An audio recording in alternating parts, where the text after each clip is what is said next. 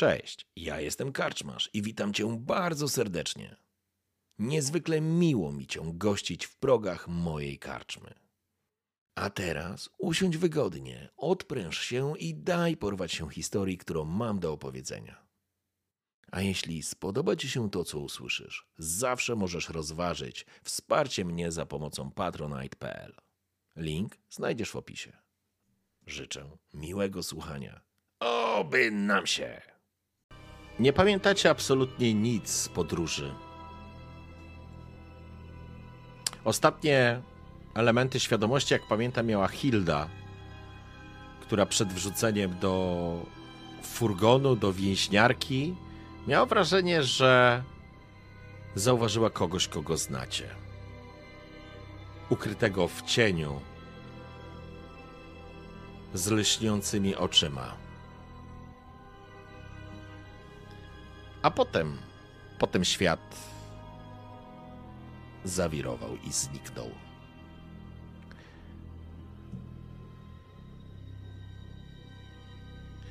Mieliście wrażenie, że ktoś was ciągnie po ziemi. Jakbyście mogli widzieć tą scenę, to widzielibyście, jak dwóch strażników podtrzymuje was za ramiona i takich nieprzytomnych ciągnie przez ciemne korytarze baszty straceńców. Po lewej i po prawej stronie ciągną się więzienne kraty i cele. Znowu płoną gdzieś pochodnie i znowu w nozdrzach pozostaje ten dziwny, nieprzyjemny zapach wilgoci, stęchlizny, może nawet zgnilizny, krwi i fekaliów. A gdzieś w tle, odbijające się od ścian, jęki, krzyki, uderzenia w metalowe kraty. Nie jesteście przekonani, ale chyba nie trafiliście do wieży, trafiliście do podziemi. A potem, gdybyście mogli widzieć, to widzielibyście, jak jesteście kolejno wnoszeni. Takim wąskim korytarzem pomiędzy celami, potem takiego pokoju, powiedzielibyście, dla strażników. Potem drzwi się otworzyły i trafiliście do pokoju tortur. Kilku oprawców przyglądało się, przyglądało się wam z takim uśmiechem. Jakby nie mogli się doczekać, jakby jakby byli wygłodzonymi bestiami, które będą karmione. I wśród tej sali tortur, albo pośród elementów tych, tej sali, znajduje się człowiek, którego znacie. Jest troszeczkę inaczej ubrany niż Alberto wtedy w drodze, chociaż nadal zachowuje kolorowe, pstrokate szaty, piękny wams, beret przerzucony na twarz, ale ma zdecydowanie dłuższe włosy. Gdybyście tylko mogli to widzieć, to z pewnością Hilda by rozpoznała, że wtedy on nie miał tak długich włosów, a teraz te włosy opadają, właściwie zakrywając mu część twarzy. Kiedy kładzeni jesteście na stół drewniany i wasze ramiona oraz nogi zostają zamknięte w żelazne klamry, Alberto chodzi dookoła was i jest absolutnie zdegustowany. Wykrzykuje coś na tych swoich podwładnych. A potem pochyla się najpierw nad Walandirem. Hmm. To nie będzie tak szybko, Elfie. Źle wyglądasz. Zatroszczę cię, zatroszczymy się o ciebie. klepie cię po ramieniu. Oczywiście nie jesteś w stanie nic zrobić, to nawet nie jesteś pewien, czy masz świadomość. A potem pojawia się cyrulik. Zaczyna bandażować twoje rany. Zaczyna poić cię jakimiś wywarami. Alberto chce, żebyście byli przytomni. Chce z wami porozmawiać. Chce się z wami zabawić. Bella Donna, już nie jesteś taka piękna. Widzę, że obydwoje poznaliśmy, czym jest płomień. Zapłacisz mi za to. Po czym, gdybyście mogli to widzieć, widzielibyście, jak Cyrulik zajmuje się również tobą, Hildo. Prawdopodobnie jest to samo z Klausem. Nie, od, nie wyczuwacie swojej obecności. To raczej zlepek pewnych wspomnień, które, które zostają wam w głowie, jakbyście na krańcu swojej świadomości odbierali świat i zostawiali sobie w głowie jakieś podstawowe, takie bardzo pierwotne wrażenia i obrazy czy dźwięki. A to wszystko pływa w takim w takiej obrzydliwej zawiesinie strachu i obawy.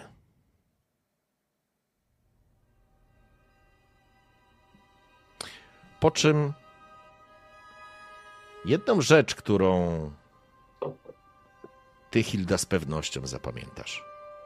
Bez względu na to, w jakim stanie byłaś. A może. A może byłaś lekko przytomna, może miałaś otwarte oczy, może byłaś otumaniona tym, czym cię napojono. Widziałaś tylko ciemną powałę, brudną. Wyczuwałaś w powietrzu zapach sali tortur. To obrzydliwe miejsce. Sama myśl o tym powoduje ciarki na plecach. A potem zobaczyłaś go. Uśmiechnął się, jakby dostrzegając, że być może to rozumiesz. Widzisz, jak sięga po taką szkatułkę, ładną, ozdobioną, otwiera ją po czym twoje szósty, twoje trzecie oko, twój szósty zmysł, twój wiedźmi wzrok natychmiast pojmuje, co się dzieje. Z tej szkatułki wypływa złoty, piaskowy, powiedziałbym, tak jak piasek się przesypuje, wiatr Hamon, który masz wrażenie przesypuje mu się przez ręce, kiedy sięga i wyciąga złotą broszę która jest złotym skarabeuszem.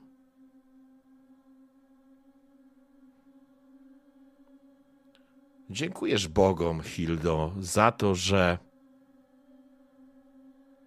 nie do końca pamiętasz, co się wydarzyło, ale pamiętasz tylko, że magiczny skarabeusz ożył. A potem poczułaś na plecach, na wysokości między łopatkami, jak zagnieżdża się, jak wbija się. To nie była kwestia bólu, bo czy obrzydzenia. To nie jest ta kwestia, to jest mechanizm, to jest urządzenie, to jest artefakt, to nie jest owad. Chociaż wykonany precyzyjna robota, absolutnie. Natomiast przerażające jest to z Twojego punktu widzenia, co się wydarzyło później bo kiedy tylko ten złoty skarabeusz zagrzie, zagr, u, zagnieździł się, to chciałem powiedzieć, między twoimi łopatkami, poczułaś ukucie, poczułaś ból, ale poczułaś jak złoty wiatr Hamon zaczyna pleść złoty łańcuch, który cię oplata. Zaczyna tłumić twoje źródło. Twoim ciałem wstrząsnął spazm nie wytrzymałaś tego z pewnością. Hilda tego nie wytrzymała. Torsje natychmiast wywinęły ją niemalże na drugą stronę, kiedy złoty chrabąszcz, artefakt spod rąk czarodziejów z kolegium złota zaczął tłumić Twoją moc. Nigdy nie wyobrażałaś sobie gorszej tortury. Nigdy nie mogłaś byś sobie wyobrazić nic gorszego nie mogłoby ci się stać niż świadomość, że coś zgniata twoje źródło, oplata je i jakby to powiedzieć, wyłącza? Tutaj niestety nie jesteś w stanie nawet się przeciwstawić, ale twój umysł może walczyć. Chciałbym, żebyś sobie rzuciła na siłę woli.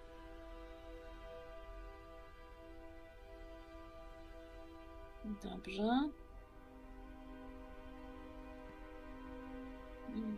Przerzucam szczęściem.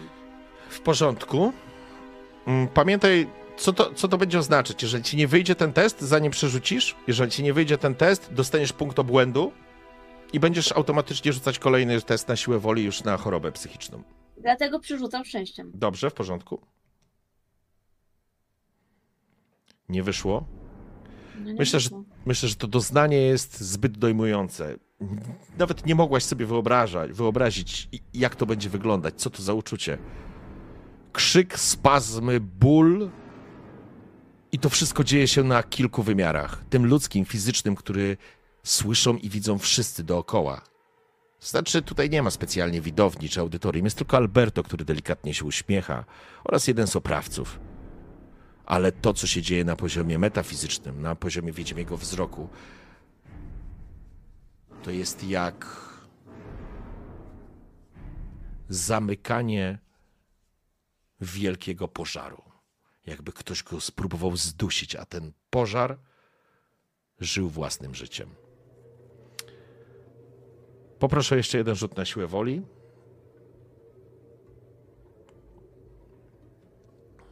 I to jest moment, w którym aktywuje się Twoja choroba psychiczna. To znaczy, dorobisz się choroby psychicznej. E, ale to sobie do tego dojdziemy, spokojnie.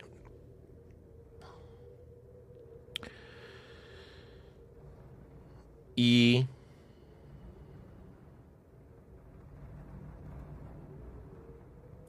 Chciałbym, żeby każde z Was rzuciło sobie K4.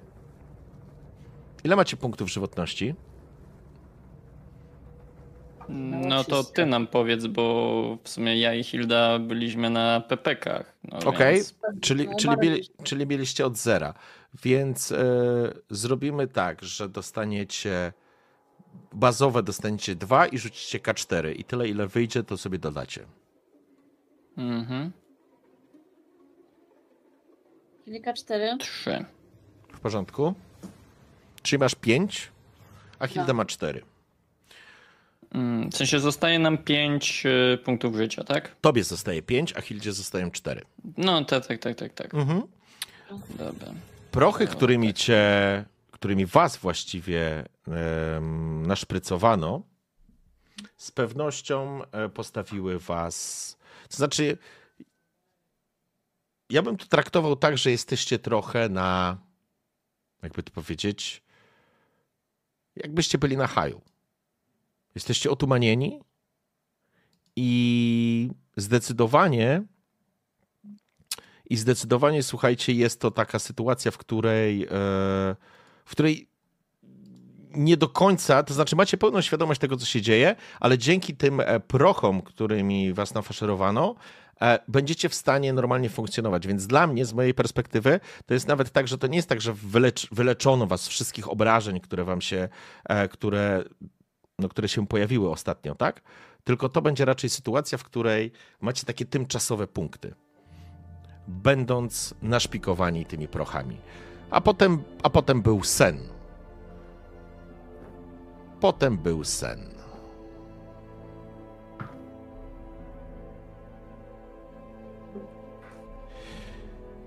I to jest moment, w którym wracacie do żywych. W takim znaczeniu, że zaczynacie odzyskiwać świadomość. Leżycie na jakiś barłogu w celi, jesteście obolali, jesteście obolali w takim sensie, powiedziałbym, bardziej psychicznym, bo z jakichś powodów nie czujecie bólu, przynajmniej nie w, takim, nie w takiego od razu sensu stricte. Ale widać, że jesteście opatrzeni, tak jakby ktoś faktycznie wami się zajął, a to, co wam się wydawało, albo to, co wydawało wam się, że, że śnicie, stało się jedynie e, inaczej. Macie dowód na to, że jednak to nie był sen. I to jest moment, w którym ty, Walandir, dochodzisz do siebie i wiesz o tym, że to nie był sen. Czujesz pod, w głowie mętlik, chaos, który będzie tobie towarzyszył jako ilustracja nadciągających e, problemów psychicznych, znaczy jakiejś choroby psychicznej. Natomiast w przypadku Hildy, ja myślę, że słyszysz, jak wymiotuje. Jak wypręża się i rzuca się w spazmach, próbując dosięgnąć tego czegoś, co masz na łopatkach. I, i czujesz, ty to potrafisz dotknąć, ale zdajesz sobie sprawę, że artefakt magów Hamon nie jest prostym urządzeniem, które po prostu odczepisz. Ale czujesz, jak to źródło w tobie mało nie eksploduje, a twój umysł i twój mental, twoja siła woli po prostu rozpada się, kruszeje i składa się znowu jak domek z kart. W tym samym czasie dostrzegacie Klausa, którego, który jest w celi naprzeciwko was, a jak to wygląda, to wam e, właśnie w tej chwili pozwolicie, że pokażę. Zobaczcie sobie na streama.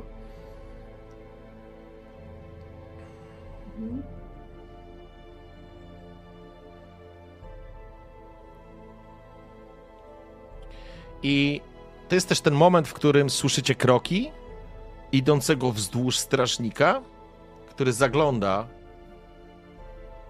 po w cele, dochodzi do końca, spogląda się na was, bez słowa obraca się i wraca, w, idąc w kierunku wschodnim, tak żebyście mieli świadomość, w którym kierunku idzie. I tam na końcu są drzwi. I te drzwi się otwierają, on wchodzi, to są dwuskrzydłowe drzwi, e, one się otwierają, e, w środku pada jakieś światło stamtąd, słychać być może nawet jakiś głos i zamykają się za wami te drzwi. I to jest moment, w którym zaczynamy dzisiejszą sesję. Hmm. Czy tego człowieka, co jest. Yy, moment. W których jakby. W których jest Klaus, tej naprzeciwko nas? Czy. Ojejku, ja złego Klausa wsadziłem, sorry. Haha, Dorbena wsadziłem z, nie z tej sesji. Wybaczcie, już Klausa poprawiam. E, Bo właśnie tak nie, nie do końca mi się zgadzał ten. Okej. tak, dobra. tak, to był Dorben. Alberto go To, zaczarował u to był do-. To był Dorben z e, tego, z Kislewu. Zaraz znajdziemy Klausa. A jest i Klaus. Proszę bardzo. Okej, dobra. E, a czy tego gościa w tej. E, kolejnej sali widzimy? Czy, tak, czy nie to, bardzo? tak, bo jakby to te ściany, które są, to są ściany są z kratami.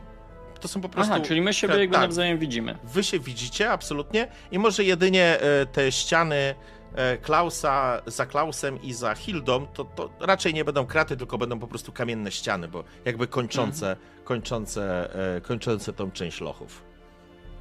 Dobrze. To myślę, że Walandir, jak on się tak jakby podniósł, tak sprawdza, nie? Tak patrzy na swoje ciało, na swoje rany. Rozprostowuje kręgosłup, coś mu pewnie strzyknęło po prostu od tego potężnego uderzenia. Mhm. Na pomioty.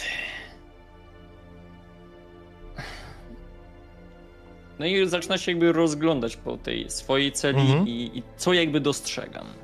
Znaczy, dostrzegasz Hildę. Hilda też jakby masz pełną świadomość, że obok jest Walandir. E, po prostu go widzisz. E, wasze cele to jest taki barwuk, który widzicie. Em, jest taki nocnik, powiedziałbym. Coś na kształt nocnika, tylko że to jest drewniane, gdzie załatwiacie swoje fizjologiczne potrzeby. Czyli nie ma dziury. Nie, w tych lochach dziury nie ma. Mm.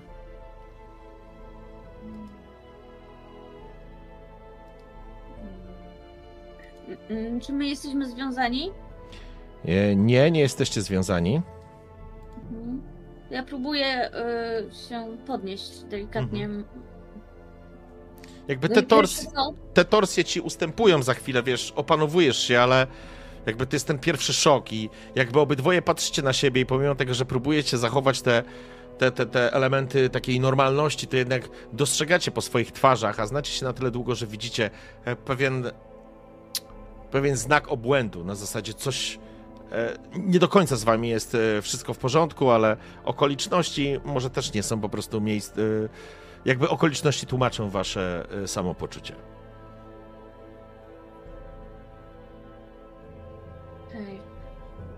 Mm, No ja pierwsze co, to, skoro nie jestem związana, próbuję sobie wydłubać, czy tam wymacać i, i nawet fizycznie wydłubać tego skarabeusza.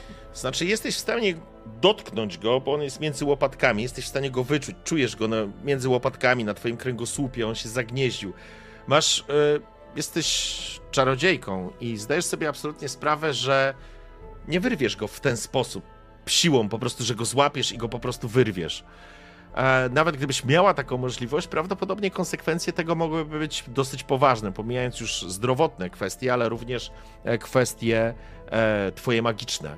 Bo to, co jest najbardziej przerażające, masz wrażenie, że to nie jest tak, że ktoś cię odciął całkowicie od mocy. Wiesz, że nie możesz z niej skorzystać w tej sytuacji, ale dostrzegasz takie powidoki wiatrów magii i dostrzegasz to, że to jest, ale to coś, co jest na twoich plecach, uniemożliwia ci z niego korzystanie. Okej. No to próbuję cokolwiek wymacać, tak? Nie wiem. Sprawdzam, czy drzwi są zamknięte, próbuję znaleźć coś twardego na ziemi, typu jakąś kość, jakiś taki twardszy kamień, y, patyk, Mhm. żeby po prostu znaleźć cokolwiek, albo coś w formie broni, jakby ktoś wszedł, nawet jakiś kamień, albo jakąś gałązkę twardszą, żeby na przykład, nie wiem, spróbować otworzyć zamek, coś tego typu. Znaczy, z gałązką będzie trudno, jakby znaleźć tutaj element, coś, co mogłoby wam pozwolić ten zamek otworzyć, ale możesz poszukać jakiegoś kamienia, albo może nie kości, bo jakby tutaj szkieletów nie ma, ale jakiś element, który mogło, mógłby pełnić funkcję e, swego rodzaju broni. Chciałbym, żebyś rzuciła sobie na, na przeszukiwanie. I tak naprawdę e, to będzie dosyć trudne, to znaczy to będzie trudne znalezienie czegokolwiek, więc rzucacie to na minus 20. To znaczy rzucasz to na minus 20. Dobra, pytanie. Nie dlatego, że nie potrafisz szukać, tylko dlatego, że prawdopodobieństwo, że tu coś jest, jest po prostu niewielkie. Jasne. A jednak. O, proszę! A zrobiłaś? Nie, nie zrobiłaś na minus 20. Zrobiłam na minus 20, ja mam 61. Uuu, to pięknie! Dobrze, w porządku, więc udało ci się znaleźć e, gdzieś poluzowany z ziemi wydłubałaś kamień. Mhm. Dobra, to, to ja go po prostu tak yy, trzymam i tak trochę. mm, nie wiem, jakby to powiedzieć. No tak trzymam go jako taką trochę oznakę, że to jest po prostu, że to mi tylko. Że tylko to mi może pomóc. Tak. Mhm. Bo już tak E- psychicznie jestem, że tak powiem. Widz- Widzisz oczywiście Walandira i Walandir, ty również widzisz, jak Hilda rozgląda się, przeszukuje to pomieszczenie. Co ty robisz? Walandir tak rozgląda się też po tym pomieszczeniu, patrząc tak naprawdę ile ma jakby miejsca i tak dalej. Mhm. Tak przelatuje wzrokiem po Hildzie, przelatuje wzrokiem po, po Klausie, po czym wzrusza ramionami i siada na tym posłaniu, czy nawet się kładzie, Mhm. patrząc na jeszcze ewentualnie tak po prostu na, na ten zamek, na te zakratowane wejście. I tak myśli sobie, po co? Po co to wszystko było?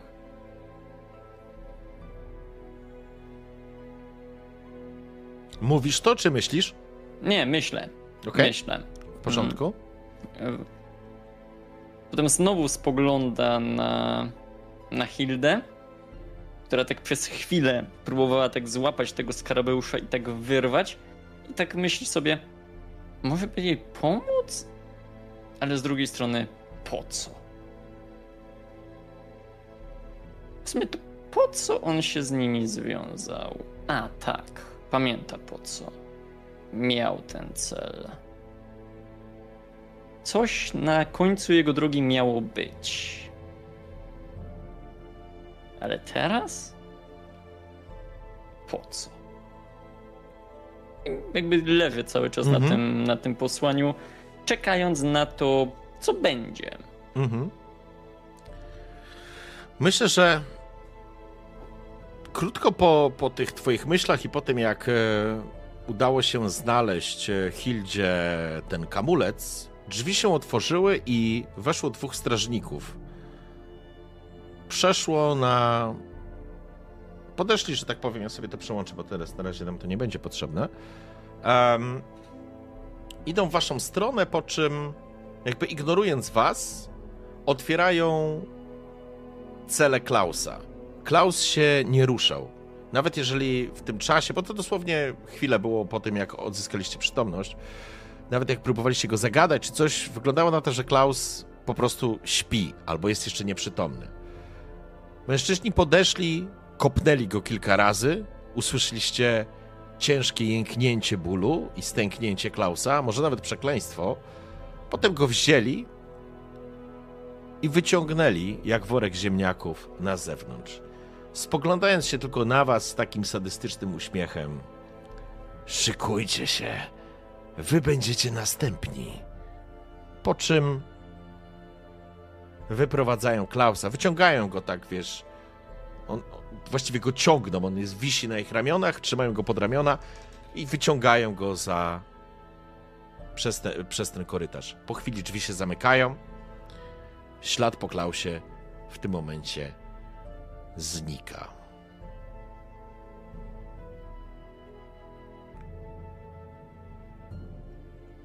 Co robicie? Czy coś chcecie zrobić w tym czasie? Chcecie pogadać ze sobą, cokolwiek? Bo jeżeli czekacie na rozwój wydarzeń, to po prostu przyspieszymy to, nie? Walandir na pewno nie będzie sam zaczynał jakby rozmowy. E, Jeżeli Hilda zagadnie będzie chciała coś, o czymś porozmawiać, to da się jakby pociągnąć za język. Natomiast sam czeka po prostu na to, co przyniesie los. Mhm. W porządku. A ty, Hildo? Nie, Hilda nie, ona nie jest w stanie w ogóle myśleć, myśleć o ucieczce. Znaczy, no w sensie nie jestem w stanie myśleć o ucieczce, tak jakby to kompletnie jest moim priorytetem. Ja jestem cały czas w takim maraźmie, w takim szoku, że w ogóle jak on mógł mi to zrobić.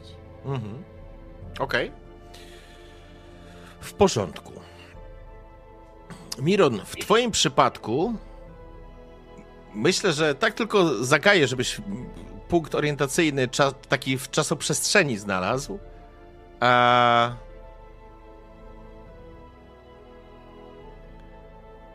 Poczekaj, czy to będzie już... E... Czy to będą już ogrody? To znaczy, to już będzie poza ogrodami, tak mi się wydaje, nie, nie? mi się wydaje, że to już będzie daleko poza ogrodami. Tak, to już, tak, bo to już jest Tak, dzień, to, tak, to już jest, To, to może jakiś być... dom może? A tak, to może być dom, to może być dom faktycznie, to może być e, ta sytuacja, tak. Bo ty wtedy, e, ja tylko właśnie, żebym nie pomylił, Mhm. mm, ty nocowałeś i dopiero później trafiłeś tam, Tak. czy... Tak, znaczy był dom, potem działy się rzeczy. No. Eee, Weźcie na chwileczkę, ściągnijcie sobie Dobra. słuchawki, Walantyr i Hilda, na sekundę. na sekundę, bo ja mi się, nie chcę popieprzyć, e, dosłownie na chwilkę. To ja idę po skarpetę. Do, idź po skarpety. E, Miro. Dobrze, powiedz mi, jak to jasne. było? To było tak. No dobra, przepraszam. To znaczy, dobra, uciekłeś, uciekłeś stamtąd, to była noc, to był później dzień, kiedy trafiłeś do krawca, u krawca odpocząłeś, ale ty przespałeś u niego cały dzień? Nie, ty Nie, nie, niego... nie. Poszedłem do René, tam się wy, wywiedziałem rzeczy. Tak, tak, tak, Ten tak. sam dzień cały czas gdzieś tam było jeszcze gadanie, no bo u samego krawca to było z samego rana. Więc to Tak. tam może do południa byłem. Potem był René, Mhm. potem było jakieś łażenie po mieście i finalnie wieczorem tego dnia byłem pod basztą i była wspa- wspaniałe Tak, poznałem tak, tak. mojego chłopaka. Tak, I potem jak się dowiedziałam, że będzie, yy, no, że, że będą, no inaczej. Potem było tak, że poszedł po Okej, poszedłem ale czy- spać Czyli to było na kolejny dzień. Tak, kolejny dzień i to wieczorem. Dobrze, wszystko jest jasne. jest, Dobra. jest, są dwa dni praktycznie. Dobra, w całe. porządku. Wszystko jest git. Okej.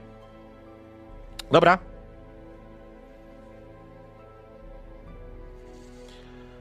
W porządku. E, Jesteście już ze mną? Tak. Okej. W związku z tym, Przynajmniej ja, nie wiem jak Hilda. Hilda, jesteś? Halo?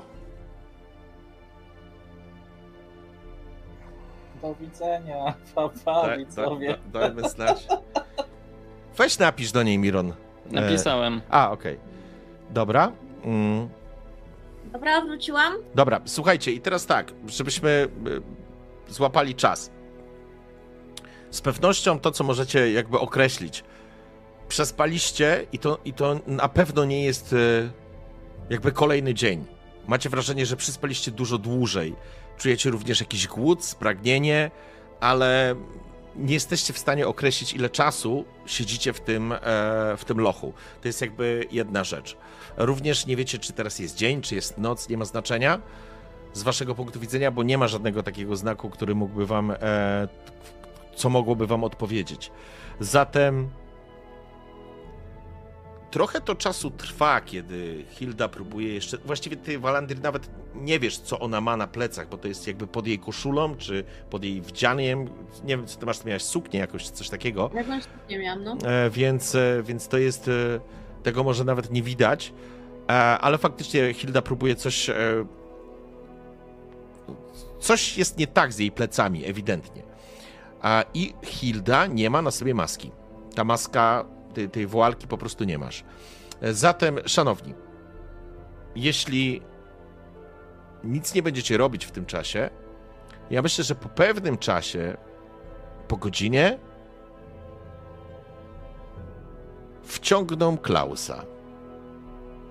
Wciągną to jest dobre określenie, bo Klaus jest na pewno nieprzytomny. Rzucają go jak worek ziemniaków do celi. Jeżeli chcecie się przyjrzeć, czy coś mu się stało, to możecie to zrobić. Na pewno widać. Mhm. Ja nie, nie, nie jestem w stanie myśleć Okej. o Klausie. Jakby tak bardzo się zatraciłam w tym, Dobra. że straciłam magię, że nie jestem w stanie myśleć ani o ucieczce, Okej, ani, ani o nic. dobrze. Walandir?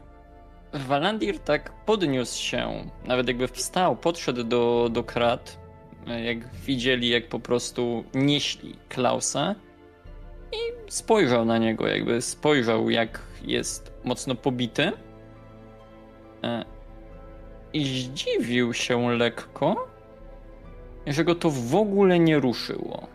Mhm. W porządku. Faktycznie, ponieważ ty się przyjrzałeś, widać na Klausie ślady rozmowy i przesłuchania. Dosyć intensywne, ponieważ Klaus jest nieprzytomny. I to jest moment, w którym dwaj strażnicy obracają się w waszą stronę. Rzucę sobie.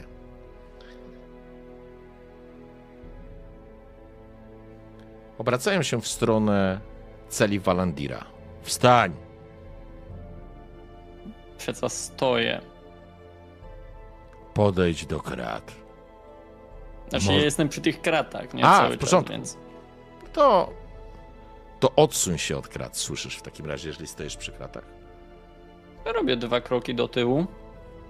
Oni otwierają, otwierają twoją celę, uchylają te drzwi, one się otwierają na zewnątrz. Wyłaś. No, Wychodzę. Nie stawiam oporu w żaden sposób. Mhm. Po chwili ich ręce spadają ci na ramiona i na ręce, unieruchamiając cię. I są- Spokojnie. I są Nie trochę, z- będę robił głupstw. I są trochę zawiedzeni, że nie stawiasz oporu, że nie robisz głupstw. Myślę, że tą frustrację wyrażą uderzeniem mocnym gdzieś w potylicę, tak wiesz, dostajesz w głowę na odlew. Na zasadzie, zobacz, ta szmata nawet nie walczy o swoje życie. Pierdolone elfy. I cię ciągną. To znaczy ciągną, prowadzą, bo ty nie stawiasz oporu. I to jest moment, kiedy Hilda i Miron, proszę o wyć zabranie, z wyłączenie słuchawek. E, Wycisza. e, Mhm. W porządku. Wychodzisz z tego pomieszczenia i pierwsze, co ci się rzuca w oczy, kiedy wyprowadzają cię, to wchodzisz do pomieszczenia za tymi dwoma, z podwójnymi drzwiami, o którym, e, o którym ci wcześniej mówiłem. I dostrzegasz, że przed tobą po prawej stronie są schody na górę, ale również po drugiej stronie pomieszczenia są schody w dół. Dodatkowo z tego pomieszczenia są jeszcze dwie pary drzwi, tak jakby na godzinie trzeciej i na godzinie dziewiątej. Wy ruszacie w stronę tych drzwi na godzinie dziewiątej. Przy stole siedzi dwóch jeszcze strażników, popijając coś z drewnianych kubków. Podchodzą do drzwi, otwierają drzwi i pomimo tego, że świadomy jesteś, będąc świadomym, trafiasz tu po raz pierwszy, absolutnie przypomina ci się katownia, w której już byłeś. Dość duże pomieszczenie, oparte o cztery filary, trzymające strop. Ech, dobra, wracamy. Tak, jest git.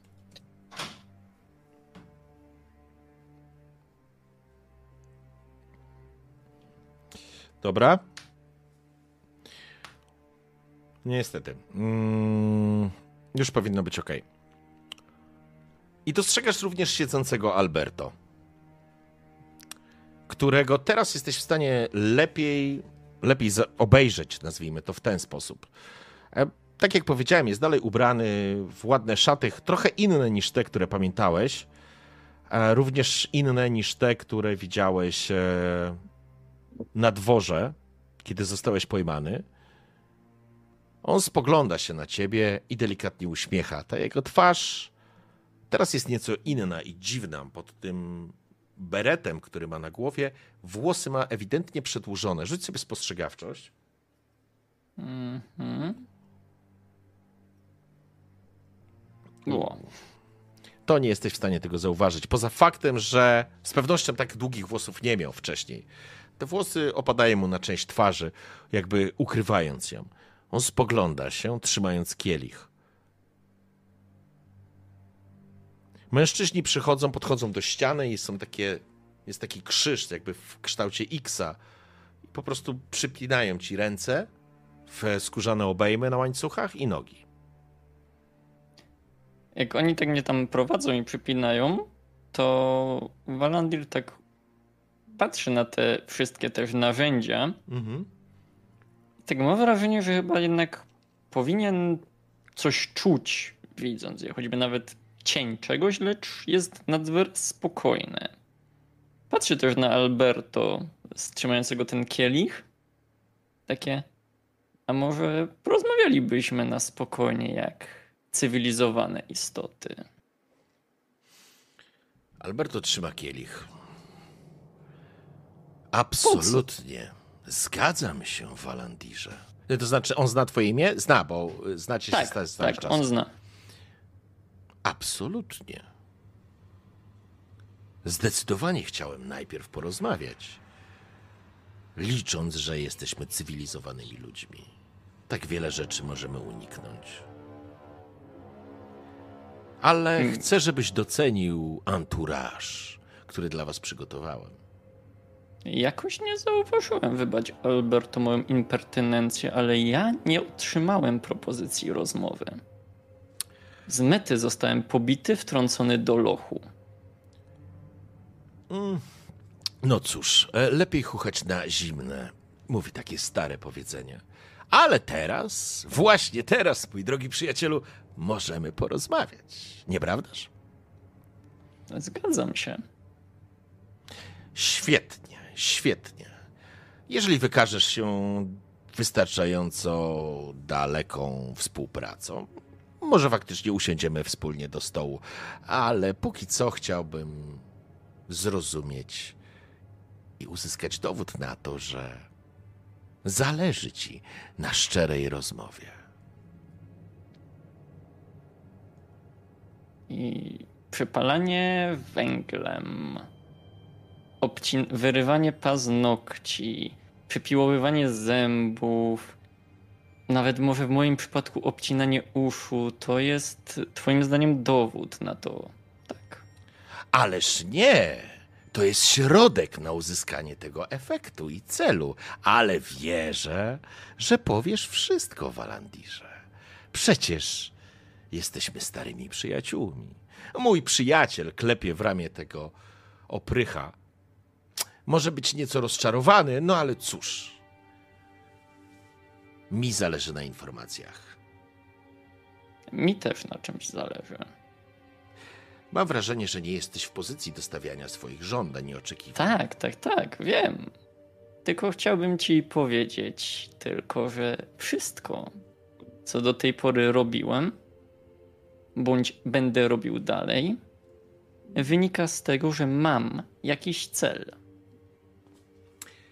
Dobrze, Walandirze, słucham więc. Chciałbym się dowiedzieć. Opowiedz mi wszystko. Popija, siedzi na tym. Siedzi sobie na, na tym stołeczku i przygląda się tobie. Od czego mam zacząć? Najlepiej Ile od wiesz? początku. Ile wydaje ci się, że wiesz, a ile chcesz wiedzieć?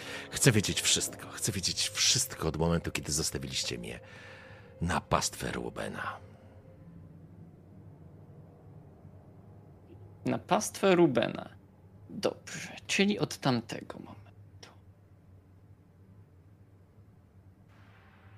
Ruben.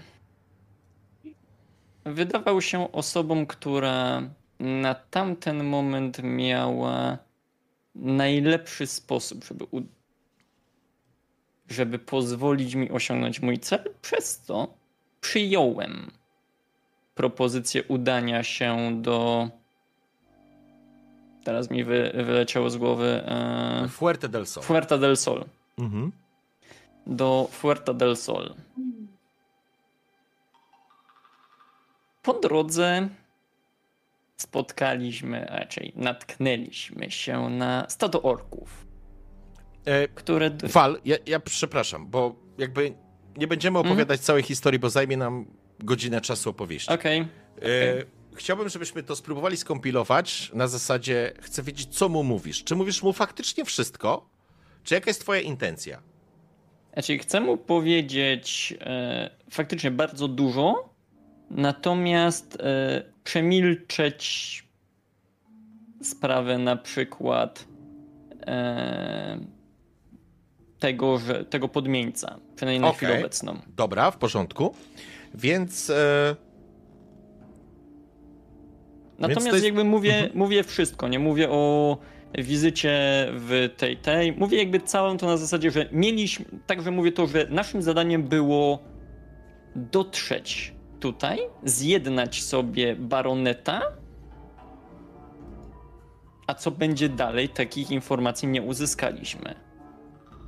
w porządku. Próbuję mu jakby przekonać na zasadzie takiej, że okej, dobra, ja mu powiem wszystko, ale Mhm. jeżeli, ale bez nas, to jakby, w sensie chcę mu jakby przedstawić to wszystko w ten sposób, że może wykorzystać to na swoją korzyść, bo po pierwsze, jeśli będzie miał znać plan, mniej więcej taki, jaki myśmy dostali, czyli zjednanie sobie baroneta, oraz e, to, że będzie nas miał, to może jakby obrócić to jakby w zupełnie drugą stronę.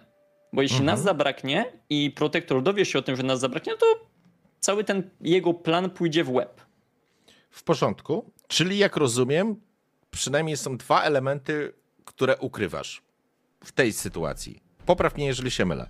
Pierwsza rzecz, pomijasz w ogóle kwestię doppelgangera. Tego nie Tak. ma. Czyli pierwszy element to jest kwestia oazy, którą już Walandir wie, co się tam wydarzyło. Wie, że został Miron pozmieniony, Fuerte del Sol, współpraca, Bewegna, powrót z Bewegny. E, I potem wyruszenie, mm, wyruszenie w stronę, no jakby z misją do Lago Bolet. Czy, czy ty zdradzasz informację, nie, właśnie pytanie, czy ty zdradzasz informację, że protektor wie, kto stoi za skażeniem Bewegny? Y, raczej wiem, raczej, bo protektor wie, że tam była ta, e, te zwłoki, z których wychodziły nurglingi.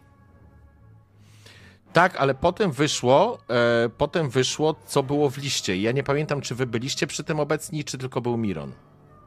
Nie pamiętam nic o żadnym liście. Okej, w porządku, więc e, dobra, to są dwa elementy, które będziesz ukrywał. Doppelgangera, no i ukrywasz plan. A planem jest, e, zjed... mówisz prawdę? Znaczy, nie, mówię o, o tym zjednaniu, natomiast nie wiem, co chcie, chcieli zrobić po zjednaniu. Nie mieliśmy dać im informacji nie, Walandir, prostu... doskonale wiesz. No tak, wiem, ale to się łączy z ukrywaniem informacji o doppelgangerze, więc Okej. ukrywam jedną informację. To Po prostu znaczy- jakby wycinam całkowicie doppelgangera. Okej, ale w tym ujęciu to są dwa elementy, które, które są ważne. To znaczy jeden, że w ogóle o doppelgangerze, a drugi o planie, który jest tak naprawdę planem e, naszych towarzyszy. Kochany, ja będę chciał, żebyś sobie rzucił, będzie to test przeciwstawny. Em, gadanina albo matko. przekonywanie najlepiej będzie, gdyby to było przekonywanie. Albo gadanina, albo plotkowanie. Plotkowanie może mniej, bardziej gadanina albo przekonywanie. I tak Chyba, nie że masz- niczego, więc dobrze. Okej. chyba, że ukrywanie się jako ukrywanie Tutaj niestety, emocji. niestety, tutaj ci nie pozwolę na to. Dobra. e, Czy jakiś modyfikator dostaję za to, że jednak faktycznie mówię bardzo dużą ilość prawdy? To znaczy, ja ci powiem tak, będziesz miał tylko to inaczej. E, ukrywasz dwie rzeczy z mojej perspektywy, więc e, to jest ułatwienie, które będzie miał, e, to znaczy ułatwienie. To jest temat, który ty będziesz ukrywał. Nie będziesz miał plusów. Nie dam ci minusów, e, rzucaj na, na swoją ogładę. To znaczy, i tak to jest przeciwstawne. Czyli na przekonywanie, dobra. Przekonywanie albo gadaninę. Co tam masz? Nie wyszło. A. Nie wiem, czy jest sens to, to przerzucać, bo mam mało. A, dobra. Bo y, jakby jakie są konsekwencje, jeśli nie, nie zdam? Jakby To on zna- skapnie się, że coś ukrywam. Tak, że, że, nie, że nie jesteś z nim szczery. Mm.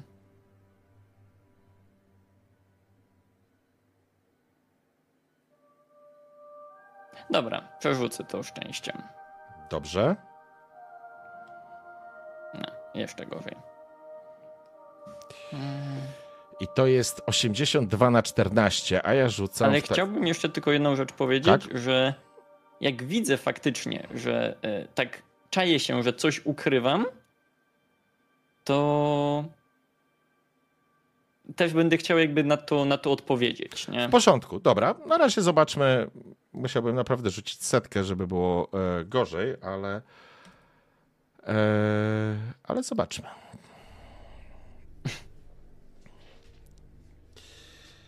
I ta rozmowa trwała jakiś czas. Ja zakładam, że to nie było, wiesz, trzy minuty. Ty opowiadałeś i tak dalej, i tak dalej. On cię słuchał, bardzo uważnie cię słuchał. Cały czas na twarzy miał przyklejony ten słodki uśmiech. I kiedy i czekał, on czekał do końca. I kiedy ty już wiesz, powiedziałeś wszystko, co chciałeś powiedzieć, widzisz, jak ten uśmiech znika z jego twarzy. Mieliśmy być wobec siebie szczerzy, Walandirze, a właściwie ty miałeś być. A nie jesteś. Jest mogę jedna zrobić? rzecz. Ale nie do końca, sam tego do końca nie rozumiem. Ale może ty, jako osoba może bardziej światła, kojarzysz coś takiego jak doppelgangera? Jego oczy mrużą się. Spogląda się na ciebie. Wzbudziłeś moje zainteresowanie. Dlaczego wspominasz o doppelgangerze, Elfie? Ponieważ mieliśmy przyjemność, bądź raczej nieprzyjemność spotkać taką istotę.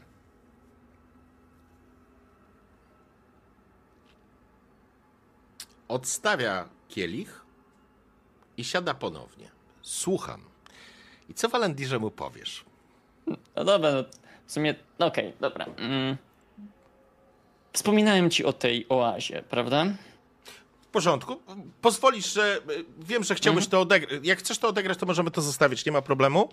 E, Chciałbym to, to spróbować dobrze, odebrać, porządku, odegrać, proszę. ale będzie to, to faktycznie będzie szybko. Dobra. Wspominałem ci o tej dziwnej oazie, gdzie wypiliśmy wodę i nagle padliśmy jakby bez ducha. Mieliśmy jakieś dziwne sny.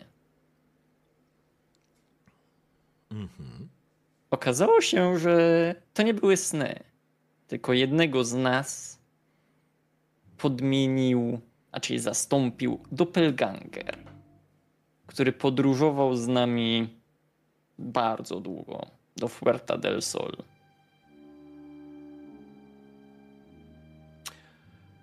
Kogo podmienił? Mirona.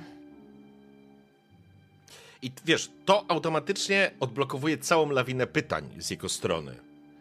Jak na to wpadliście? Kiedy na to wpadliście? Kim jest Miron? Tak naprawdę, czy wiesz, bo to automatycznie jakby pojawia się cały Mhm. zestaw, nie? Więc Kim jest Miron? nie, nie. Pytanie wiesz, bo Mirona nie ma, więc to też na pewno pojawi Tak. się pytanie, gdzie jest Miron. Na pewno się pojawiło takie pytanie. Natomiast ja bym chciał wiedzieć, co mówisz o tym doppelgangerze? Mówię, że jakby został schwytany przez e, protektora Mhm. i w jakiś sposób protektor chce go wykorzystać. Okej. Z czego. To inaczej, Walandir. Czego nie mówisz? Teraz to, jak zauważyłem, jakby faktycznie, że, że moje próby uniknięcia tego tematu spełzły na niczym, to mówię wszystko. Tylko jeszcze tak na zasadzie, że mówię o tym doppelgangerze, mówię, że podmienił Mirona i tak tylko wtrącam, a może resztę to pozwolisz opowiedzieć mi już normalnie, jak cywilizowane istoty. Chętnie bym cię odczepił, Walandirze, ale skłamałeś raz. Dlaczego miałbyś nie skłamać drugi raz? Spogląda się na ciebie. Historia z doppelgangerem jest tak mało wiarygodna, że aż interesująca. Mruży lekko oczy i przygląda się tobie, próbując cię przeczytać. Mm, Słuchaj, ponieważ e, jest jedna ważna rzecz, bo powiedziałeś, że nie wiesz do czego chce wykorzystać doppelgangera protektor. Znaczy, A. że domyślam się do czego. Okej, dobra, bo, Bo to ja jest, w to sumie jest jakby ważne. nie dostałem. Że, no bo ja w sumie skapłem się mniej więcej jakby swoją inteligencją tam wtedy, że doppelganger będzie wykorzystany do podmienienia, Ale tylko to nie padło. wiem kogo. to padło, to pa... nie, nie, doskonale wiesz, to padło, bo to Fabricio wam powiedział. Fabricio wam powiedział.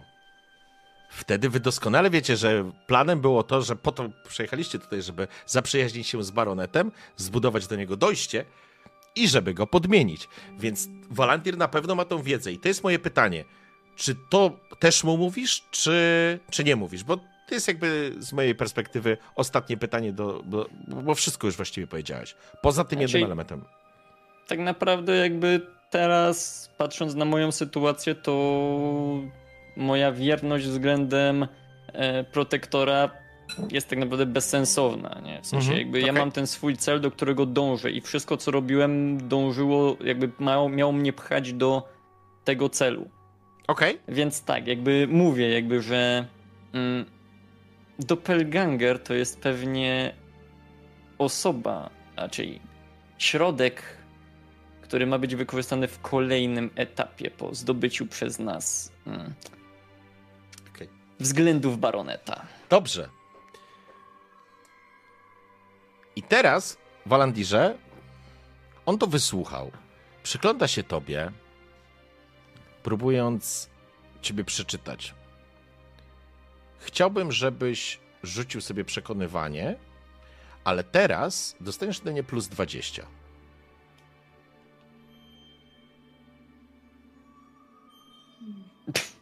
Okej. W porządku. Ale ja sobie teraz rzucę za naszego towarzysza. Najśmieszniejsze w Alandirze w tym wszystkim jest to, że jak to wszystko opowiedziałeś, Pomimo tego, że dziwnie jesteś spokojny, to cię niepokoi, że jesteś spokojny. Wiesz o tym, że to nie jest spokojna sytuacja, że grasz o życie i opowiedziałeś całą tą historię i miałeś wrażenie, że słyszysz samego siebie, jak opowiadasz tę historię. I ona brzmiała, ty tak to odebrałeś, totalnie niewiarygodnie. Już to, to, było, to, to brzmiało jak w ogóle bajki e, ciotki, e, która opowiada, wiesz, dzieciom. Natomiast ku twojemu zaskoczeniu, Alberto uśmiechnął się. Dziękuję, Walandirze. Jeśli faktycznie mówisz prawdę, a wygląda na to, że nie kłamiesz, to będziemy mogli otworzyć zupełnie nowy rozdział. Tymczasem odeślę cię do celi. Obraca się na oprycha. Hans. Może z następnym? Hans z niesmakiem przygryza kawałek słoniny. Po chwili dwóch strażników wchodzi do pomieszczenia. Momencik. Mhm. Ja tak tylko patrzę na Hansa i takie. Może to trochę dziwnie wyglądać, jak wrócę do celi nietknięty, w porównaniu do tego, jak wrócił Klaus. Hans, możesz e, spróbować. Na zasadzie, że chciałbym jakby na zasadzie też, żeby nie wydało się jakby tak, Mhm. tak ofen, nie? Jasne. Sam Alberto uśmiecha się. Widzisz, Hans, cierpliwi zostaną wynagrodzeni. Tak, żeby go nie zabić. Oczywiście. Wstaje, zwolistym krokiem podchodzi. Tych dwóch strażników zatrzymało się, przygląda się.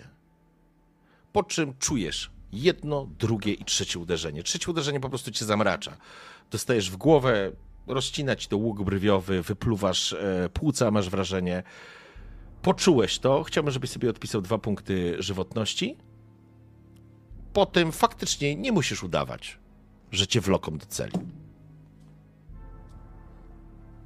Możesz napisać, y, możesz napisać na czacie, że jest ok? Mhm. Hilda teraz.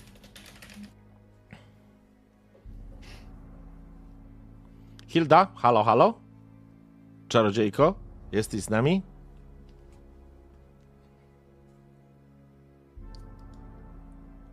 Tak. E, Dobra, to ja jestem. Dobrze, to y, Miron, ty jeszcze, ty jeszcze Tak leżakujesz? myślałem. Tak. Jeszcze leżakujesz? E, Walandir, teraz proszę o ściągnięcie słuchawek. Hilda. Nie potrafisz się skupić na niczym. Cały czas masz wrażenie, że ten skarabeusz wgryza ci się w plecy. Ale ostatecznie, po jakimś czasie, trudno ci określić nawet jakim, myślę, że jesteś w takim stanie e, emocjonalnym, że nawet nie, nie mierzysz tego upływu czasu. Po jakimś czasie faktycznie drzwi się znowu otwierają, a dwóch drabów wciąga Walandira. Podobnie jak wciągali Klausa. Wrzucają go do celi obok. Walandir, za, jego twarz zalana jest krwią, łuk brwiowy tutaj, wszystko, ta pół twarzy ma po prostu we krwi, a leży nieprzytomny na posłaniu. Strażnicy, kiedy go wrzucili, zamykają drzwi na klucz i podchodzą do twoich. Czas na ciebie, wiedźmo. Słyszysz szczęk mechanizmu. Wyłaź i bez sztuczek.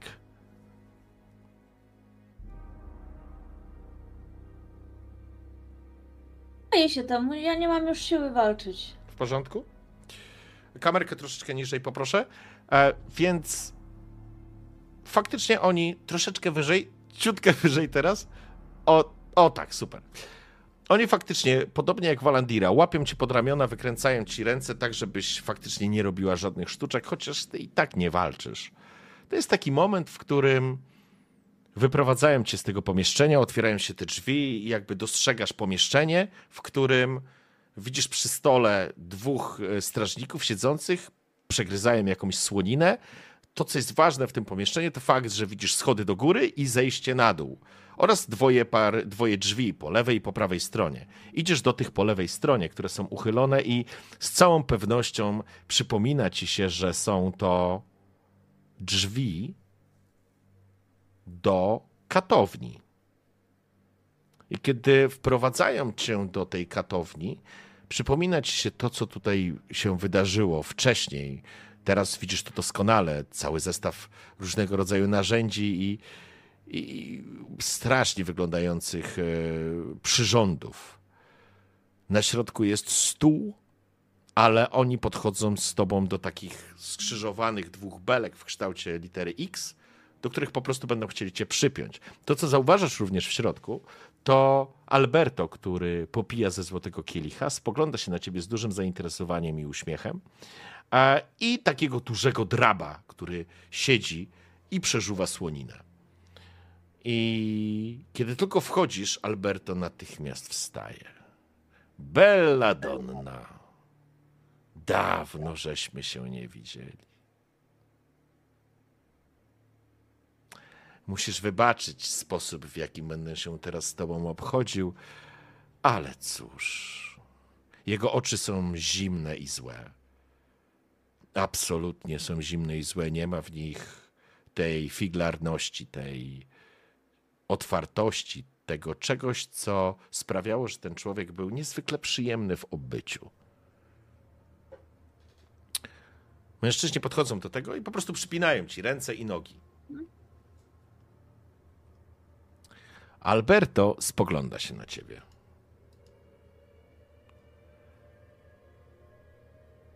Nie rozumiem. Długo się zastanawiałem.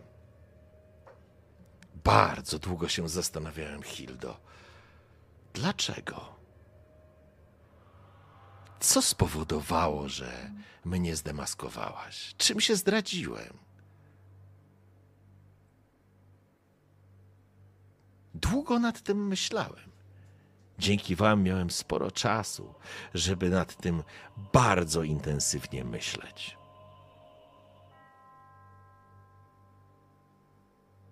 A to ma teraz jakiekolwiek znaczenie? Tak, ma. Bo chcę, żebyś wiedziała, jaką cenę zapłaciłem w Piedrze, tylko dlatego, że wydawało ci się coś, czy wam. Widzisz, jak odchyla te włosy i ściąga perukę. Jego twarz tu cała jest poparzona. Włosy i połowa głowy i część głowy ma na sobie ślady, poparzelinę taką jak jak ty masz na części twarzy. Ruben zrobił? długo się ze mną bawił, bo podobnie jak ja chciał znać odpowiedzi. To nie wszystko. Widzisz, jak odpina koszulę. Ściąga ten wams, rozchyla koszulę, dostrzegasz takie szramy na jego ciele. Długo się ze mną bawił, ale był głupcem. Był głupcem, Hildo. Uważał, że ma pełną kontrolę. Był zadufanym w sobie głupcem. Popełnił błąd pychy, którego ja nie popełnię. Dodatkowo wyczuwasz, to się wiąże z takim spazmem i skurczem, ponieważ nie masz dostępu do mocy. Twoja moc jest przytłumiona przez artefakt, który spina ci, wpięty jest w twój kręgosłup z tyłu. Ale wiatry magii jesteś w stanie dostrzec. I jakby dostrzegasz, że wokół jego twarzy też ta magia, to wyczuwasz tą magię na poziomie jego twarzy. Mhm. Myślisz, że to wszystko? Pokażę ci. Po czym chwyta za taki medalion, który ma i go odpina. I w tym samym momencie iluzja jego twarzy po prostu się rozpływa. I dostrzegasz, że ta poparzelina i ślady tortur są dużo poważniejsze. Ma przycięty i ścięty właściwie czubek nosa. Ma dziurę właściwie, miałem wrażenie, to nie jest dziura, bo jakby nie by seplenił albo mówił w inny sposób. Ma powybijane część zębów. Jego twarz jest tutaj poparzona. Nosi ślady, nosi ślady e, potworności, którym został poddany. To ja tylko, jak, to widzę, to tak mówię, że bardzo mi przykro, ale ja nie. Bardzo ci Ja przykro. mówiłam- Ja nie mówiłam nic Rubenowi o tobie. Hildo, moje serce krwawi, że ci jest przykro. Przykro to ci dopiero będzie. Po czym zapina ten medalion i widzisz, jak ta iluzja się odbudowuje. Ale porozmawiajmy najpierw. Jak cywilizowani ludzie. Opowiesz mi wszystko? Czy mam to z ciebie wyciągnąć? Mogę mówić. Zatem zacznijmy od początku. W jaki sposób mnie zdemaskowałaś? Co się wydarzyło po tym, kiedy opuściliście Piedrę? I nie chodzi mi o to, żebyś teraz streszczała wszystko, jeżeli chciałabyś opowiedzieć. Znaczy, Tylko- ja, ja, ja mu chcę coś innego powiedzieć. Okej. Mm. E, To ja mu mówię, że mm, Alberto, używałeś przy mnie magii, jestem czarodziejem, jestem czarownicą, czego ty się spodziewałeś? To cię zdradziło. Użycie magicznego przedmiotu spowodowało, że wydałaś mnie w ręce wywiadu Księstwa Południa? Naprawdę? Ja cię nie wydałam. Nie wydałam cię nikomu. nie? To skąd Rauben to wiedział? Ruben. Zapytaj elfa. A skąd elf o tym mógł wiedzieć? Moja droga Hildo. Pewnie też widział tego kruka, którego wypuściłeś z balkonu. Cudownie. Siada wygodnie, obraca się w stronę oprawcy, który siedzi obok. Hans, widzisz, znowu będziesz miał pełne ręce roboty. Hildo, dopełnijmy formalności. Czy opowiesz mi, co się wydarzyło, czy wyduszę to z ciebie? Mm, nie wiem, czy mi się uda, ale nie chciałabym mu powiedzieć. Po prostu już znowu mi się włącza zrezygnowanie, że Mhm. wszystko nie ma sensu. Jak chcesz, to mnie torturuj, jak chcesz, to mnie zabij. I- Że tak jakby e, czuję, że jedyną kontrolę, którą mogę mieć, to w tym, że mu tego, że mu nic nie powiem. Okej, czyli nie chcesz mu powiedzieć. Nie W chcę porządku? mu Dobra. Aczkolwiek, no, tak jakby to nie jest też to, że, że jestem harda i że się stawiam, po prostu jestem Nie, zdenerwowana W porządku. W i, po... i uważam, i tak jakby pokazuje to, że według mnie to, to i tak nie ma sensu, i tak już pewnie wszystko wie i, i tak jakby, no sorry, ale no ode mnie się nic ciekawego nie dowie. W sensie, y, pod kątem, że to jest bardziej zrezygnowanie na zasadzie, że nie ma sensu ani mu, ani nikomu o tym mówić, ale to, to nie jest to takie harde stawianie się. Ja rozumiem. W porządku. Ale jakby z założenia przyjmujesz, że nie będziesz mu odpowiadać na pytania. Okej. Chcę się zamknąć w sobie i i jeżeli mi się uda, to się już w ogóle nie odzywać. Dobra, w porządku.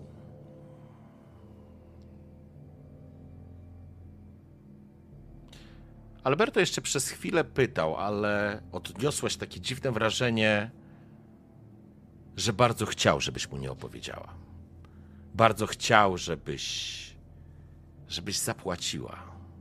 I kiedy upewnił się w przekonaniu, że faktycznie nic się od ciebie nie dowie, Hans rozpoczął swoją pracę. Nie będziemy wchodzić absolutnie w szczegóły. To nie jest jakby element, który mnie interesuje.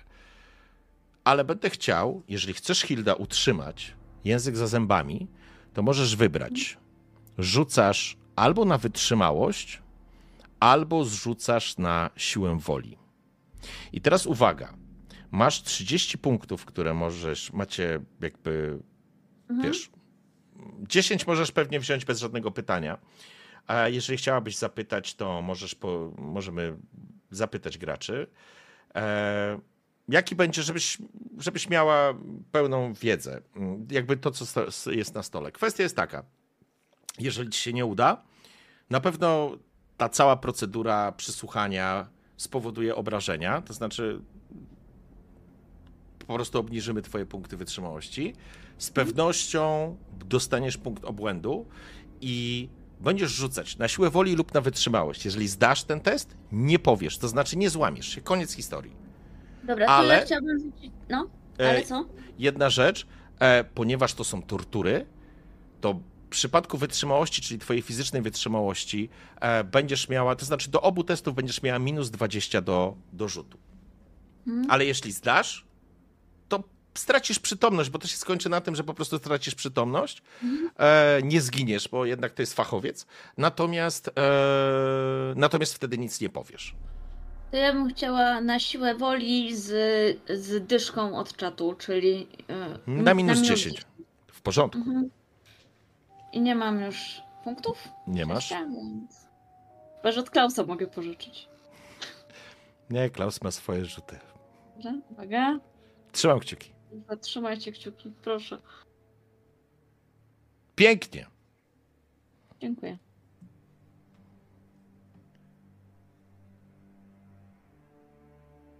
Chciałaś zamknąć się w sobie. Odciąć się od tego wszystkiego, co Tak. się dzieje dookoła ciebie. Taką skorupkę założyć.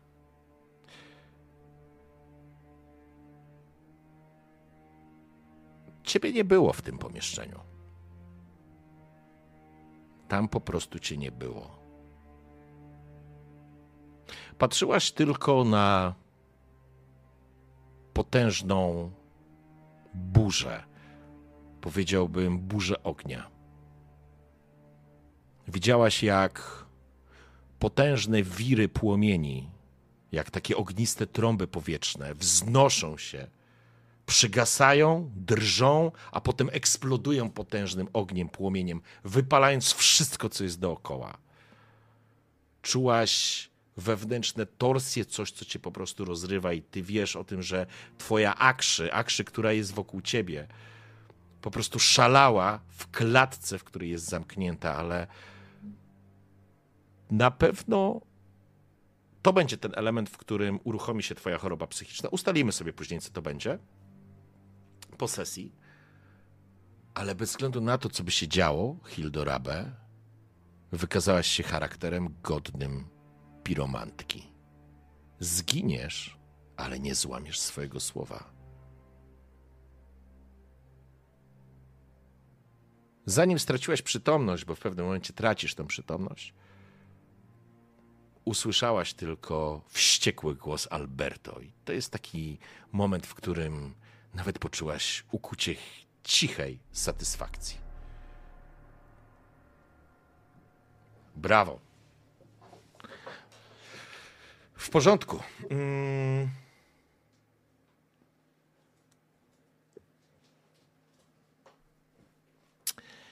Teraz się wydarzą. Czy potrzebujecie przerwy? Bo jest w pół do dziewiątej, y, dziesiątej. Potrzebujemy przerwy? A jak, jeśli to pasuje do historii, że coś się ten, to, to nawet byłoby dobrze. A jak nie, to możemy jeszcze. Bo jakby. No. jakąś pięciominutową Dobra, szybko. to słuchajcie, Dobra. robi, robimy, słuchajcie, przerwę. E, macie 8 minut, wracamy za 8 minut. Wracamy. Jesteśmy po krótkiej przerwie i, i wracamy.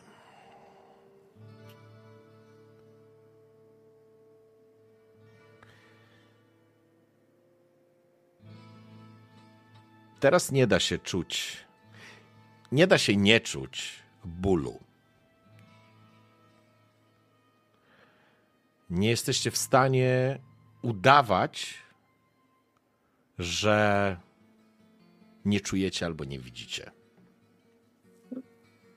Opuchniętych twarzy, skrwawionych, skrwawionego ciała, umęczonego ciała. To jest moment, w którym i Walandir, i Hilda dochodzicie do siebie.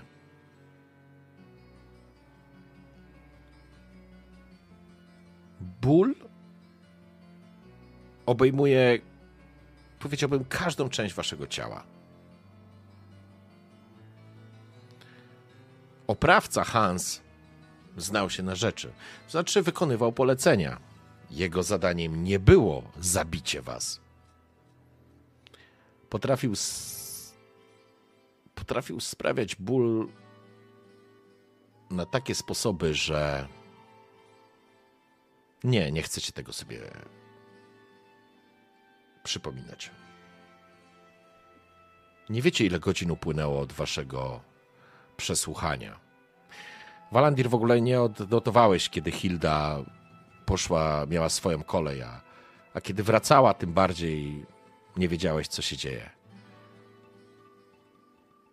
Hilda? Dokładnie tak samo, więc macie wrażenie, że minął już rok w tej ciemnicy.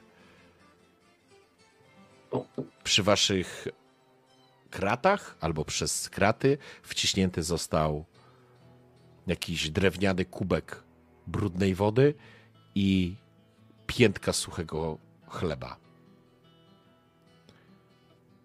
I to jest moment, w którym dochodzicie do siebie. Tak jak powiedziałem, jesteście bardzo mocno no, umęczeni. Jesteś. Nie, nie wchodzę w szczegóły. Potraficie sobie to wyobrazić. I to mi wystarczy. Natomiast zdajcie sobie sprawę, że kolejnego przesłuchania możecie po prostu nie przeżyć.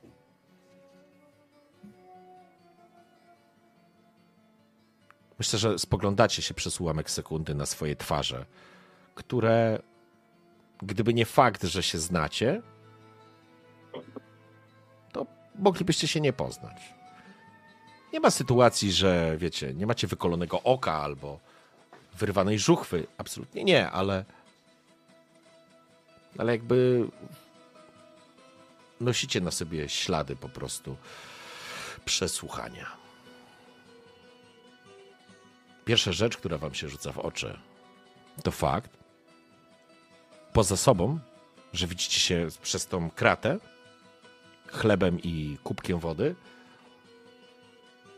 to fakt, że w celi nie ma Haklausa i również tamten mężczyzna, który był jeszcze jeden, nie ma już go. Wydaje się, że w tej całej części ciemnicy jesteście, więzienia, lochu, jesteście sami. Co robicie? Ja tak obolały podpełzam wręcz do tego do tej strawy i tak staram się jakby ująć ten kubek, pewnie trzęsące się ręce. No i próbuję jakby się posilić. No. Wiem, że e, że ten, że mm, no, że muszę jednak faktycznie coś, coś w siebie wmusić, Mhm. żeby choć w jakikolwiek sposób odzyskać siły. Pierwszy odruch, kiedy przełykasz wodę, czujesz zakrztuszenie, ale powstrzymujesz się. Natomiast kiedy włożyłeś do ust ten suchy chleb i ugryzłeś, usłyszałeś chrupnięcie. I to wcale pewnie nie była skórka z chleba. Dopiero jakby to był odruch, odruchowo do tego zrobiłeś. Wypluwasz jeden z zębów, a masz wrażenie, że wasze zęby są absolutnie obolałe. Jeżeli chcecie zjeść ten chleb, możecie go namoczyć. Musicie go namoczyć. Inaczej nie jesteście w stanie gryźć nic twardego. To tak w ten sposób robię i tylko hela. Nie próbuj gryźć. Najpierw se go namocz. Co robisz, Hilda? Ja się nie odzywam, ja tak jakby w ogóle nie słyszałam Walandira, a siedzę gdzieś tam w kąciku w swojej celi i patrzę na ten kamień. I się zastanawiam, czy, czy nie byłoby łatwiej po prostu umrzeć. Mhm. To nie byłoby lepszym rozwiązaniem. Nie mam dostępu do mocy, wszystko mnie boli. Nie widzę opcji, żeby stąd uciec, żeby cokolwiek zrobić. Bez magii jestem kompletnie bezużyteczna. Więc Rozumiem. następnym razem. Następnym razem mogą mnie złamać. Mhm. Teraz nie dali rady, ale następnym razem. Mam te, świadomość tego, że następnym razem mnie po prostu złamią. Jak patrzę się na ten kamień, się zastanawiam, w jaki sposób pozbawić się życia po prostu. Mrok, absolutnie mrok, który dopada Hildy, a wyłącza ją. Nie masz z nią kontaktu i, i wydaje się to być chyba jeszcze bardziej przerażające. Ona musi być w więzieniu większym i brutalniejszym niż to, w którym faktycznie się znajdujecie. Wygląda jak zastraszone i pozbawione emocji i woli walki zwierzę. Och, Walandir, to jest idealna analogia. Kiedy polujesz na dzikie zwierzę, ono przez cały czas walczy. Instynkt każe im walczyć. Ale dochodzi się do takiego momentu, w którym nie mają już siły. Starają się, ale nie mogą absolutnie nic zrobić. I masz wrażenie, że właśnie to opisuje teraz Hildę, która wygląda absolutnie fatalnie. Masz wrażenie, że wygląda jeszcze gorzej niż ty. Albo inaczej, masz takie wrażenie, patrząc na to, jakie na sobie nosi ślady.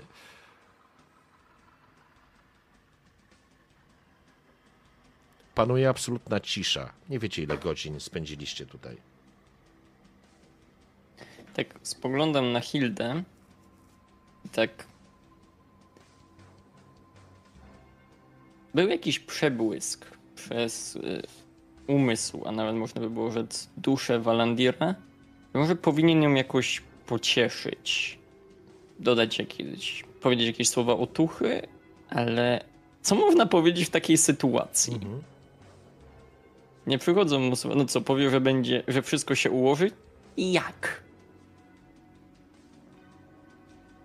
Jak może się wszystko ułożyć? Jesteśmy w beznadziejnej sytuacji. Więc Walandir woli milczeć Mhm. po prostu i zagrzebuje się w swoje myśli. Rozumiem. A ja szukam. Mm, obracam kamień w dłoniach, szukam jakiejś os, bardziej ostrego, bardziej ostrej krawędzi, może jest ukruszony troszkę. I chciałabym spróbować po prostu przyłożyć go do nadgarstków i po prostu podciąć sobie żył.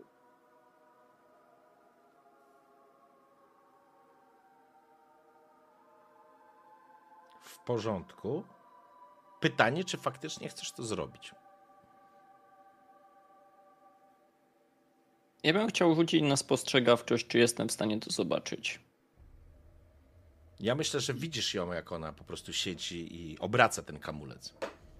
Znaczy, Znaczy- ja ch- chcę właśnie na zasadzie takiej, czy. Bo to, że jakby obraca się sobie kamulec, to, to jest spoko, ale czy faktycznie widzę, że, że przykłada go e, do tych. Do, do nadgarstków. Bardziej na zasadzie takiej, czy jestem w stanie wyczuć albo jakby zrozumieć, co ona planuje. To znaczy, może nie do końca wiesz, co ona planuje, albo co chodzi jej po głowie, ale bez problemu dostrzegasz, że stan, w którym się znajduje, jest koszmarny. Znaczy, ja chciałabym na pewno spróbować to zrobić, bo wiem, że nie mogę pozwolić do tego, żeby przyszli po mnie kolejny raz. Mhm. Wolę po prostu umrzeć, niż im na to pozwolić. Okej.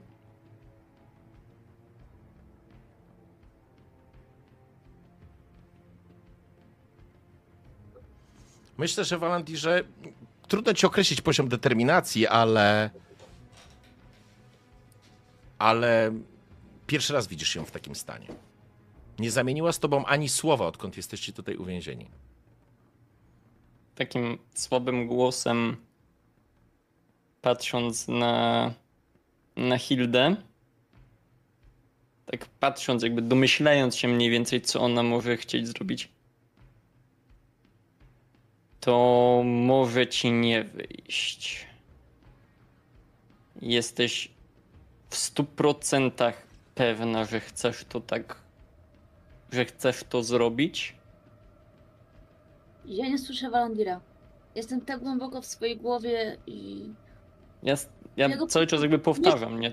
Ja Znaczy Hilda. To znaczy Hilda, ja ro, ro, roz, rozumiem w jakim jesteś stanie. Pytanie, jeżeli pytanie, czy chcesz się wyrwać z tego stanu, żeby go usłyszeć, czy nie, bo w tej sytuacji w związku z tak e, poważnymi e, deklaracjami, ja będę chciał, żebyś, e, to znaczy umożliwię ci to, pozwolę ci po prostu rzucić na siłę woli, żebyś z tej katatonii miała szansę, że Hilda miała szansę go usłyszeć. Czy on cię przekona, czy cię nie przekona, czy cokolwiek powie, ja nie wiem, to już będzie jakby dyskusja między wami, ale dasz sobie szansę, chyba że nie chcesz takiej szansy sobie dać. Znaczy ja jak widzę, że Hilda jakby nie reaguje, to nawet szukam jakiegoś, nie wiem, rozglądam się za jakimiś drobnymi kamyczkami, jak coś to nawet okruszkiem, czy nawet kawałkiem tego chleba, tak po prostu staram się wrzucić w Hildę, Mhm. żeby zwrócić uwagę po prostu na siebie. Bardziej wolałbym kamyczki niż chlebem, ale No rozumiem, rozumiem. No to pytanie jest teraz Hilda do ciebie.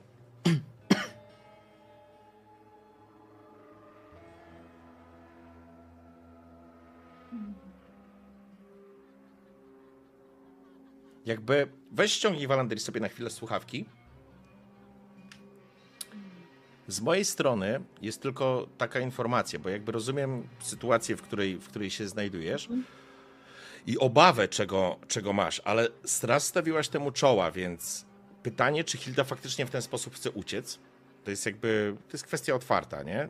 Jeżeli powiesz, że faktycznie chcesz to zrobić, nie wiem, co zrobi Walandir, a to ja nie będę, że tak powiem ci, nie, nie uniemożliwię ci tego, ale czy się to uda zrobić, wiesz, to trudno powiedzieć, nie?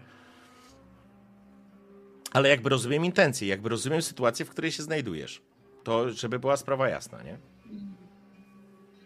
Ale to, to się zastanów, bo to jest, e, bo to jest ważne, ważna rzecz i pierwsza rzecz, którą musisz teraz odpowiedzieć, to znaczy musisz, jakby chcę, żebyś odpowiedziała, to czy chcesz dać szans, czy, czy chcesz dać szansę, żeby Hilda z tej katatonii, w te, tej, tego, tego, tego, nie katatonii, czy tej, mm, tego miejsca mrocznego, w którym się znalazła, czy ma szansę usłyszeć Walandira? Bo to jest decyzja twoja. Y, Znaczy, chciałabym dać jej szansę, tylko no. Mm, sytuacja jest taka, że no, ona już po prostu tak jakby zeszła za daleko, nie? Ona już tak jakby Mhm. nie, widzi, nie widzi innej opcji w tym momencie. Okej, rozumiem. I Dobra, w porządku. myśli. No. To ja będę chciał, żebyś sobie rzuciła test siły woli. Ponieważ e, on rzuca w ciebie kamyczkami, czy jakimiś okruszkami, czy czymś. Mhm. E, Niech tylko sobie. Czy ja też? Za chwilę, Miron. Dosłownie 3 minuty. To jest moment, w którym. O! Bo jeszcze byś, do, byś, byś dostał jeszcze plus 10 za rzucanie kamyczkami, ale ci weszło, w porządku. To jest ten moment, w którym e, Hilda jesteś w cholernie mrocznym miejscu, w bardzo mrocznym miejscu jesteś. Jakby podnosisz wzrok i dostrzegasz Walandira, który jest przy kracie i on mówi coś do ciebie, ale faktycznie, tak jak powiedziałeś, ty go nie słyszysz. I dopiero kiedy wasze spojrzenia się krzyżują, Walandir, nie musisz być psychologiem, żeby widzieć, czy jakimś, wiesz, e, znawcą, żeby widzieć, że faktycznie Hilda pogrążona jest w mroku. W bardzo głębokim mroku. I, ale ten moment, kiedy skrzyżują się wasze spojrzenia, Hilda, ty widzisz jego usta, które coś mówią, i tak jakby ktoś włączył dźwięk, wiesz o co chodzi, dopiero przebija się do ciebie.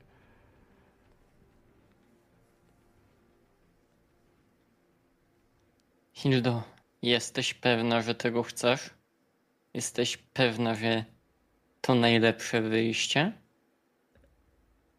Ja tak patrzę na Walandira, tak go przyszywam wręcz wzrokiem um, i mówię, to jedyne wyjście. Nie ma lepszego wyjścia. Nie ma innego wyjścia. Chciałabym, żeby Walandir zob- zobaczył w moich oczach to, że, że to nie są żarty, że to nie jest dramat, nie? Mhm. Tylko, że, że ja naprawdę jestem, w- jestem w stanie to zrobić i Mhm. i uważam, że to jest jedyna opcja, żeby się stąd wyrwać.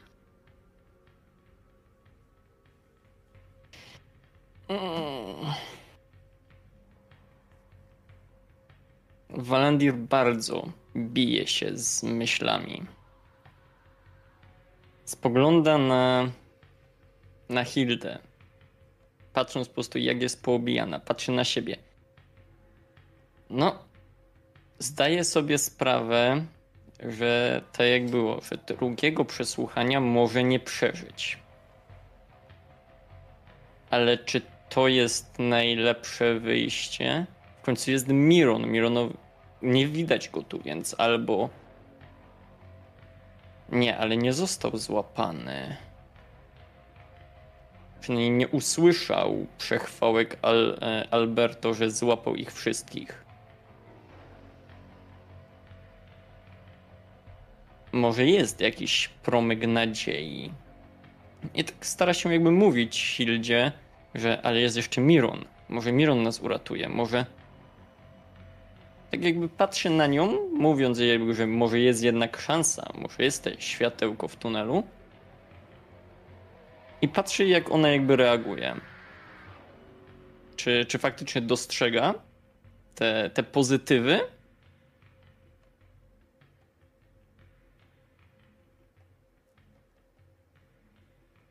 Jakich argumentów używasz? Pojawia się Miron. Czy jest coś, co. W jaki sposób chciałbyś do niej przemówić? Absolutnie nie oczekuję, że jesteś psychoanalitykiem czy psychologiem. Z, Nie, nie, wiesz- nie. To jest na zasadzie takiej troszeczkę chłodnej kalkulacji. Mironowi udało się uciec. Mm, Ta e, szlachcianka może uda jej się jakoś spróbować nas stąd wyciągnąć. Mo, są ludzie. Ale ty czy to jej o tym mówisz, czy to jest to, co myślisz? Bo to jest istotne. Znaczy, to jest e, to, co myślę i to, co mówię. Okej, w porządku, bo jakby pamiętajcie o tym, że jeżeli deklarujecie, że coś myślicie, to wasze postaci nie mogą wejść wam w głowę, ale jeżeli mówicie, Tak, tak. to nie, zawsze nie, się mówię, pojawia nie, jakaś perspektywa, nie? Hildo, jest Miron, może sprowadzi pomoc, może protektor jakoś uda mu się nam pomóc. I patrzę po prostu jakby na zasadzie takie, takie proste rzeczy, jak reaguje na to Hilda. Czy ona jakby odsuwa, czy przybliża po prostu ten, ten kamień? Czy y, widzę, że jakby ona jest totalnie pozbawiona nadziei? I czy jest jakby w 100% e, w 100% pewna, co ona chce zrobić, co to może oznaczać. Mhm. Ja odpowiadam. mm, Dla protektora jesteśmy tylko narzędziem. A Miron nie ma żadnych zasobów, żeby nam pomóc. Nawet jeżeli przeżył.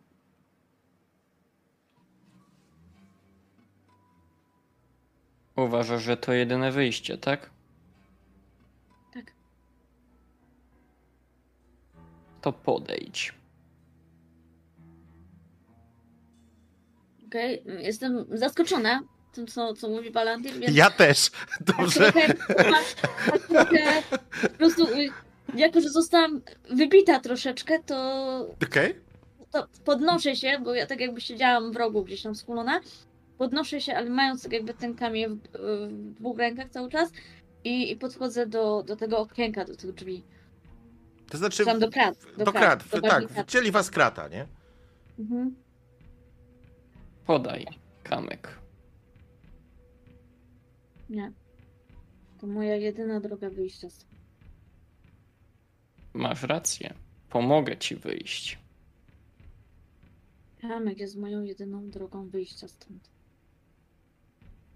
Tylko w ten sposób, tylko w ten sposób mogę to przetrwać i cię uwolnić od tego.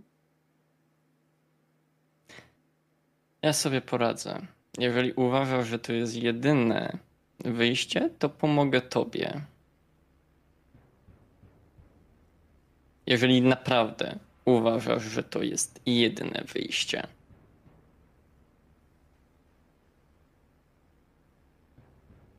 Obiecujesz? Obiecuję. To tak kucam i tak powoli ten kamyk, w sensie tak y, słabo, no bo nie mam siły, po prostu próbuję ten kamyk y, poturlikać do, do Mhm. Walandira. No. Czy tam podać coś takiego. To może zabrzmieć dość kontrowersyjnie, Ale w momencie, kiedy ten, tak wiem, że ten kamień już jest jakby jest po mojej stronie, jak go lekko odkopuję, łapię Hildę za ręce, przyciągam i łapię ją za kark. Po prostu chciałbym ją zacząć dusić. Ja nie walczę. I właśnie tu jest kwestia tego, że zaczynam jakby coraz mocniej zaciskać na zasadzie jakby, czy ona zaczyna walczyć o życie. Nie. E, Nie, te- ja nie walczę, bo tak jakby trudno siebie zabić, nie? Y, więc no, dla Hildy jest lepiej, jeżeli ktoś ją próbuje Dobra. zabić, zamiast jeżeli ma Hilda, to ja bym chce, chciałbym jednak, żebyś sobie rzuciła na test siły woli. Jeżeli ci wyjdzie, faktycznie będziesz w pełni kontrolować tę sytuację i się poddasz temu, co ci się wydaje, że Walandir chce zrobić. Jeżeli nie, to jednak instynkt samozachowawczy, okej. Okay. W porządku. E, Hildo, e, chcę, żebyś sobie dopisała kolejny punkt obłędu. Walandir. E, Hilda, ściągasz słuchawki. Dobra, tylko mam pytanie, bo tak? E, jak ja już mam chorobę psychiczną, to rozumiem, że mi się to liczy od zera, tak? Punkt tak, obłędu? tak. To znaczy e, nie, te dwa nie, nie, dodatkowe. Usuwasz sobie sześć. Więc, Więc dwa jeśli ci zostały. coś powyżej 6, to te miałam e, dwa. 8. Tak, to No dwa to ci dwa ci zostają, zostają. i teraz masz dodatkowy To nie trzeci. jest to, że się zeruje y, Nie. przy chorobie psychicznej? Ściąga ci Nie. sześć. Okej, dobra. Czyli to jest trzeci, dobra. Dobra, Mam ściągnąć słuchawki, tak? dobra i teraz tak, tak, proszę cię, żebyś ściągnęła słuchawki. Dobra. To dajcie znać na czacie, proszę. Dosłownie pokażę ci, to będzie chwila, bo to jest jedno pytanie. Walandir, dobra, powiedz mi, co ty planujesz? Znaczy, ja planowałem właśnie sprawdzić, czy ona ma jeszcze w sobie wolę walki. Bo to jest po prostu najprostsze. Jakbym ją pieprznął kamieniem, no to mogę ten... Chciałbym spróbować ją na tyle dusić, żeby ona faktycznie zjechała, żeby zemdlała, ale jej nie zabić. Okej? W porządku? Boże, zrobiło się tak mroczno, okej. W porządku, rozumiem intencję. Tak, mogę już? Tak, Dobra. posłuchaj. E...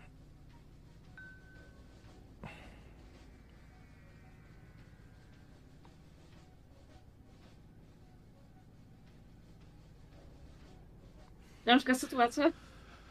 To jest moment, w którym. w którym znowu nie jesteś w celi. Przerażające w jest to, że. że Hilda, ta Hilda. Ona po prostu się nie broni. Twoje dłonie zaciskają się na jej gardle, a ona po prostu jakby czekała pogodzona z tą kwestią. Kiedy dociskasz, dostrzegasz jej pełną kontrolę, co jest jeszcze bardziej przerażające. Że ona faktycznie podjęła decyzję. I to jest moment, w którym Hilda wiotczeje, spoglądając na cele z bardzo dalekiej odległości, jakby wycofując się, jakby odjeżdżała ci kamera, jakby obraz się rozmazywał, a wokół ciebie huczał ogień, jak szaleństwo. Te trąby powietrzne, te trąby ognia, deszcz meteorytów, deszcz ognia, pożar i akrzy, które, które jednak jest tym elementem intensywnego życia, emocji, tego wszystkiego. Spoglądasz jak ten potężny żar, ogień, który trawi wszystko i daje życie i ciepło, ale również je odbiera, przygasa. Coraz bardziej, coraz bardziej, coraz bardziej, aż w końcu całkiem gaśnie. I to jest moment, kiedy obraz ci się rozmazuje i nie czujesz już Hildo Rabe absolutnie nic. Proszę cię, żebyś sobie ściągnęła słuchawki. W Walandirze Hilda upada na ziemię.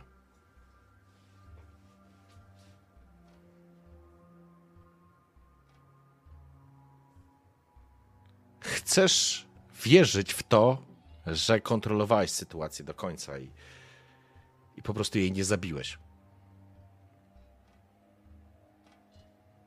Tak chcę w to wierzyć, ale z drugiej strony, czy to ma jakiekolwiek znaczenie teraz?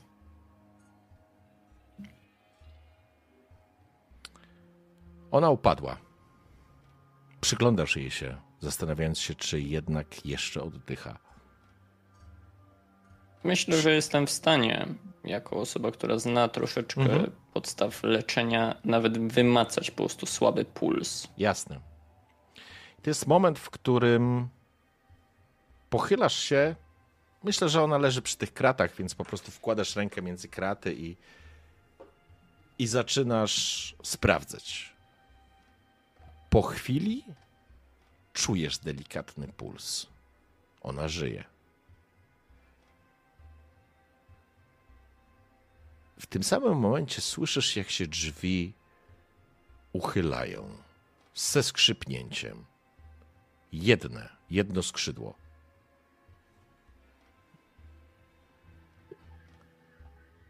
I kiedy zwracasz wzrok, widzisz, że przez promień światła, który wpada do środka, to są płoną się pochodnie, więc też nie jest ciemno. Dostrzegasz, jak ktoś wchodzi, ale ten ktoś jest niewysoki. I masz wrażenie, że wychodzi z plamy ciemności, wchodząc w plamę ciemności, omijając plamy światła, które dają pochodnie. Przymrużasz lekko oczy, jesteś elfem, widzisz doskonale. Zwłaszcza, że tak naprawdę, w przeciwieństwie do Hildy, twoje obrażenia nie mają większego znaczenia. Ale jest coś, co powoduje, że stają ci włosy na karku, bo dostrzegasz Selanara, małego, młodego elfa, którego uratowaliście, którego niemalże usynowiłeś, może nieoficjalnie. Ale młody elf prze- przesuwa się z ciemności w ciemność w bardzo nienaturalny sposób. Masz wrażenie, jakby kroczył między tymi cieniami, a jego oczy delikatnie lśnią. Chociaż jego twarz wygląda się dokładnie taka sama, burza złotych włosów opada delikatnie na czoło i uszy. Zatrzymuje się przed kratą, stojąc w takim półcieniu. Przechyla głowę.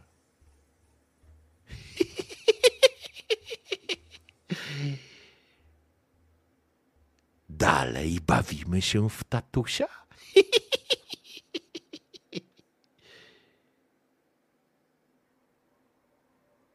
Przechyla głowę. Ty jesteś? Mogę ci pomóc, mówi w elfim. Och, co się z nią stało? Nie żyje? Ale zabawne. Jeszcze żyję. Cóż, właściwie mnie to nie obchodzi. Ona nic nie wie. Wiesz ty albo ten Klaus. Gdzie on jest? Gdzie jest Klaus? Gdzie jest Klaus? Nie ma go. Nie ma go. Ale ty wiesz, prawda, Walandisze? I mi powiesz. Czy mam do ciebie Czy mówić on- w- wujku?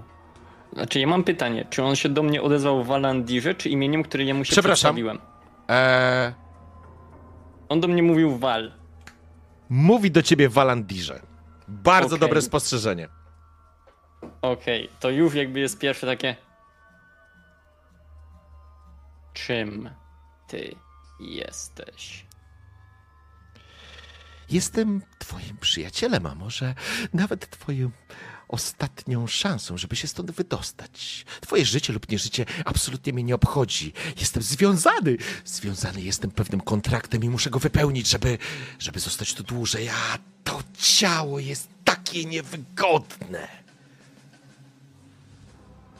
Czy byłeś nim od samego początku? Och, czekałem na was. Czekałem na ciebie. Wiedziałem, że obudzi się w tobie miłość do małego elfa mój. Ah, spluwa. Pan. Nie, to nie pan. Przeklęty czarownik. Przeklęty czarownik.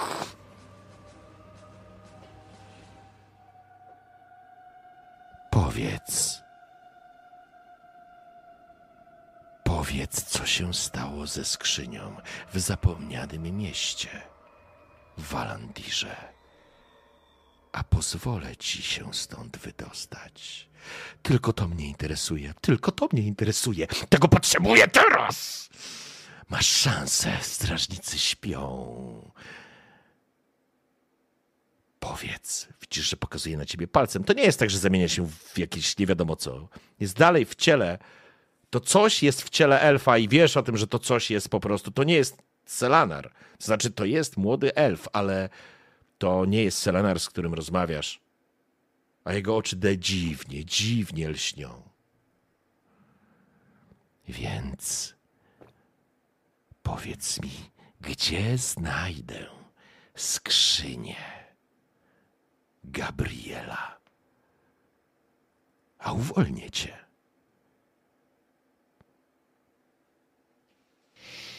Mm. O kurwa. I tu cię zostawię, Walandir. Tu cię zostawię. Ściągnij sobie słuchawki. Miron? Tak, nadszedł twój czas. Halo, czy to do mnie? Tak, to jesteś właśnie ty. Dobrze. Myślałem, Czy że... mam pój- jeszcze towarzyszy, czy już poginęli? Ach, to już nie ma znaczenia z twojej perspektywy, Mironie. Bo wróćmy do ciebie. Wróćmy do ciebie.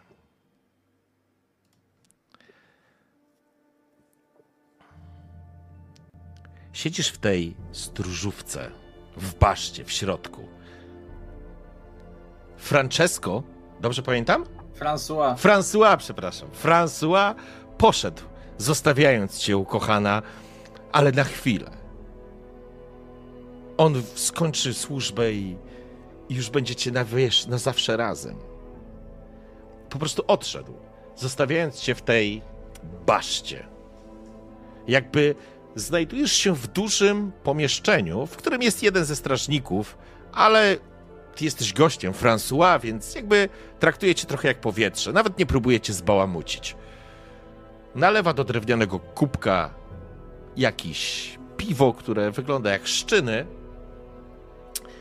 i stawia ten z obok ciebie. Napij się, panienko. Ja mam obchód. A, Znaczy to François sobie poszedł? Czy Tak, François cię A, tu jest- odprowadził, bo on musi Aha, wrócić na służbę. Sobie... A, Tak. dobra, i to jest... I, tu je, I ty jesteś, jesteś na poziomie zerowym Tak. wieży. I to jest pomieszczenie, które faktycznie jest takie okrągłe i masz schody, które prowadzą do góry i wiesz, że w tej wieży po prostu w baszcie są kolejne piętra z więźniami.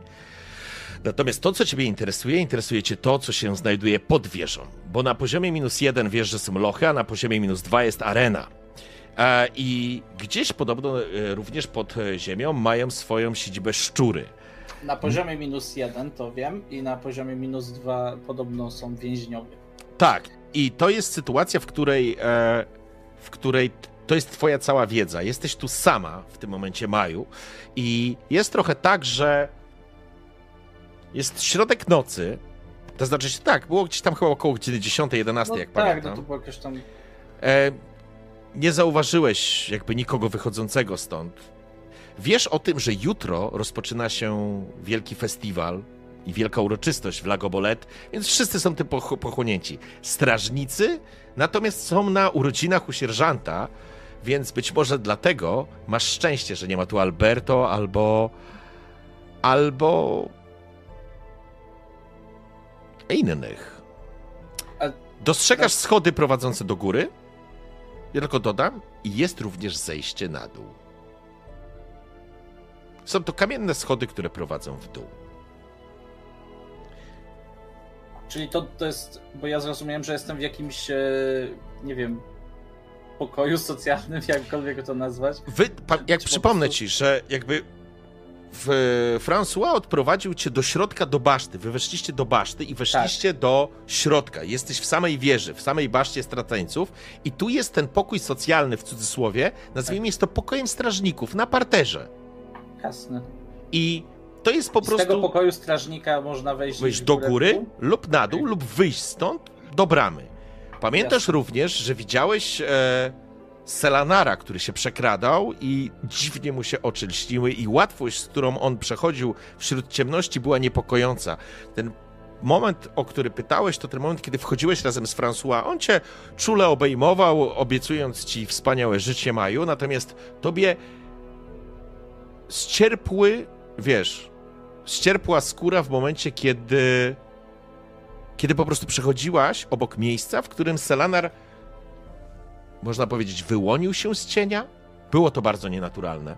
Niemniej jednak, teraz jesteś sama z tymi szczynami w e, drewnianym kubku, bo mężczyzna wyszedł z wieży. Nikt nie traktuje cię poważnie, w takim znaczeniu jako zagrożenia. Rozegrałaś to fantastycznie. No i masz już przyszłego męża, zatem wszystko jest cudownie, traktują cię traktują cię w miarę, w miarę jak, jakby inaczej, nie wzbudzasz podejrzeń, przynajmniej na razie. Co robisz, do, przeskoczmy do ślubu od razu.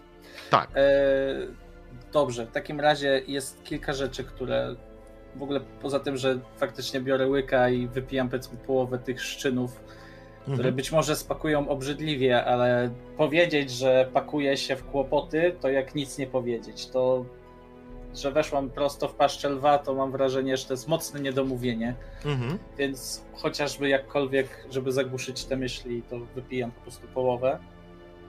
I zdecydowanie będę chciał najpierw rozejrzeć się po tym pomieszczeniu, Mhm. zebrać jak najwięcej informacji. Możemy to zrobić e, intencjonalnie. Mam to Mhm. napisane, co. Dobrze, a cze, czego szukasz? No to mów. Dobrze, pierwsza rzecz jest taka, czy jest jakakolwiek, nie wiem, mapa, zapiski, cokolwiek, co by mogło mi dać jakieś to, szczegółowe informacje na temat, gdzie są konkretni więźniowie, albo na przykład nawet rozpisanie, nie wiem, wart, ile mógłbym się, mogłabym się spodziewać strażników na każdym poziomie. To Mhm. jest jedna rzecz. E, Druga rzecz to jest taka, od razu chcę przygotować się, że e, jeśli stąd wyjdę i ktoś mnie złapie, no to będzie trzeba znowu grać głupa, więc pytanie brzmi też takie, e, chcę znaleźć w, w tym pomieszczeniu jakieś miejsce, powiedzmy, w którym mogłabym się schować, tak po prostu, nie wiem, za, jakimś, Mhm. za, za jakąś szafą, za czymkolwiek, tak po prostu, że jak ktoś wejdzie e, i nie będzie jakoś szczegółowo szukał, to mnie nie zobaczy W w porządku. ogóle. To będzie, test, będzie to związane z testem ukrywania się z pewnością, ale myślę, że jesteś w stanie znaleźć jakieś miejsce, czy nawet w skrzyni się schować, która jest. No, na przykład, tu bardziej W chodzi o to, nie chcę się teraz w żaden sposób Mhm. chować, tylko po prostu już chcę mieć jakby obadany cały ten teren, zanim, Okej? zanim wyjdę. Więc e, no, to może, e, może się na tym skupmy. A Dobrze. Jeśli, jeśli chodzi o rzeczy, to przypomniało mi się, że, że Hilda e, miała coś, miała ten dzwoneczek, jak byliśmy w poprzedniej, w poprzedniej wieży. Więc to jest bardzo niska szansa, ale jeśli jest cokolwiek, co byłoby, co, gdzie tu bym znalazł jakiś właśnie dzwonek czy cokolwiek, to, to może Mhm. też by się przydało. W porządku? To znaczy tak, to ja intencjonalnie, żebyśmy to, bo, bo ważne Tak, jest, jasne, żebyśmy jasne. ruszyli dalej, ale masz czas, żeby zdobyć informacje. Masz tą presję czasu, bo strażnik wyszedł. On poszedł na obchód. Nie poszedł ani do góry, ani nie poszedł na dół. Ale wyszedł w ogóle z wieży, więc poszedł na jakiś obchód najprawdopodobniej, więc to jest też to okienko, w którym masz czas, żeby spokojnie się rozejrzeć lub podjąć jakieś działania w miarę bezpiecznie. Oczywiście znajdujesz miejsce, w którym mógłbyś się ukryć. Jeżeli tam nie zajrzy, nie powinien cię znaleźć. Jeżeli cię nie znajdzie, wejdzie, a ciebie nie będzie, na pewno zacznie cię szukać, to jest oczywiste. Znajdujesz również księgę, w której są wpisane informacje i faktycznie jest spis więźniów. I jakby to, co ci się udaje, Maju, wyczytać z tego, jakby zdajesz sobie sprawę, że więźniowie w cudzysłowie zwyczajni, rabusie, gwałciciele, mordercy i tak dalej, złodzieje, znajdują się w baszcie na poszczególnych piętrach. Natomiast więźniowie specjalni znajdują się na poziomie minus jeden. I z tego, co jesteś w stanie się zorientować, plus poskładać to, co powiedział do ciebie François, opowiadając, mieląc jęzorem, wygląda na to, że miejsce dla tych więźniów specjalnych to miejsce, które przygotowują szczury. To są więźniowie szczurów, czyli tak naprawdę wywiadu. Mm, Rzuć sobie, jeżeli sobie uda ci się rzucić test gadaniny, to jeszcze pozwolę ci parę rzeczy. Mm, albo plotkowanie, albo gadanina. Mm, Jasne, to plotkowanie. Czy intryga wchodzi? E, tak, Dobrze. Jest. Cudownie. Więc jeszcze udało ci się w tak zwanym międzyczasie, czy to jeszcze chwila rozmowy z François, czy z tym strażnikiem, nie ma znaczenia, ale wygląda na to, że faktycznie, po pierwsze, dzisiaj odbyły się walki, były walki na dole, na które niestety już nie miałaś okazji wejść, no bo François nie mógł, a nikt cię by tam nie wprowadził. Odbyły się walki na dole. Po drugie, ponieważ ze względu na. Na pewno dostałeś informację, że szczury tu kogoś mają. I już się z nimi zabawiają, czy zabawiali, ale będą kruszeć w lochach do zakończenia fiesty. Czyli wygląda na to, że jeżeli fiesta się zacznie jutro, wygląda na to, że ci, którzy ich przesłuchiwali, odpuszczą im na jeden dzień. E, W związku z tym masz przeczucie, nie masz pewności, ale masz przeczucie, że być może szczurów w tym momencie nie ma, którzy pracują nad swoimi więźniami. Ale fakt i świadomość, że ktoś już pracował nad specjalnymi więźniami i jesteś przekonana, że chodzi o trójkę twoich towarzyszy, powoduje, że cierpnie ci kark. E, czy masz informację, co są za e, osoby wprowadzone na dole? Nie. Dobrze. W takim razie jeszcze jedna rzecz. A, propos- jeszcze jedną rzecz znajdujesz z książki, e, że na minus dwa, tam gdzie jest arena, tłuczek, czyli jest nawet napisany mistrz areny, ma swoją celę prywatną. A, no to przynajmniej tyle, że jeden poziom mniej. Do zejścia. Teraz tak, jeszcze jest jedno pytanie, ponieważ e, na ostatniej sesji mówiliśmy, że jakby François kończy pracę za kilka godzin, więc Tak. nie wiem, czy teraz jakby, okej, to zostaje. Czy jestem w stanie w tej księdze jakby zobaczyć, e, nie wiem, jak oni mają, jak prze, przebywa warta, żebym jakby był była w stanie oszacować, ile temu wartownikowi może Nie, zająć czas. Okej, dobra. tego nie, nie, nie, masz, nie masz pojęcia, ile, jest, e, ile trwa obchód, ale możesz e, zobaczyć. Ale to już bym chciał, żebyś sobie rzucił test Jasne. wiedzy. E, test wiedzy z czytaniem i pisaniem, więc dam ci plus 10 do tego testu. Język, język, po prostu rzuć sobie za język wspólny. Staroświatowy. Masz plus 10 za, za, za czytanie i pisanie. Ojej, Okej. pięknie.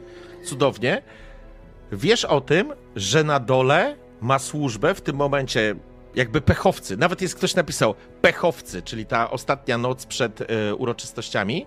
E, będą mieli, mieli służbę, jest w podanych dwóch strażników. W porządku. No w takim razie to. A i pewnie tego, ten, o tym dzwoneczku sobie mogę pomarzyć. Nie, absolutnie nie ma. Oczy- Oczywiście. Porządku, w takim razie, żeby nie marnować czasu, składam te wszystkie informacje do głowy. Mam nadzieję, że moi towarzysze są żywi, albo przynajmniej byliby w stanie chodzić czy, czy walczyć. Natomiast cały czas zastanawiam się, jak w ogóle to uwiarygodnić w momencie, kiedy jednak ktoś mnie złapie. Powiedzieli mi, żebym się stąd nie ruszała, nie wychodziła z tego pokoju. I myślałam, że e, nie będę musiała tego robić już nigdy. Ale niestety sytuacja jest jaka jest. I e, wyciągam swój sztylet, bo tam miałem sztylet, bo kupiłem go Mhm. na targu, jak dobrze pamiętasz. E, biorę te szczyny, to jest jedyny alkohol, który jest. Jakby płuczę ten sztylet, jakby przepukuję go. E, I podwijam sobie e, spódnicę, którą mam, Mhm. aż do, aż do połowy uda. Stawiam nogę na, na jakimś taborecie, na czymkolwiek Mhm. i widzę na wyższej połowie uda e, kilka jakichś takich zabliźnionych, zabliźnionych ran. No i lata, powiedzmy, no niestety to doświadczenie robi swoje, plus praca w kuchni i, i umiejętność obsługi nożem. Nacinam skórę w taki sposób, e, nie żeby oczywiście się wykrwawić, tylko po to, aby krew z tej nogi po prostu spływała po Okej. wewnętrznej stronie, po, po nodze do samego dołu. Nie ma Jak- problemu. Tak. Kaleczysz się po prostu, okej.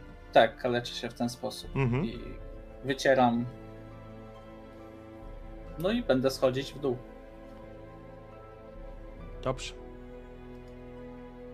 Czy zamykasz wejście do baszty? A, y, Nie do baszty, do tego do, do pomieszczenia. tego pokoju. A, o, zostało otwarte. Da, no, to znaczy, wiesz, no weszliście tędy, nie? A mężczyzna, który wyszedł, po prostu wyszedł przez drzwi, ale możesz je zamknąć, A, bo ona od jest- wewnątrz... A, do, rozumiem, myślę, że jest zamknięte. Dobrze, w takim razie zamykam je i biorę dowolną rzecz, która jest blisko, e, powiedzmy, drzwi. Nie wiem, czy to jest jakiś kamień, czy cokolwiek. I stawiam go przy drzwiach w taki sposób, że jeśli ktokolwiek będzie tymi drzwiami wchodził, no to przesunie tak czy siak tą, tą, tą, tą rzecz. A, czyli, czyli chcesz dać sobie sygnał, a nie zablokować tak, wejście? tak, dokładnie tak. Dokładnie o to chodzi. Możesz nawet postawić, przyjmijmy jakąś butelkę albo gliniany dzban przy, przy, przy stoliku, Jasne. przy, na stołku, że wiesz, uderzony, rozbije się. cokolwiek, co jest, cokolwiek, co jest na tyle blisko i tak tam było oryginalnie, żeby nie wzbudzało podejrzeń. Natomiast absolutnie nie chodzi o jakiekolwiek zablokowanie, tylko informacje. W porządku. Dobrze. Zaczynasz, będziesz w takim razie schodzić na dół. Walandir? Y, Chciałbym, żebyś sobie ściągnął jeszcze Miron na chwilę słuchawki Jasne. i Walandir teraz. Wal?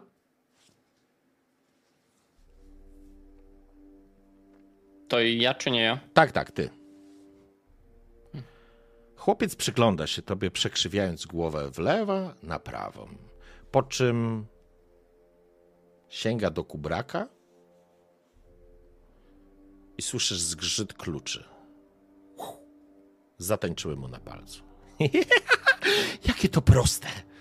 Wujku, wujku, powiedz proszę. Gdzie ukryliście skrzynię? Tylko to mnie interesuje. Nigdy więcej mnie nie spotkasz. Nigdy, przenigdy. To proste. Powiedz. Tylko nie kłam, bo będę wiedział. Będę wiedział. Czy zostawisz Selenara w spokoju? Czy on tam jeszcze w ogóle jest? Och, wujku, nie martw się o mnie, nie martw się o mnie, wujku. Będzie dobrze, będzie dobrze. Nie mam pojęcia. Nie potrafię kłamać. Jestem uwięziony w jego ciele. Od jak dawna? Nie mamy czasu na zadawanie pytań. Ta, ta dwójka nieboraków zaraz wujku wstanie i co wtedy, co wtedy? To dlaczego ich nie zabiłeś? Byłoby zbyt prosto, wujku. Nie mam czasu, mów. Lub gnij. ja.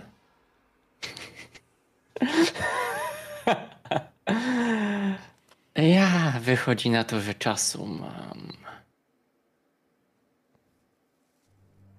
Pod dostatkiem. Obraca, obraca na tym, obraca ten klucz na tym, na e, to, to kółko z kluczami na palcu. Dobrze, wujku, dobrze. Gdzie ukryliście skrzynię? Mów, mów. Odpowiedz mi na pytanie, od jak dawna jesteś w Selenorze? Och. Niedługo po tym, jak opuściliście fort Fuerte del Sol, Gabriel mnie przyzwał i zmusił do wykonania tego zadania. Tego, czyli którego? Och, nie bądź głupcem. A, dobrze, tego zadania. To nudne. Mów, mów, szybko, a cię uwolnię, wujku!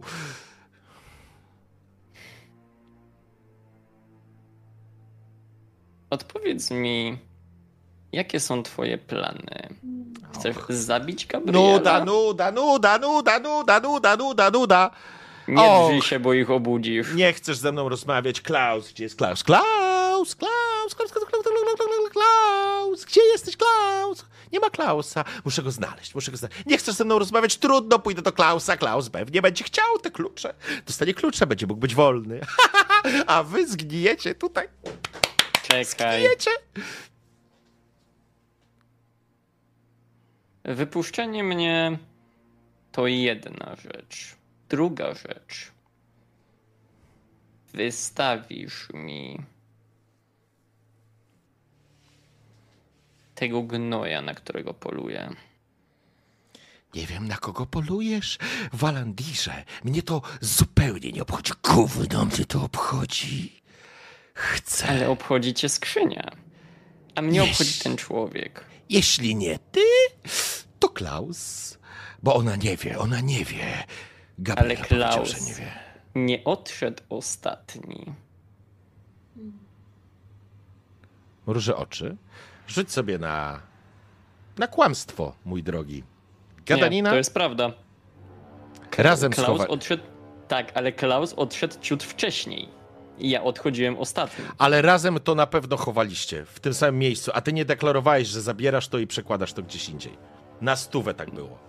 Więc e, jeśli Klaus wie, to znaczy może wskazać miejsce. Jeżeli wskaże, bo nie wiem, czy wskaże, ale, ale to na pewno nie było tak, że ty zmieniłeś miejsce. Jedyną osobą, która nie wiedziała, to Miron, którego nie było, i Hilda, przed którą to chowaliście. A chowaliście to we dwóch. Tak, to jest fakt, że chowaliśmy to we dwóch, natomiast kłamstwem nie jest, że odchodziłem pierwszy. Że odchodziłem. Okej, ale, pr- ale rozumiem intencję. Próbujesz go zmanipulować, więc jeżeli chcesz, to proszę, żebyś rzucił. Kurna, na przekonywanie, tak? No, albo gadaninę. No, Nie mam niczego, więc akurat. Dobra. Może jedynkę rzucisz, dajesz.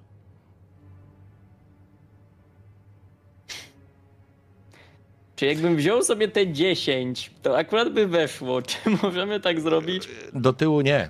Spoglądasz się, kłamiesz, kłamiesz, kłamiesz, kłamiesz, więc nie mam już czasu. Oni za chwileczkę obudzą się i zabiorą cię znowu do katowni. Bywaj, wujaszku. Jak to powiedzieć?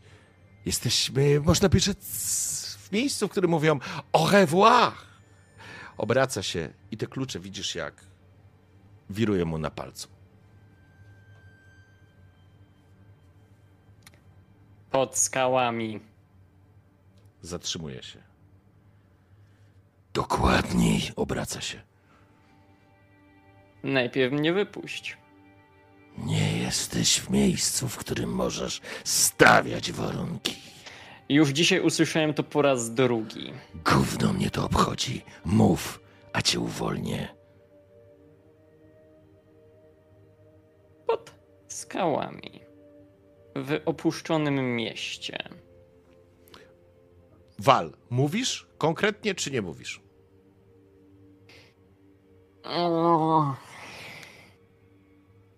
Czekaj, daj mi się chwilkę zastanowić. Ym, Bo to jest znowu kolejna jakby na zasadzie Valerii bardzo mocno tutaj e, zaczyna jakby kalkulować, liczyć, co mu się bardziej opłaca, co mu się nie opłaca. Hildy tutaj teoretycznie nie powinien zostawić, ale w sumie może, ma już ma trochę na nich wszystkich wywalone. On chce dorwać tego człowieka nawet Rozumiem. za cenę swojego życia.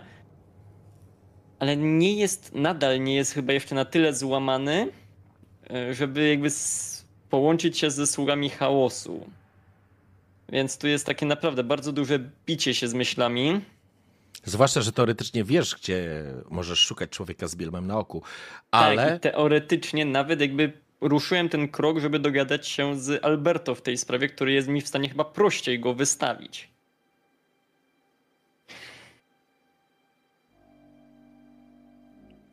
decyzje, decyzje. Walendirze, nie pozwolę ci się zbyt długo zastanawiać. Wiem, wiem, wiem, wiem, wiem. Czekaj, daj mi dosłownie. E, zrobimy to w inny sposób. Parzyste. Nieparzyste. Nieparzyste. Nie mówię. W sensie mówię mu, ale e, tak zaowa- jakby tamtych miejsc, tych kupek z kamieniami Jasne. było dość sporo. Mówię mu którąś, którą skojarzyłem, nie wiem, tam gdzie e, odkryłem, No, ty, gdzie uwolniłem tych ludzi, nie? Jakby chcę go spróbować okłamać, ale w taki sposób, żeby to brzmiało jakby totalna prawda, nie? Jakby Rozumiem. Kam- Jeżeli próbujesz kłamać, to w takim razie rzucę jeszcze raz. Eee, dobra. Jakiś modyfikator? Tak, minus 10. No nie, no serio. To jest drugi raz go próbujesz okłamać, a jego się nie da okłamać. Nie, on nie umie kłamać. Nie powiedziałeś, że się nie da go On okłamać. powiedział, że ty też go nie możesz okłamać. No rzucaj, może jedynka ci wpadnie i będzie... Patrz, patrz jak pięknie. Prawie, prawie. On spogląda. Głupiec, głupiec, głupiec, głupiec. Tracę czas. Rusza. i widzisz znowu to pff, tymi cieniami, po czym wyłazi. Te drzwi są uchylone. I to jest moment, w którym ściągnij sobie słuchawki. Eee, Miron,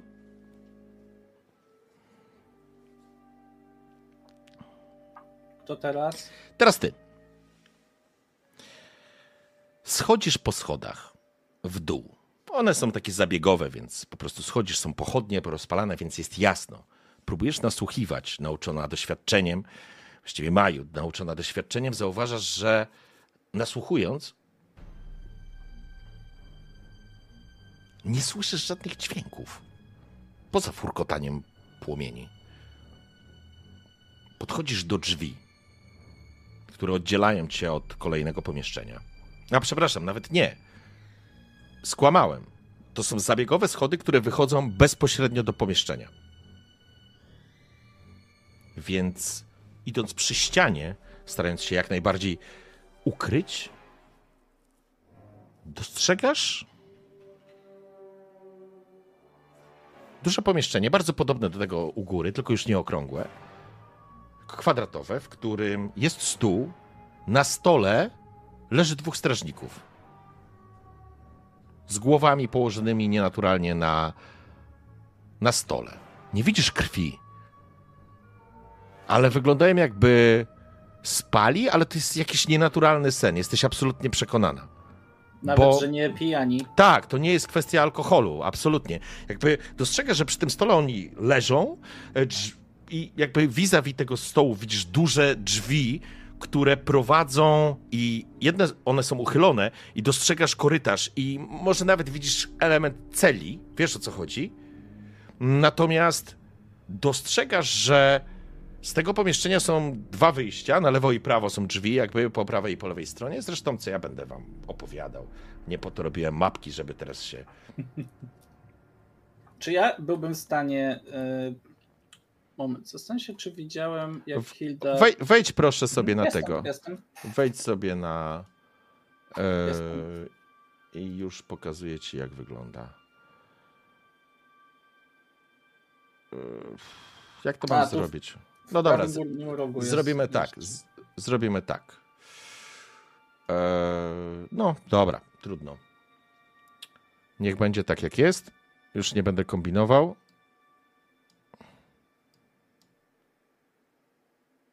Dokładnie tak to. Dokładnie tak to widzisz. I te podwójne drzwi to, jest, to są te, które prowadzą do, do cel.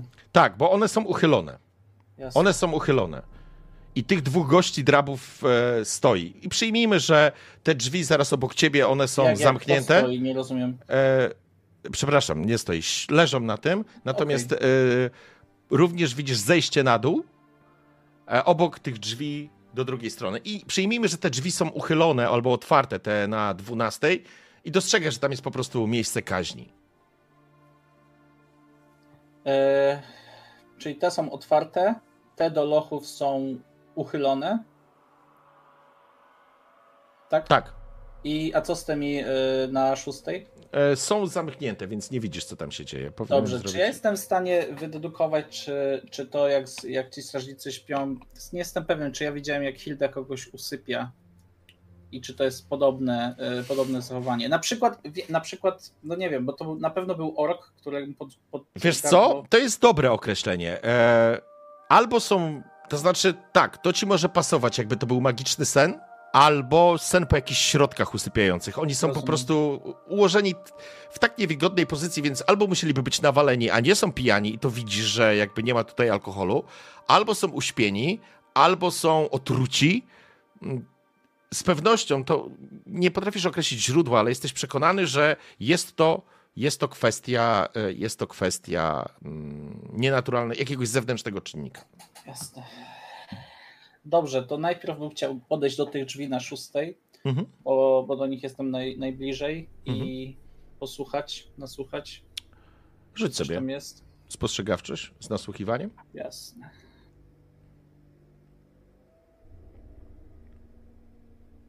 Oj, oj, oj, ale nie, no przerzućmy to.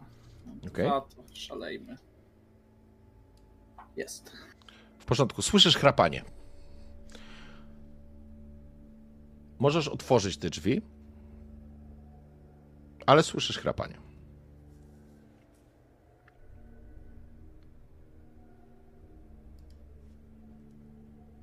To, to na pewno to nie. W takim razie podejdę do jeszcze do tych na, dwu, y, do tych na 12, żeby się upewnić, czy tam ktoś jest, zobaczyć, czy ktoś tam jest, no bo widzę tylko. Mhm. W porządku, przechodzisz na drugą stronę i jakby jest to coś, co od razu powoduje cierpnięcie twojej skóry, bo dostrzegasz po prostu miejsce kaźni. To jest sala tortur. Wypełniona wszelkie różnego typu przyrządami, które powodują, że Widzę jakąś krew, na- czy pozostałości, żeby ktoś tutaj. Oj, z pewnością. Oj, z no, pewnością. Bez Więc- dwóch zdań. Próbuję, próbuję się. E, próbuję zachować zimną krew mimo wszystko. No i będę zaglądać do, do tych dużych drzwi. W porządku. Kiedy uchylasz, jakby te drzwi są w ogóle uchylone. I kiedy wchodzisz, podchodzisz do tych drzwi, możesz bez problemu się do nich wśliznąć i jakby będziesz widział tą, tę sytuację, którą, którą po prostu widzisz na mapie.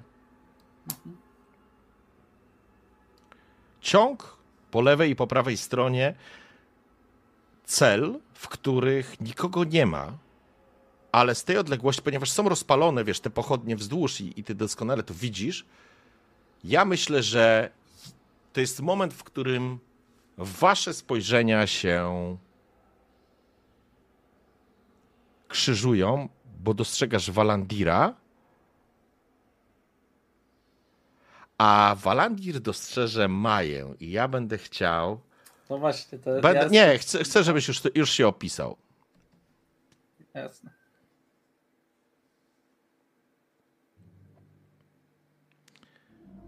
Niedługo po, po wydarzeniach jesteś trochę ogłupiały, tak naprawdę kalkulujesz wszystkie możliwe wyjścia, ale jest taki moment, jak w pewnej, w, w pewnym, pewien moment w pewnej chwili, powtarzam się, ale po jakimś czasie, niedługim, zauważasz, że do pomieszczenia tymi samymi drzwiami lekko uchyla się, wchodzi znowu jakaś niewysoka postać, ale stoi w świetle i dostrzegasz.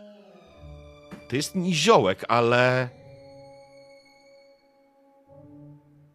Jak wygląda ten niziołek? Bo wasze spojrzenia się krzyżują. Zakładam, że jesteś gdzieś bliżej kraty, może, Walandir. Jakby nie ma to większego znaczenia, ale po prostu, nie? Y, No więc widzisz niziołka w ciemnorudych włosach, którym sięgają tak do ramion, może trochę dalej. E, W, w, w takiej bluzce i spódnicy. To jest to, co możesz zauważyć. Ja myślę, że jakby to jest ta część opisu, która ci absolutnie nie pasuje, ale jesteś elfem, potrafisz dostrzegać, znacie się na tyle długo. Dla ciebie Walandir, ty widzisz na końcu tego korytarza nieśmiało zaglądającą siostrę Mirona. Jest uderzające podobieństwo, chociaż no ewidentnie masz przed sobą kobietę niziołczą ale z twarzy, nawet z gestów, powiedziałbyś, z ruchu, jest niezwykle podobna do Mirona. No, bez wątpienia, to musi być siostra. Tak zaczynam. Czy tam ktoś e, jest jeszcze poza tą dwójką? Bo jakby E, widzę całe E, pomieszczenie. Tak? Hildy w ogóle nie widzisz, A, okej. ale porządku. przyjmijmy, że dostrzegasz e, postać leżącą na ziemi. Mhm. E, dajmy Hildzie już też posłuchać. Też tak zrobię. Hilda! Wiki! Napiszcie, żeby się tam To już.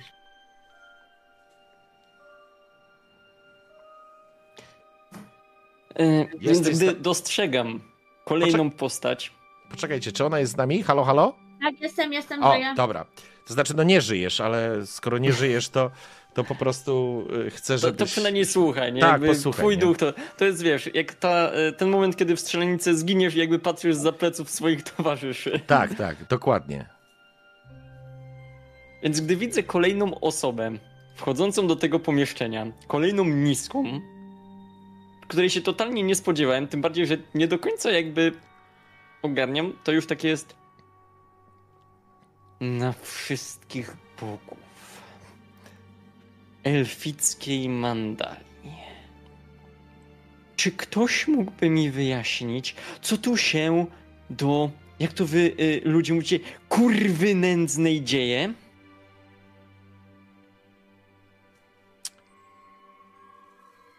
Ty to krzyczysz, mówisz głośno, jak to jest... Znaczy ja tu tak syczę przez zęby okej, po prostu, rozumiem. nie? Bez problemu to słyszysz. Y, No to jak widzę, że widzę, że jest y, jakby nikogo tam nie ma żadnych strażników, no to podbiegam do, Mhm. do celi. Cicho. Kim ty jesteś? Gdzie jest reszta? Na ten moment jestem róża i w razie potrzeby możecie mnie użyć jako żywej tarczy, ale teraz najważniejsze, żeby was stąd wydostać. Walandir, e, siostra bliźniaczka to chyba najlepsze określenie. Bo przed tobą stoi nizioł. No, Niziołczyca. niziołczyca, nizioł, kobieta niziołek, nie? E, ale jest po prostu. No, wypisz, wymaluj, no, jakby była bliźniaczką. Ale pomimo tego, że jest cała masa wspólnych elementów, które jakby dostrzegasz z Mironem, układ twarzy, oczu, policzków, e, specyficzna pucułowatość tych e, gdzieś tam e, twarzy, ale głos jest zupełnie inny. Mm, Miron zawsze był taki, miałaś wrażenie, lekko zniewieściały, miał taką urodę, ale to był niziołek, one wszystkie wyglądają tak samo. A już na pewno dla elfa albo dla człowieka. Niemniej ja jednak... bym chciał. E, nie wiem, czy można to zrobić jaką, jakimś rzutem na coś. Natomiast była jedna sytuacja, gdzie e, Walandir widział, jak Miron się rozbierał. To było nad rzeką, gdy się czyścili po e, zażyganiu. Czy Nie. Jakoś jestem w stanie nigdy, połączyć to znaczy kropki? jest jedna rzecz, Walandir, Mo, ale możesz połączyć kropki, bo na to wtedy nie zwróciłeś uwagi. Sam się opłukiwałeś. Dopiero teraz ci przychodzi do głowy, Walandir, że ty nigdy nie widziałeś Mirona nagiego. no, Albo nawet od pasa w górę.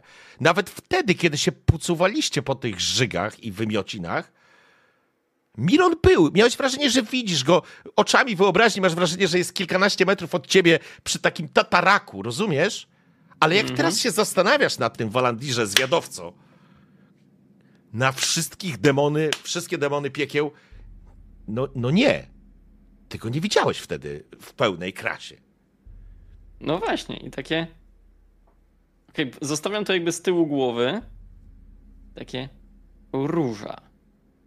Czy droga pani Róża też ma klucze i chce coś ode mnie? Co?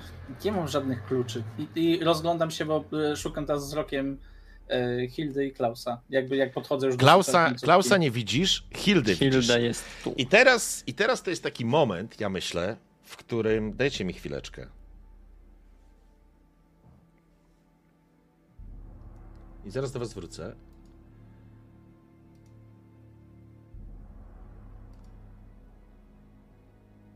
Bo.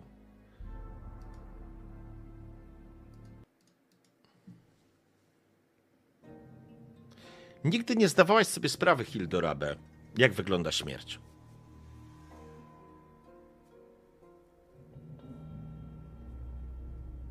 No bo jak sobie wyobrazić śmierć? Mhm. Chociaż byłaś przekonana, że to są ostatnie chwile twoje na tym Wespadole, na które się zgodziłaś, przyjęłaś to, to masz wrażenie,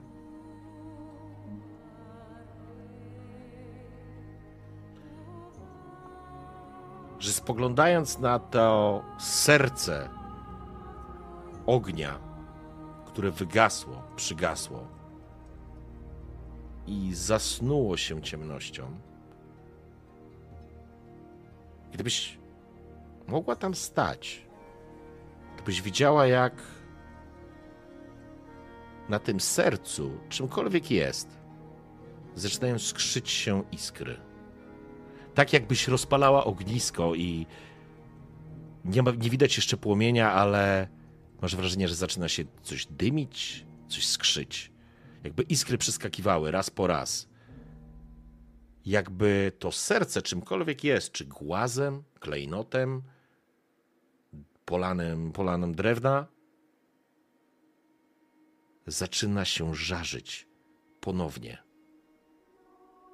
Zaczyna płomień, znowu zaczyna to lizać, i przez chwilę masz wrażenie, jak te serce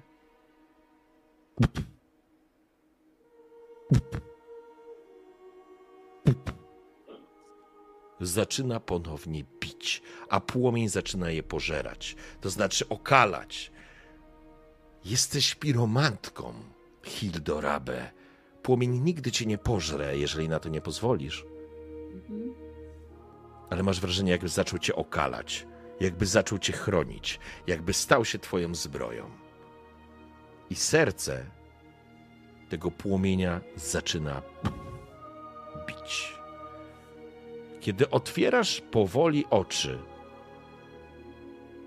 nie wierząc już, co jest jawą, co jest rzeczywistością, co jest tylko ułudą, leżysz przy kratach, czujesz jakby powiedzenie, że czujesz ból na szyi od zaciśniętych dłoni, w tej sytuacji nie ma żadnego znaczenia, bo ciebie wszystko boli. Znaczy, żebyś też miała pełną świadomość, Hilda normalnie jest w stanie funkcjonować, ale faktycznie jest obolała i jakby była w bardzo mrocznym miejscu i na ile ona zostaje w tym mrocznym miejscu, to jest twoja decyzja. Chcę tylko powiedzieć, że kiedy widzisz to serce ognia, które zaczyna znowu bić rytmicznie, dostrzegasz spod takiego dziwnego kąta w ogóle abstrakcyjną sytuację. Widzisz Walandira, który stoi przy kratach i rozmawia z Mironem, który jest w spódnicy.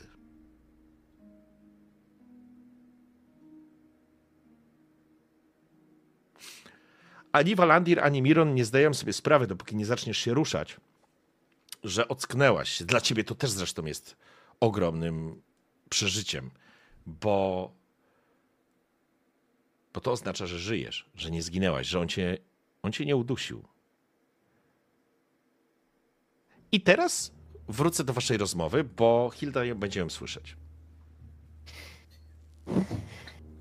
Gdzie jest Klaus? Gdzie jest Klaus? Gdzie są klucze? Klucze miał Selenar.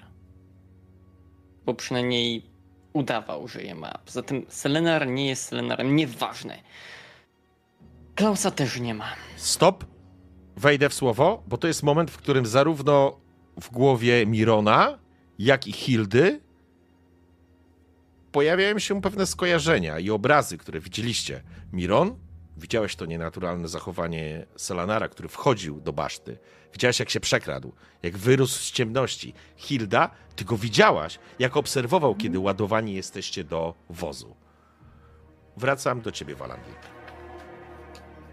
A Klaus? Klausa zabrali. Gdzie?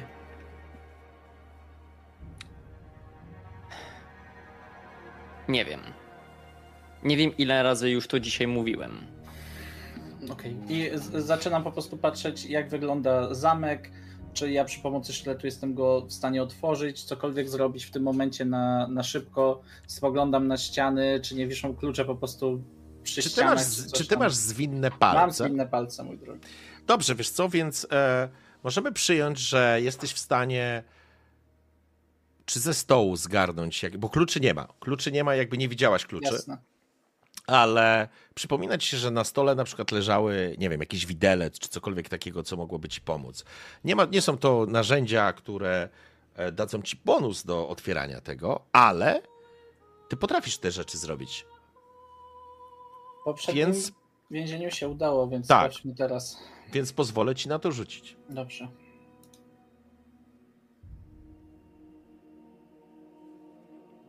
Ja pierdolę. Dobra, przerzucam to. E, rzucam za jedną celę oczywiście. e, dobrze. E, wy macie jeszcze 10 punktów, z Tak. tego co pamiętam. Nie, pię- 20. E, Chyba, że ktoś coś użył. Hilda na pewno użyła dychy. Ty nie No użyłeś i-? Ja użyłam. Nie, bo chciałem użyć, ale powiedzieli mi, że nie można w, w A, czas. no tak. No to, to przepraszam, macie 20. Mhm. Czy ja rzucam za jedną celę, czy za obie? No to jak już sam powiedziałeś, że rzucasz za jedną, to rzucasz za Czy jedną. ja się pytam ciebie po prostu? No, W sensie, wiesz bo pytam się ciebie jakby, wiesz, no mechanicznie czysto, nie? Nie, no dobrze, to przyjmijmy, że przy tym, e, przy tym ci się sztyletem albo czymś tam nie udało otworzyć i będziesz musiał to zrobić e, za pomocą jakiegoś innego narzędzia. Ale przyjmijmy, że nie otworzyłeś jednej celi. Zakładam, że to była cela z Walandirem, bo był najbliżej. Znaczy, bo chodzi mi o to, że chcę przerzucić i, Mhm. i to jest pytanie, czy, czy sukces oznacza otwor- otwarcie obu cel, czy jednej? O to mi chodziło. Ojejku, wiesz co? Biorąc pod uwagę, że na pewno nie jest jeden, jeden yy, że będę mieć dostępność pewnie Dobra, jed- więcej nie. niż jeden widelec, nie? Wiesz co? Nie, to ja ci powiem tak. To przyjmijmy tak, jeżeli będziesz to przerzucał, jeżeli uda ci się otworzyć, to uda ci się otworzyć. Już nie komplikujmy tego. Dobra, okej, to y, czy ja mogę użyć plus 20, moi drodzy współgracze? Chcecie Tak. się wydostać? To biorę 20 W sumie teraz to już... Ja! Kurwa!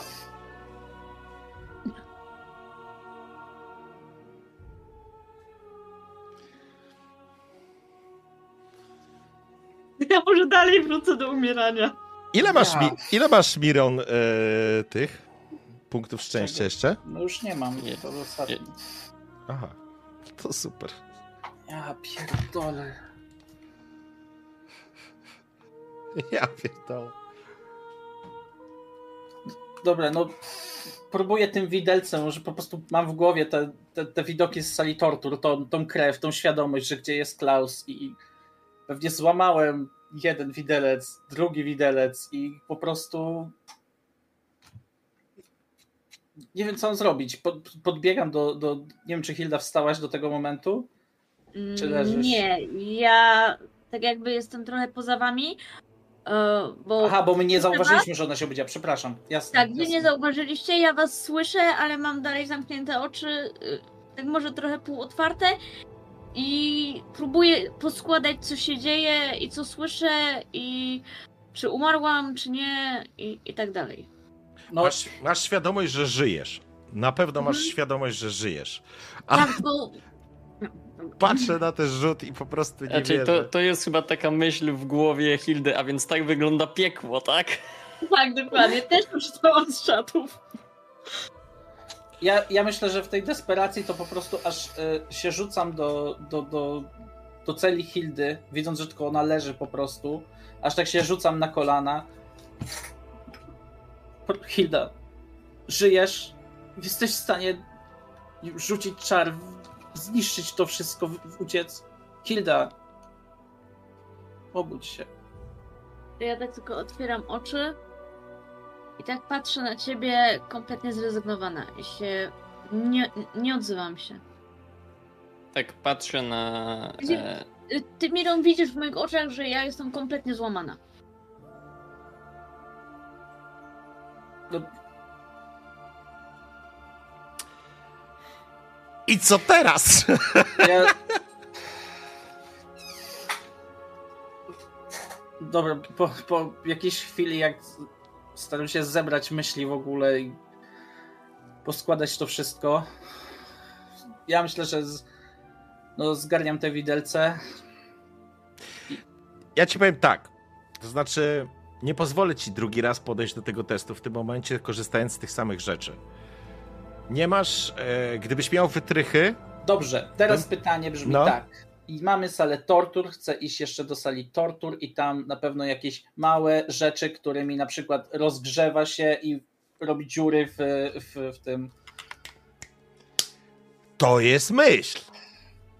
Coś na pewno będzie, co będzie To być może myśl. nawet lepsze niż, na pewno będzie lepsze niż widelec, bo pewnie Słuchaj, to jest myśl, widelec. to jest myśl. Ja ci, wiesz co, to jest bardzo fajna rzecz. Ja ci powiem tak. Jakby z perspektywy, którą teraz e, widzę, możecie próbować to siłowo rozwalić, co narobi huku, co oznacza, Mironie, że musisz zabić strażników. Jest wtedy jakaś szansa. Musisz znaleźć klucze, bo przed chwilą Walandir mówił, że Selanar tu był z kluczami, więc teoretycznie są gdzieś klucze. E, albo musisz pójść do sali tortur i znaleźć po udanym teście przeszukiwania. Co? Nie, no bo musisz zapłacić jakąś. E, Jasne. jakiś musi być koszt tego. Pomysł jest fajny. Ale, Ale musisz jeż- potem drugi raz rzucać na zwinne palce, to dwa razy będę E, tak, ale w ogóle umożliwię ci. Jasne. Potraktuję to jako wytrychy. Dobrze, Ale musi ci wyjść test przeszukiwania. Eee... No i cały czas jest widmo czasu, który nad wami wisi. Tak. Dobra. Składam myśli, klęcząc przy, przy Hildzie, widząc tylko jej to zrezygnowanie w oczach i. I podnoszę głowę i przypominam sobie, że sala tortur musi mieć też jakieś mniejsze elementy i podnoszę się, biorę te widelce ze sobą, żeby je odłożyć w międzyczasie powiedzmy na ten stół i tak, no i tam w ten, tam idę i chcę przeszukać. W porządku. Zostajecie, zostajecie w celach, e... czekając na Mirona. No, Mironie, trzymam kciuki. Naprawdę, trzymam kciuki. Jest. Nawet dużo. znajdujesz. Masz wrażenie, że dotykasz czegoś obrzydliwego. W skórzanym takim kajecie rozkładasz go i widzisz po prostu. Jakbyś widział przyrządy dentystyczne, wiesz? Skalpele i tego różnego rodzaju takie rzeczy, które. które sprawiać mogą niewyobrażalny ból, ale. Ale jakby ty widzisz w tym element, który może ci pomóc, pozwolić ci otworzyć zamek. Masz to. Miron, masz to.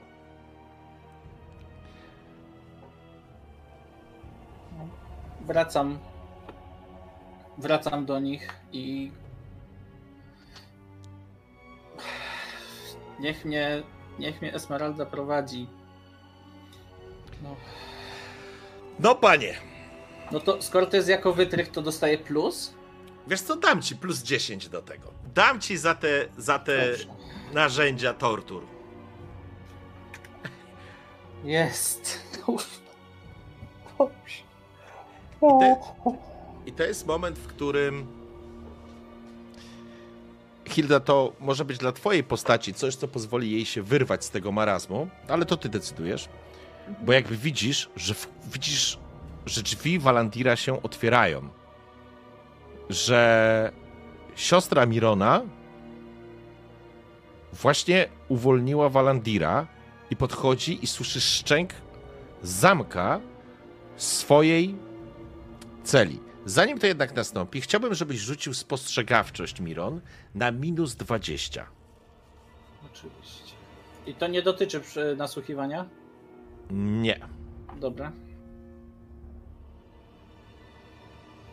Okej. W porządku. Walandir, tobie też pozwolę rzucić spostrzegawczość na minus 30. Mm, mm. No Okej. się nie udało. W porządku. Nie no, to jakby bardzo trudne to było do tego, więc jakby w porządku. E, podbiegam od razu do, do Hildy, chcę Mhm. sprawdzić, czy ona jest w stanie wstać. Próbuję E, zarówno- zarówno Walandir, jak i, e, jak i Hilda. Walandir jest opuchnięty na twarzy. Poobijany, widać sińce. Natomiast Hilda. Hilda faktycznie wygląda, jakby przeszła piekło. Hilda, ale- proszę cię, Okej. proszę cię, wstań. M- Musicie się stąd wydostać jak najszybciej. Proszę. Naprawdę, ja nie będę ci już wypominać tego usypiania. Tylko, tylko wstań. Ja myślę, że. I ja to- w tym momencie tak się Poczekaj, obracam. Wal, poczekaj, poczekaj, Wal. To jest moment, w którym e, sama zdecydujesz, czy Hilda faktycznie się uśmiechnęła. To, to może to wcale nie oznacza, że z nią jest wszystko ok, ale. Mm, Wiesz co? Bo tak, to było ale- cholernie naturalne. Tak, ale nie do końca, że się uśmiechnęła, tylko tak troszeczkę uniosła kąciki ust. Mhm. Tak minimalnie. to nie było tak jak ja, teraz tylko tak I w ogóle patrzysz, że siostra Mirona bardzo dużo wie. Właściwie wygląda jak Miron w kietce, a może to jest Miron? Ja tak odglądam się, takie... Miron? Dobra, to Ja, ja, patrzę, ja patrzę po prostu, jestem przy Hildzie i czekam, czy, czy ona wstanie, czy nie, bo czas nas goni i trzeba zaraz podjąć decyzję. dobra, to, e, bo ja tak leżę trochę na boku, nie? Ja tak mam twarz skierowaną i mówię tylko y, Miron plecy wytnij mi to. No i od, od razu w takim razie jakby podnoszę, chcę, chcę jakby zobaczyć, co tam jest. Kiedy ona się obraca i ściągasz już taką z tej sukni to właściwie zostały strzępy. Widzisz po prostu między jej łopatkami złotego, tak, to jest najlepsze określenie, złotego skarabeusza, który, to jest mechanizm, to jest ważne, to nie jest owad, to jest mechanizm i doskonale widzisz, jak to coś wgryzło się jakby w pomiędzy jej plec. Jest złote, pięknie, majstersztyk, w ogóle wykonanie to chyba krasnoludzka robota. Albo, albo no, no, to jest po prostu majstersztyk. Ale dostrzegasz na pomiędzy skrzydłami są jest sześć takich przycisków. To nie jest wiesz, one nie są ponumerowane, one naznaczone są jakimiś symbolami i przyglądasz się temu, jakby usunięcie tego od ręki albo wycięcie tego, nawet wiesz, jak przyglądasz się, jesteś przekonany, że to jest to coś wgryzło się w jej ciało, rozumiesz? Przebiło, to, to, to, to jakby jakby nie da się tego po prostu wyszarpać, nie? No bo Rozumiem, wyszarpiesz to rozumiem. z kawałkiem, to nie tyle co ciała, ale masz wrażenie, że nawet jak tego dotykasz, co powoduje, że Hilda natychmiast przechodzą ci ciarki po, po, po ciele, że, że to nie jest takie luźne, że wiesz, do kawałka mięsa się to przyczepiło. Dałbyś, położyłbyś wszystkie pieniądze świata Mironie, a właściwie Maju, że to coś przytwierdzone jest do jej kręgosłupa. Yy, o, no, na bieżąco mówię Hildzie o tych guzikach, o nie wiem, jakieś tam, co, co mam zrobić, co mam zrobić z tym? Wcisnąć wszystko? E, wiedza magiczna? E, Walandir wychodzi z celi. Tak? E, Ja, wiedza magiczna. Tak, rzuć sobie. Właśnie, Wal, przepraszam. Co robisz w tym czasie? E, a tak patrzę na nich. No widzisz, jak Miron jest, właściwie Maja jest pochylona nad plecami Hildy. Dostrzegasz teraz. Nic ci niestety to e, Hildo nie mówi. Nie jesteś w stanie pomóc. Wiesz, że to jest artefakt, są przyciski, e, jesteś Mhm. czarodziejką. Już, ci, już do ciebie wracam, Wal. Może to jest jakaś kwestia sekwencji, ale nigdy się z tym nie spotkałaś. Jakiej tym bardziej nie jesteś w stanie powiedzieć. Ale sam fakt, że jeżeli faktycznie coś takiego jest, to jeżeli się uda poznać sekwencję, to jesteście w stanie to odczepić. No, Ale czy ja jestem w stanie, patrząc na, na, to, na te symbole, jakoś je, nie wiem, po, połączyć, czy cokolwiek, co by mi. Może na przykład te symbole. Nie wiem, te symbole na przykład wskazują jeden na drugiego, na przykład są trójkątami i tworzą po prostu taką. Za chwilę Wiesz- do ciebie wrócę. Walandir, co robisz? Ja bym chciał tylko spojrzeć po prostu na Hildę i tak określić, czy jestem w stanie ją podnieść i bez problemu jakby stąd wynieść po prostu, kolokwialnie mówiąc, jak worek kartofli. Wiesz co, no Hilda nie jest dużą kobietą, więc, więc to nie jest kłopot, żeby ją podnieść i, i wynieść. Ona zresztą nie wygląda też na taką, to znaczy inaczej. Wygląda chyba na taką, że będzie mogła wstać, ale. Yy, ale to jest jakby. Jakby, jeżeli pytasz się, czy fizycznie możesz ją unieść, przerzucić sobie przez ramię albo złapać ją tak i wyprowadzić, absolutnie nie stanowi to żadnego problemu, o ile nie będzie robić scen. No więc ja jakby bez ceregieli podchodzę, chwytam Hildę, zarzucam sobie na plecy. A byłem w stanie dojrzeć jakąś sekwencję? Tak jak I teraz tak, właśnie się zastanawiam. Już, y, Walandir, y, to jest Twoja intencja. Zastanawiam się. Wiesz co chodzi, nie? Że są po prostu jakieś trójkąty, które wskazują jeden na drugi i jeśli znajdziesz początek, to znajdziesz sekwencję na przykład. E, To ja tylko powiem, że w momencie jak e, tak jakby no się zorientowałam, że nie widziałam nic takiego, to ja tylko syczę przez zęby. Wyrwij to. W sensie, tak jakby dla mnie nie ma znaczenia to, że to, czy to jest do kręgosłupa, czy nie. Ja po prostu tak bardzo chcę się tego pozbyć. Miron, powiem ci tak. Co, 10%, tak? 10? Oszalałeś? 5. Dam ci, Co? dam ci Naprawdę? 5%. Dam ci 5% i to nie to, że ty zrozumiesz, jak działa ten mechanizm. Tylko co, że fartem mi się uda. Nie, to nawet nie chodzi o fart. Zobaczysz odciski palców po prostu. na- Może. Dobra, lecimy. O kurwa, no widziałem 10%, no! No widziałem 10%, to jaki niedobry mistrz gry, no zobaczcie, no! Co, dajcie spokój. Ja nie bym ja- Kurwa, no! Nie mogę z wami tutaj grać, no. Przepraszam, przepraszam bardzo. Było blisko. Chociaż Miron, połowę. a nie, Miron, wiesz co ci powiem? Jest No. sześć przycisków. Miron, jesteś przekonany, że wiesz z czego y, inaczej. Z tych sześciu przycisków cztery były użyte. Ale nie jesteś w stanie określić w jakiej kolejności. Dlatego, że zostały na nich. Może został faktycznie jakiś ślad. Rozumiesz? Czyli wiesz, to to jest kwestia pracy, albo dowiedzenia się, które faktycznie rzeczy były wpisane, ale wiesz, które z sześciu. Cztery z sześciu przycisków są kombinacją, tworzą kombinację, która powoduje uruchomienie. To taki jak taki gra kiedyś była Mastermind. E, w związku z tym e, tyle potrafisz e, określić, bo 7 rzuciłeś. 7, okej. To są tylko dwa punkty różnicy. Właściwie tak, dwa punkty. Więc, ale to jest też moment, w którym Walandir podchodzisz. Jakby prostu- zanim on ją wziął, to nie wrzuciłem randomową po prostu, bo żeby zobaczyć, co się stanie, skoro i tak. No Naprawdę randomową wcisnąłeś? Znaczy, w sumie to się jej zap... Nie, poczekaj. Nie, nie, bo to jest pytanie, bo to jest ważne. Znaczy, jeżeli wciskasz, No, no to musisz to zdążyć jakby ten. Nie, nie, nie pytasz się, bo jeżeli ją zacznę jakby podnosić, nie? Tak, to jest pyta- to musisz podjąć mi decyzję. Albo wciskasz, albo nie.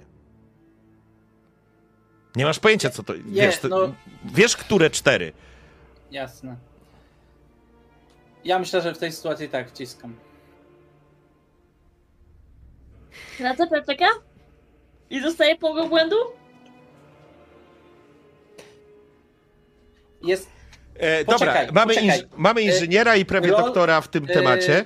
Tak, już ci powiem. To jest Jaka jest- 20, jakie jest 24, prawdopodobieństwo? 24 kombinacje. są. 24 kombinacje masz. Tak, bo jest e, 4 razy Czekaj. 3 razy 2. Czyli 8 razy 3. Tak, 24 możliwe kombinacje. 24. Czyli rzucam roll D24, jak No słuchajcie, jeden, to jest dobra. 24, o ile każdy przycisk był użyty jeden raz. No i- Kombinacja no tak. mogła być Nie, nie, nie, ośmiu. no, zakładamy, że nie wiem, wcisk. Nie, nie, ale faktycznie, to już ci powiedziałem. Rzuciłeś 7, więc wiesz, że 4 wchodzą. 24, czyli co? Masz 1 na 24, że Tak. ci wejdzie. Tak, czyli rzucam Tak. 24 ściętą kostką, jeśli... procent, prawie że 5%, tak? Bo Dobrze. jedna 25 to E, Ja. O Boże, co ty jedna się- czwarta. 4%. No i dobrze, przepraszam.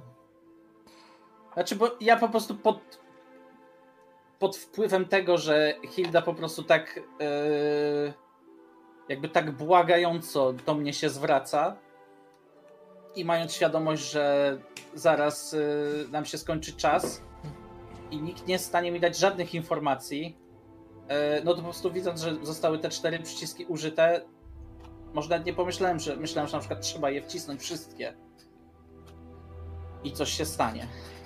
Walendir w tym momencie, jak to widzi, że... To znaczy, to się wszystko dzieje w jednym momencie, tylko ja muszę się zastanowić. Tak, tak, tak. Bo Mhm. ja tylko jakby tak jakby wchodzę po prostu, chciałem wejść do tej celi, złapać faktycznie Hildę, przerzucić sobie na plecy i z nią wyjść. Natomiast jak widzę, że tam coś zaczyna Miron klikać, to Walandir robi Co tylko tam takie... klikasz? Odchodzi, obraca się po prostu i takim sztywnym krokiem wychodzi po prostu z tych lochów. Dobra. Powiem tak.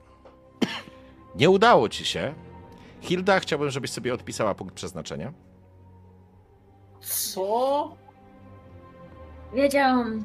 Nic się nie stało. Mechanizm nie zadziałał. Idę, y, po prostu biegnę do, do, do... Wstawaj, znaczy, chcę, czy ona jest w stanie wstać? Wstawaj, idziemy. I Walandir w tym momencie ruszasz i dzieją się dwie rzeczy. Hilda, Miron, sły, Hilda, słyszałeś, że on coś tam wciskał? Nie, nie czujesz, żeby coś odpadło, uwolniło twoją moc, whatever. Ale drzwi są otwarte, Walandir wychodzi i to jest moment, w którym Walandir, już teraz wyraźnie słyszysz, jak no, nie będziesz rzucał na inteligencję, absolutnie jesteś przekonany. Jak pęk kluczy uderza o schody, pę, pę, z, taki, z takim zgrzytem specyficznym, s, uderza o schody i z takim dźwiękiem specyficznym pada na dół. Jesteś przy drzwiach, dostrzegłeś jak przez schody, ze schodów spadły, spadły klucze. Widzisz tych dwóch typów, jak jeden z nich zaczyna się cucić. Co robisz? Spieprzam schodami w dół.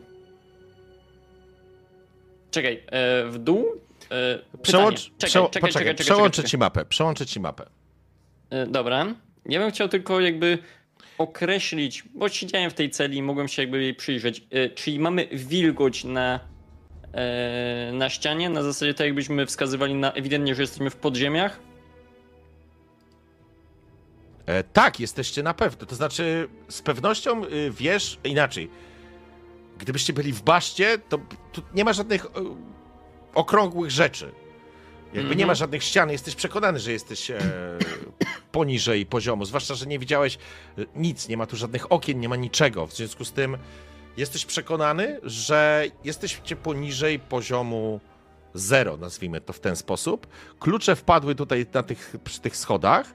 Jeden z tych typów, jeden z tych typów jakby zaczyna się cucić. I to jest pytanie, co robi Walandir? Jeden z tych typów zaczyna się cucić, czy dwóch? Jeden. Czy ja jestem w stanie usłyszeć ten Nie. dźwięk? Jesteś przy Hildzie, p- przekonujesz się, żeby się ruszyła. Jasne. E, Jak były jakieś widelce, czy są noże? Wiesz co, ja myślę, że nawet nie musisz daleko szukać. Jest na pewno sztylet jakiś wbity, wiesz, w bochenek chleba. Sztylet i po prostu w gardło temu strażnikowi, bez, bez niczego, nie? Pff, wyciągam drugiemu. W porządku? Doskakujesz, on jest zamroczony. Faktycznie on próbuje wstać, ale wyciągasz sztylet, wbijasz mu w gardło, krew ciepła natychmiast rozlewać się po sztychu i po dłoni. Jego, jego sąsiad próbuje, chyba go to też wyrwało z tego snu, próbuje, wiesz, ruszyć się, ale to jest, oni są zamroczeni, więc po prostu zażynasz ich jak, jak, jak, jak, jak, jak, no jak zwierzęta, krótko mówiąc. Har, harcząc pada na stół, stół drewniany zaczyna w ten drewniany stół wsiąkać krew. Co robi Hilda, co robi Miron? No ja czekam po prostu po tej sytuacji, czy, czy jestem w stanie ją, jeśli jak widziałem kątem oka, że Walandir wychodzi, gdzieś tam może rzuciłem, rzuciłem za nim, y, czy, czy, czy mi pomoże, czy nie, on po prostu wyszedł, to już Wyszedł. widzę, że Mhm. po prostu czas się skończył i pytanie, czy Hilda się podnosi po prostu. Y, Ja mam pytanie, zanim odpowiem. Czy ja coś poczułam? W jakim sensie, no w sensie, co poczułam, jak y, Miron tam majstrował i, i straciłam tego PPK. Co poczułaś? No bo jak straciłam PPK, to raczej nie było to, że mu kombinacja nie weszła i nic nie poczułam.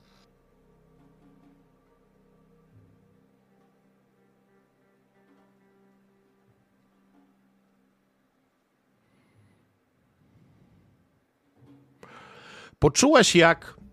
W porządku, to jest, to jest zasadne pytanie. Poczułaś, jak w środku ciebie te stalowe odnóża skarabeusza zacisnęły się wokół kręgosłupa. I to był taki. To jest dobre pytanie. To był wstrząs. Poczułaś to całą sobą. Masz wrażenie, że mechanizm miał się zamknąć, ale coś się wydarzyło, że że się nie zamknął. Jesteś przekonana, że to coś zmiażdżyłoby ci po prostu kręgosłup. Mhm. W Czy ja, związku z czy ja tym... zauważyłem, że ona nie wiem, jakoś się tak w... Tak, na pewno poczułeś to, to, to wzdrygnięcie w momencie, kiedy Jasne. to przełączyłeś. Okej, bo to jest zasadne pytanie, Wiki. Absolutnie się zgadzam. Ale poczułeś, że faktycznie to coś, e, ten mechanizm musiał się w jakiś sposób e, zablokować. Mhm. To e, w tym momencie patrzę na Mirona.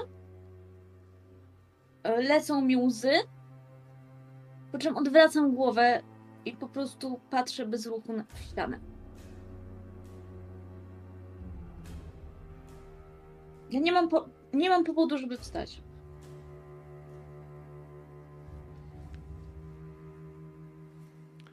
Dobrze, czas tyka. Walandir, jesteś u góry. Miron, dam ci chwilę, żebyś się zastanowił, co chcesz z tym zrobić. Eee, Wal, jesteś, już jesteś przy tych, przy dwóch ciałach. Nie masz pojęcia, że za drzwiami śpią jeszcze jacyś goście, więc tego po prostu nie wiesz. Ale usłyszałeś również drzwi zamykające się u góry. Mogłeś usłyszeć. Um, czy mogłeś usłyszeć?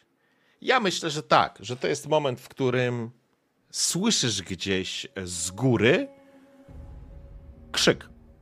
Nie z piętro wyżej, tylko jakby jest przytłumiony, jakby przy drzwiach, jakby trochę dochodził z zewnątrz.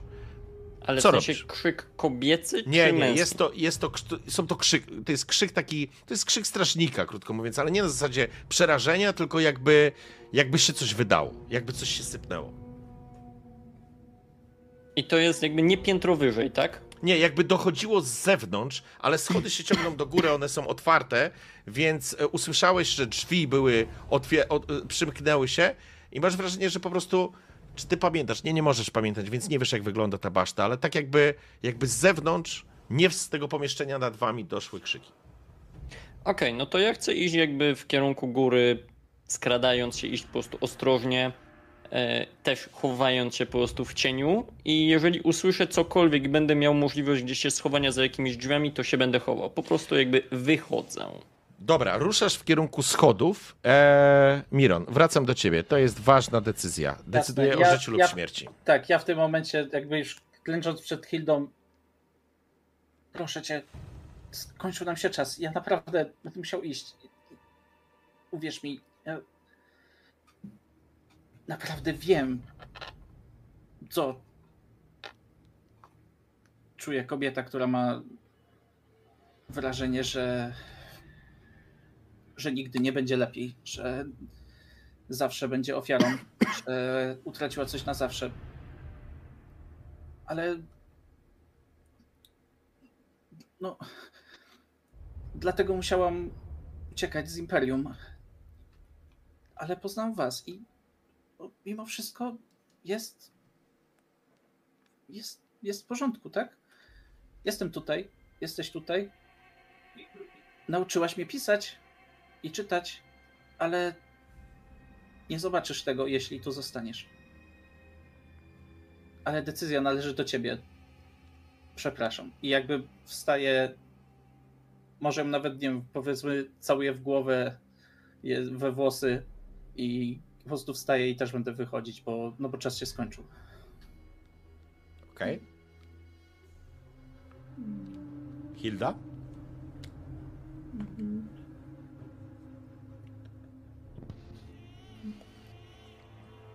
Trafiło to do mnie. Trafiło to do mnie i próbuję się podnieść, tylko no podejrzewam, że to nie jest takie łatwe i że mnie wszystko boli że no też tak jakby może mi się nie udać po prostu wstać. Jakby oczywiście jesteś obolała i jesteś poraniona i przeszłaś piekło. Bo przeszłaś piekło. Ale jakby twoja postać nie została okaleczona w zasadzie, że nie może się ruszać. Oczywiście wydaje mi się, że najważniejszym elementem z punktu widzenia Hildy mimo wszystko będzie przełamanie i wyjście z tego mroku. Jakby jeżeli pozwolisz, żeby to serce zapłonęło prawdziwym ogniem, to jesteś w stanie, się, będziesz na tyle zdeterminowana, że na pewno wyjdziesz stąd na własnych nogach. Pytanie, czy w ten sposób do tego podchodzisz? Tak. Więc Miron, ty ruszyłeś, licząc, właściwie Maju powinienem mówić, licząc, że Hilda się opanuje. Albo dotrze coś do niej. Kiedy jesteś na wysokości mniej więcej środka tego pomieszczenia, słyszysz, jak Hilda wstaje i rusza za tobą. Walandir, wchodzisz do góry. Spostrzegawczość, czyli nasłuchiwanie. Jedziesz. Masz świadomość, a nie, nie masz świadomości, ale Miron ma świadomość, a właściwie Maja, będzie mi się to mylić. Załóżmy, że to jest taka sytuacja. E, widzisz, Miron, inaczej, Walandir, najpierw chciałbym, żeby spostrzegawczość, porażka, więc e, nie słyszysz. E, wchodzisz do góry, skradając się. Miron, ty dostrzegasz kałużę krwi na stole, dwóch strażników jest martwych i drzwi od tej salki, gdzie spali, oni są dalej zamknięte, natomiast zaczynasz słyszeć krzyki dochodzące z góry. Gdzieś dochodzące. I to jest Walandir, ty pierwszy słyszysz, jak drzwi e, do... Mm, jak ktoś po prostu otwiera drzwi do tego pomieszczenia u góry. Ty jeszcze nim, w nim nie jesteś, ale nie słyszałeś opisu, więc jakby wychodząc, to co, co ty będziesz widział, wchodzisz do okrągłego pomieszczenia, które jest, powiedziałbym, bliźniaczo podobne do tego pomieszczenia, w którym teraz jesteś, tylko oczywiście jest okrągłe.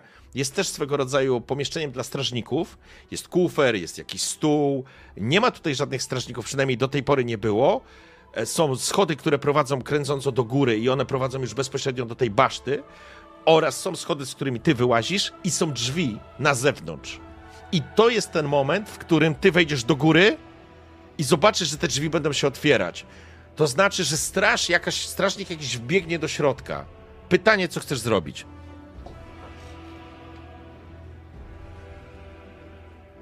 E, Wyciszony jesteś. E, Są schody na górę lub na dół. Tu nie ma innego pomieszczenia, w którym mógłbym się ukryć. Nie, bo ty wchodzisz jakby schodami i wyobraź sobie, że te schody prowadzące na dół, one też są z taką, taką dziurą trochę jak tutaj widzisz na tej mapce. Czyli one po prostu schodzą w dół, tam nie ma żadnego jakiegoś... E, Nie do końca widzę dziury, bo akurat e, schody są zasłonięte rzutami. e, nie, nie, nie, nie, zobacz na 12 od siebie, nad truchłem tego strażnika na 12. Jest takie zejście, tam powinna być pochodnia, ale, ale zapomniałem jej dodać w, w mapce, więc może jest trochę ciemne. Ja przestawię e, truposza na to miejsce. Tu jest zejście na dół. Nie wiem, czy widzicie, obok tego truposza. A, tu, dobra. I, i, I podobnymi schodami teraz wchodzisz do góry, rozumiesz? Więc jakby Mhm. wyjdziesz bezpośrednio na pomieszczenie, więc będziesz widział, ty po prostu na poziomie podłogi twoja głowa, ciało i zaczynasz wychodzić i drzwi się otwierają. Jeżeli ktoś się dostanie do środka, bo widzisz, że to są drzwi, no to są takie ciężkie drzwi, które blokują do, wyjście z, tego, z tej baszty, mógłbyś próbować je zamknąć, o ile zdążysz do nich dobiec i je zasłonić, y, w sensie zarzucić sztabą, wypchnąć tamtego typa. Jeżeli nie, dojdzie do walki lub wrócić. Lub biec do góry, ale masz wrażenie, że to jest baszta i wiesz, że to jest baszta skazańców i jesteś przekonany, że u góry po prostu są, są po prostu więźniowe, więc krótko mówiąc więcej strażników. Mm. Y, Szybkie pytanie. Ja słyszę jeden głos próbujący się dopchać, czy więcej? E, Ktoś padł, e, może, może nawet słyszysz rozkaz, sprawdzić, co jest w środku. I, i to jest, e, i to jest może, to jest jeden, chyba jeden gość, który na razie tutaj po prostu wpada. Ale na, czy na zewnątrz jest więcej? To jest A, takie... to nie masz pojęcia. To nie mam pojęcia. Mówimy o więzieniu, mówimy o jakimś placu, prawdopodobnie jest ta baszta, nie masz pojęcia jak to wygląda, ale no możesz sobie przyjąć do wiadomości, że jeżeli to jest miejskie więzienie, to tych strażników na zewnątrz pewnie będzie więcej.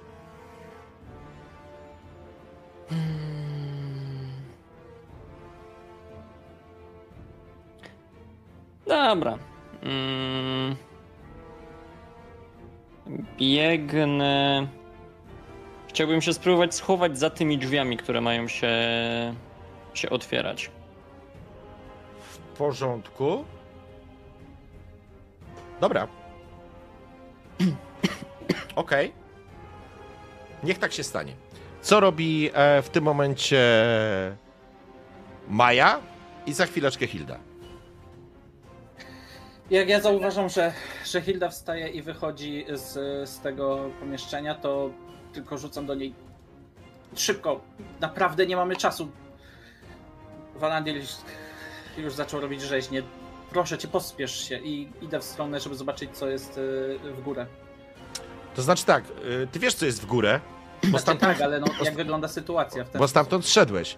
Natomiast krzyczysz do, e, do do swojej towarzyszki, Znaczy nie krzyczę, no bez przesady, jesteśmy w tym samym pomieszczeniu jeszcze.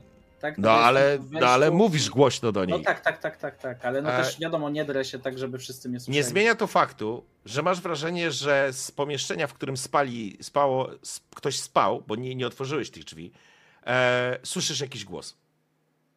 Jakby ktoś się obudził. E, Czy jestem w stanie na szybko zablokować te drzwi? Czymś? Czy tam jest coś powiedzmy takiego, co jestem w stanie Wiesz co, i- przyjmijmy, że możesz na przykład, że drzwi się otwierają faktycznie na zewnątrz i możesz podstawić e, jakieś krzesło, które tam jest. No dobrze, to to robię w takim razie. Dobra, Robię to i, i czekam na Hildę. Hilda, Znaczy inaczej. Cały czas chcę, cały czas chcę widzieć, czy ona już jest. e, Natomiast nie będę na nią czekać. Po prostu podkładam krzesło i będę szedł do góry. dobrze. I to jest moment, w którym e, Hilda, co będziesz robić? Będziesz wychodzić? Czy masz jakiś plan? Coś chciałabyś innego zrobić? Mm, Ja nie mam planu, ja idę, idę za Mironem. Dobrze, w takim razie e, Miron będziesz przy drzwiach, Hilda będzie tutaj i wróćmy do Walandira. Walandir, dopadłeś do tych drzwi, te drzwi się lekko uchyliły, on jeszcze powiedział, zaraz sprawdzę. I drzwi się otwierają i wchodzi do środka strażnik. On ciebie nie widzi. No ja jakby staram się ukrywać i chcę poczekać aż przejdzie, nie? To znaczy on e, wejdzie do środka, do tego pomieszczenia. Nie wiesz, jak zareaguje. Na razie jest ta sytuacja, że jesteś za drzwiami, w takim, wiesz, to jest okrągłe, masz za plecami, ale jesteś ukryty za drzwiami, on, on nie wie, że, że ty tutaj jesteś. Rozgląda się. Kurwa, gdzie ona polazła? Po czym robi krok, e, krok w głąb e, tej wieży, idąc w kierunku jakby na razie idzie jakby na środek tej, te, te, tego pomieszczenia, rozglądając się. Ewidentnie kogoś szuka. Jeszcze ciebie nie widzi. Eee, bo jak jakby te drzwi się otwierały, to przez ewentualną szparę byłem w stanie dostrzec, ile tam jest ludzi na zewnątrz? Nie, Nie. nie byłem w stanie. Mogłeś ewentualnie przez szparę dostrzec, że one wchodzą do jakiegoś takiego. do Jakiegoś, jakiś taki tunel. Widziałeś po prostu, jakbyście byli w środku czegoś, nie? Ja bym chciał się spróbować po prostu. Albo dobra, chuj. Mm. Kiedy on jakby robi krok do przodu, nie jest świadomy mojej obecności, sztylet w kark. I kopniakiem zamknięcie drzwi. Dobra, w porządku. Chcę, żebyś sobie rzucił na walkę wręcz. Yy, interesuje mnie, czy Ujek. setki, czy No, setki a, nie dobra. rzucisz. Nie, Dobrze. Dobrze. W porządku. Mężczyzna nie był świadomy tego, że wyrastasz za, za jego plecami i wbijasz mu sztylet w kark. Dostaje po prostu sztylet w kark i ostrze rozrywa mu krtań, zaczyna bluzgać krwią i nawet nie jest w stanie krzyczeć, kiedy chwyta się za szyję, pada na kolana i po prostu pada na ziemię. Kopiesz drzwi, drzwi się zamykają, widzisz, że to są mocne wzmacniane, to są wzmacniane drzwi i można je zamknąć od środka. W tym momencie, kiedy podstawiłeś e, krzesło, Hilda wychodzi na środek. Hilda, dostrzegasz dwa trupy, dostrzegasz to pomieszczenie, dostrzegasz otwarte miejsce do, do, do, do kaźni. E, nie słyszycie, co się dzieje u góry. Co chcecie zrobić? Ja tylko się uśmiecham do Hildy, że, że zdecydowała pójść i po prostu y, biegiem na górę, bo to już, y, to już tu- tutaj nie ma co, bo, bo Walantyl jednak tam zaczął W porządku. e, E, kiedy- co, ale no. kiedy wbiegasz na schody, słyszysz uderzenia w drzwi. Co jest, kurwa? Otwierać! Uderzenia. I drugi głos się dołącza. Tam są dwie osoby. Zaczynają walić w drzwi, kiedy ty wskakujesz na schody. Walandir, co ty będziesz robił? Ja chcę podbiec do Walandira. Yy, moment. Pytanie jest takie, czy w tych wielkich drzwiach jest jakiś, nazwijmy to, Judasz, żeby zajrzeć na zewnątrz? Na pewno jest taka, wiesz, Dobra, to pierwsze co, to jest zamknięcie klapy, Mhm. drugie to jest lekkie uchylenie i rzucenie po prostu okiem, ile jest osób na zewnątrz. Porządku, kiedy otwierasz, w, w ogóle wygląda, że jesteś jakby w jakimś takim tunelu, czyli jesteś jakby nad, nad tobą jest ta cała wieża i, i widzisz, że jest jakiś taki tunel i wejście jeszcze do tej wieży jest jakby z dodatkową, jest taka dodatkowa brama z kratą, która opuszczała i tylko widzisz, że stamtąd jest wyjście na jakiś plac i dopiero widzisz mury, więc wy jesteście w środku w samej wieży. Ale ile widzisz strażników? Myślę, że tutaj jeszcze nie widzisz strażników, ale możesz słyszeć jakieś nawo- nawołania, ale to nie jest jeszcze na zasadzie alarmu, tylko na zasadzie co jest, co jest, sprawdź, wiesz, wydawane Ale polecenia. pytanie jest kwestia, czy ja z tego miejsca jestem w stanie wyjść na zewnątrz tej wieży, czy nie. Tak. Czy jest... Tak. Tak. Ale wtedy wyjdziesz, patrząc przez ten Judasz, nazwijmy to, przez to okienko, wyjdziesz na plac, a jest dzień. Nie, jak dzień. A nie, przepraszam, jest noc, sorry. Jest noc. Przepraszam. No to jak jest noc, to chciałbym spróbować się e, wyjść i gdzieś ukryć. Ja, ja, chcę, ja chcę na pewno do niego dobiec i jakby za, z, jeszcze go powstrzymać przed wyjściem. Dobra, yy, więc zróbmy tak. Walandir, ty trochę czasu oglądałeś, co się tam dzieje, słyszałeś jakieś nawoływania. E, jest tam na pewno kilka osób, to jakby nie masz wątpliwości, ale dokładnie ile nie wiesz. W momencie, kiedy będziesz chciał po prostu otworzyć te drzwi z powrotem i, i wyjść, to jest moment, kiedy ty z kolei, e, Maja, wchodzisz do góry, dostrzegasz trupa leżącego e, w kałuży krwi na środku. Widzisz Walandira przy drzwiach, widzisz e, wejście do góry, do, na, po prostu na wyższe piętra. No i nomen omen widzisz tego gościa, który nalewał ci te szczyny. Za tobą, rozumiem, idzie Hilda. Słychać walenie w drzwi z dołu, więc za chwilę, jeżeli to się rozniesie i dojdzie na górne piętro, to za chwilę będziecie mieli strażników schodzących na dół. Natomiast Walandir próbuje, no bo wychyla, otwiera teraz te drzwi. Co robicie? A nie E, zdążyłem do niego dobiec, zanim otworzył drzwi? No, będzie otwierał te drzwi, no to jest... A, to, to, rozumiem, dobra, dobra, dobra, przepraszam, przepraszam. Ja mam takie pytanie szybkie, czy zanim y, ja idąc za Mironem, zanim wejdę na schody, czy mogę podejść do tych dwóch trupów i zobaczyć, czy któryś nie ma miecza albo pałki, żeby się... Absolutnie, możesz wziąć, na pewno znajdziesz, przyjmijmy, że masz okutą drewnianą, okutą stalą pałę. W sensie nie chcę jej trzymać w rękach, tylko tak jakby ją traktować trochę jak laskę, podpierać się na niej. Ona jest za krótka, żebyś się podpierała, więc yy, No. jakby ma... Ale masz broń jakąś przy sobie, krótko mówiąc teraz. Miron, co robisz? Możesz do niego krzyknąć, możesz do niego Tak, powiedzieć, no że on jakby- cię usłyszy, nie? Znaczy, no chcę go po prostu, chcę wpaść przed niego, jakby pomiędzy niego a te drzwi. Inaczej, Żeby- Walandir, stoisz przy tych drzwiach, uchylasz je i widzisz jak biegnącego Mirona w twoją stronę. Właściwie Maję. Właściwie nie wiesz, ale chyba Maję. Albo Mirona Jeżeli nic do mnie nie woła, to ja jakby otwieram drzwi i będę chciał wyjść z tej wieży. Masz wyciszony Nie- mikrofon. Ej, przepraszam, Miron. przyjmijmy, że ma, macham po prostu rękami podczas tego, jak, jak biegnę. W ten No to- sposób, nie? Widzisz, że zatrzymuję się jakby tak przez chwilę, jakby podnoszę brew taki pytająco. Ja w takim razie mu się pakuję, że tak powiem, plecami na niego, wyciągam sztylet, który miałem ukryty gdzieś tam pod tym, też mu wciskam powiedzmy, yy, po- powiedzmy w rękę, znaczy ty masz jeden, no to może nie wiem, wciskam ci w drugą rękę. Żywa tarcza, pamiętasz? Żywa tarcza. Nie ma problemu. Róża, pocz- róża schowana w tej skrzyni.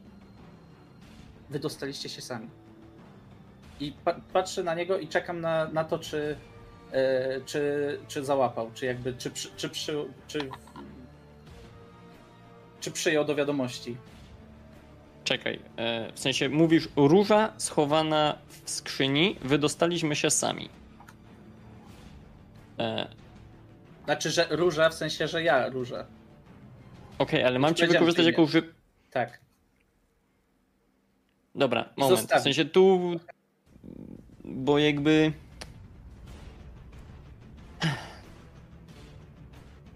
Tik-tak, tik-tak. Hilda, Wiem, dochodzisz do góry. dobra. E, Mhm.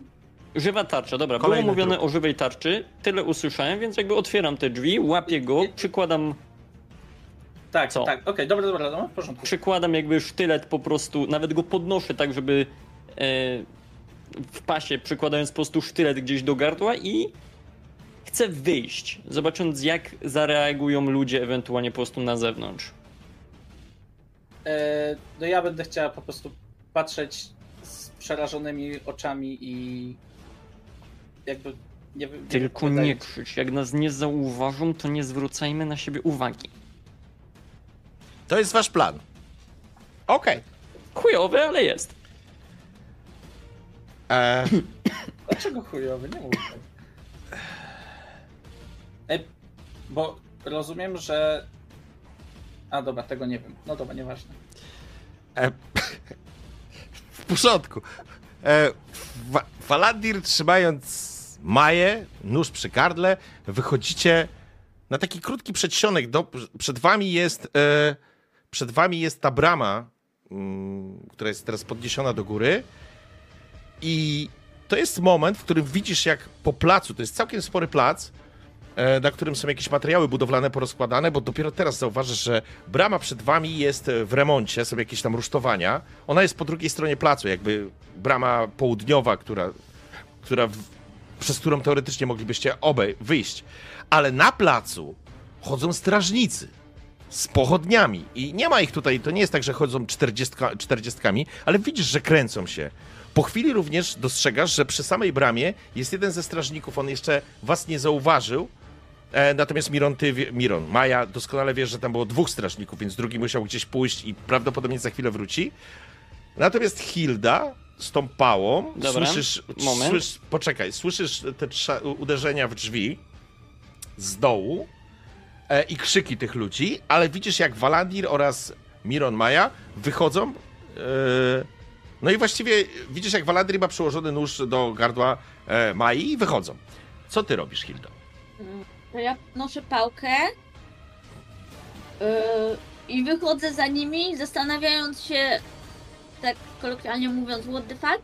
Nawet, nawet tak jakby psychicznie, no bo ja w tym momencie, tak jakby Miro mnie trochę wyciągnął z tą marazmu, ja, ja w tym momencie wychodzę za nimi i nawet podnoszę pałkę z myślą, że jak się zaraz nie dowiem o co chodzi, to po prostu walnę elfa w głowę, tak? Że grozi niziołkowi. Ale pytanie brzmi, bo to chwilkę trwało, jak ja Walendirowi tłumaczyłem, czy ona nie była w stanie dojść na górę. Nie, żeby- Miron, na pewno nie. Dobra, Na pewno nie. Zbierała Czyli nie wie, pałkę. nie wie, że to było... Nie, nie zna waszego planu, wychodzicie. Znaczy, poczekaj, poczekaj. Nie zna naszego planu. Pytanie brzmi, i to jest już pytanie do ciebie. Czy No. ona, skoro ona podsłuchiwała naszą rozmowę od początku, czy usłyszała to, że mówię do Walandira, że, że jestem róża, użyjecie mnie jako żywej tarczy, bo powiedziałam to Tak, zaraz myślę, po przejściu. Okej, czyli, Myślę, że czyli to- masz tą świadomość, że taki tekst poszedł. E, to mogłeś Ja słyszeć. byłam w maraźmie, więc nie zwracałam tak jakby nie... No nie, no Dobra. Ja chciałbym się tylko spytać. To jest ten moment, w którym jesteście w tym. Drzwi się otworzyły, oni wyszli. Hilda, jesteś jeszcze w środku. Walandir i Miron, e, jesteście. Jeszcze was nie zauważono. Teraz jest moje pytanie: co robicie dalej? Jeżeli nas nie zauważono, a jest możliwość, gdzie by się schować, na zasadzie, nie wiem, ukryć się za tymi materiałami budowlanymi, tak żeby zejść że- z oczu, Tylko wal, żeby to zrobić, musisz wejść przez bramę, przy której stoi strażnik. Jeden, jednego widzisz, i po prostu obok niego przejść, niezauważony, później dobiec do, do, do tych elementów, które są, że tak powiem, materiałami budowlanymi, nie zostać zauważony i tam się dopiero ukryć, bo w tym momencie jesteś jak na patelni. Jak się ten strażnik obróci, to was zobaczy. Po prostu. Dobra, Znaczy- czyli jest, bo jest, rozumiem, strażnik przy tym. E, przy mnie, przy, przy drzwiach. Drugi pewnie wszedł do środka, którego zabiłem. Tak sobie to, to Przy wyobrażam. tej bramie, to jest, wyobraź sobie, że jest, jest baszta i to nie jest brama. I no wchodzisz. dobra, ale w sensie jakby wychodzę z, tego, z tej wieży i czy mam możliwość pójścia w prawo, w lewo, się gdzieś ukryć, zejść z widoku?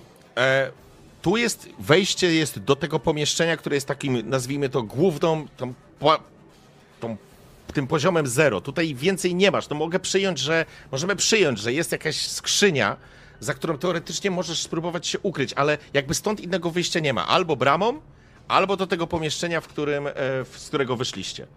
Ale jakby, dobra, wychodzę przez drzwi z tego pomieszczenia. Widzę plac, tak? Ale plac jest za bramą. Aha, czyli muszę jeszcze dojść do bramy. To jest Tak. prosty korytarz. Wyobraź sobie, że to jest wieża, No, tak? Tu jest brama, a wy No. jesteście w środku. no. No. Czyli przy tej bramie stoi strażnik. Jeden strażnik, tak. Dobra, no to skoro jeszcze nas nie zauważył, wychylam się. Sztylet w oko, w cokolwiek, najlepiej w krtań, żeby co najwyżej się po prostu jak najszybciej zadławił krwią i idziemy dalej. Starając się po prostu trzymać yy, cieni. No tak, tylko że, bo chodzi mi o to, że ja tak jakby Hilda nie rozumie za bardzo, co się dzieje. I Ona widzi tylko, że Walandir trzyma Mirona ze sztyletem, tak? I właśnie wyszli. Właśnie wyszli, więc ja po prostu, no siłą Ale rzeczy... nie krzyczy. No tak, ale ja siłą rzeczy tak jakby, no widzą, że no Miron, który mnie wyrwał z tego i Walandir, który coś odwala, chociażby z tym duszeniem, no ja po prostu chcę go walnąć pałką w tył głowy. Ale moment, ty musisz jeszcze do nas dobiec. Przynajmniej tak jak to zrozumiałem. Tak, musisz jeszcze do nich dojść, bo oni właśnie wyszli, więc ty przechodzisz przez całe pomieszczenie, dopiero będziesz wychodzić. No ale Ja sama Hilda pewnie chodzi szybciej niż Walandir ze mną. No ale moment, ja, jakby ja rozumiem tak, że ja wychodziłem, wbijam jakby y, nóż w krtań y, strażnika, który Ja jest... chcę, Walandir, żebyś dobrze zrozumiał, bo wychodzisz z, z, z tej baszty. Ta baszta, No. wejście do środka jest za tą zwodzoną kratą, która teraz jest podniesiona. Przy tej baszcie, przy tej wejściu do tej bramy stoi jeden gość, jeden strażnik, No. który faktycznie was w tym momencie nie widzi. No. Później jest plac. Na moje jest dobre ze 30 do 40 metrów placu, które prowadzi was do. Tam było chyba nawet więcej, z 50 metrów. Do murów, które otaczają ten plac. No, Więc jeżeli zabijesz tego gościa przy bramie, nie wiesz, ile osób jest na zewnątrz, na murach. Nie masz pojęcia, czy ktoś to zobaczy z zewnątrz, czy nie. To jest twoje ryzyko. Może akurat się nic nie wydarzy.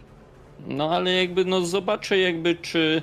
e, Jakby widzę gościa, nie? To jest jedyne wyjście z tej wieży. Siedzenie w tej wieży i czekanie, aż magicznie ktoś nas uratuje, jest bez sensu. Więc jak jestem w stanie go zabić po cichu, tak żeby nie zwrócić jego uwagi ani nic takiego, to zabijam. I Je- idę tak, dalej. Jego uwagi dam ci szansę, żebyś, e, żebyś się do niego skradł, tylko musisz do niego się skradać. I idziecie we dwóch. Ty trzymasz Mirona. Więc będziesz chciał, będę chciał, żebyś rzucił sobie test na skradanie, a ja będę rzucał przeciwstawny na spostrzegawczość tego strażnika. Jeżeli ci się uda, to pozwolę ci, się go, pozwolę ci go zabić, tak, że on się nie zorientuje, ale nie masz pewności, czy ktoś to zobaczy. W tym samym czasie, kiedy wy skradacie, Hilda, przechodzisz przez drzwi, Sukces. E, moment, poczekaj, jeszcze rzucę za chwilę za strażnika. Ty przechodzisz przez drzwi. E, widzisz, jak Walandir z Mironem zbliżają się w kierunku strażnika. No widzisz, że oni się po prostu e, no, skradają, krótko mówiąc. I to jest moment, w którym Hilda usłyszysz specyficzny trzask drewnianego, łamanego drewna, dochodzący z dołu. Eee, Walandir i Miron są od ciebie, no, przyjmijmy, no, z 10-15 metrów. Walandir, podchodzisz do strażnika i ja teraz rzucam za, za strażnika. Poczekaj, gdzie ja go mam? Mm, Poczekaj, poczekaj, poczekaj, poczekaj, poczekaj. poczekaj. Tu mam. I ja rzucam na spostrzegawczość. Eee, Gdzie tu jest spostrzegawczość?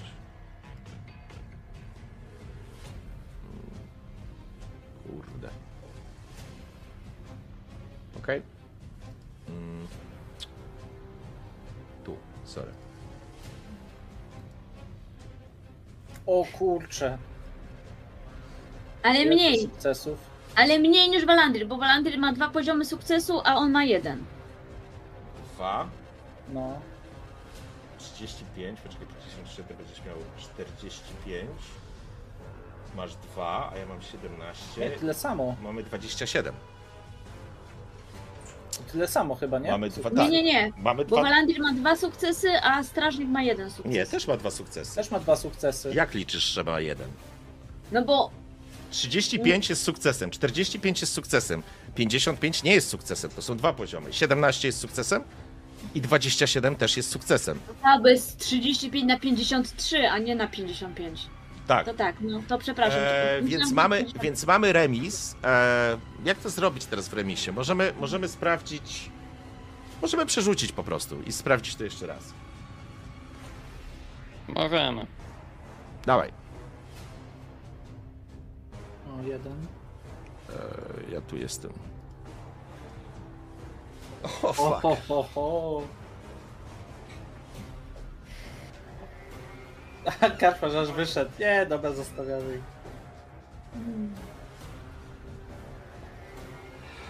Dobrze. Co się dzieje?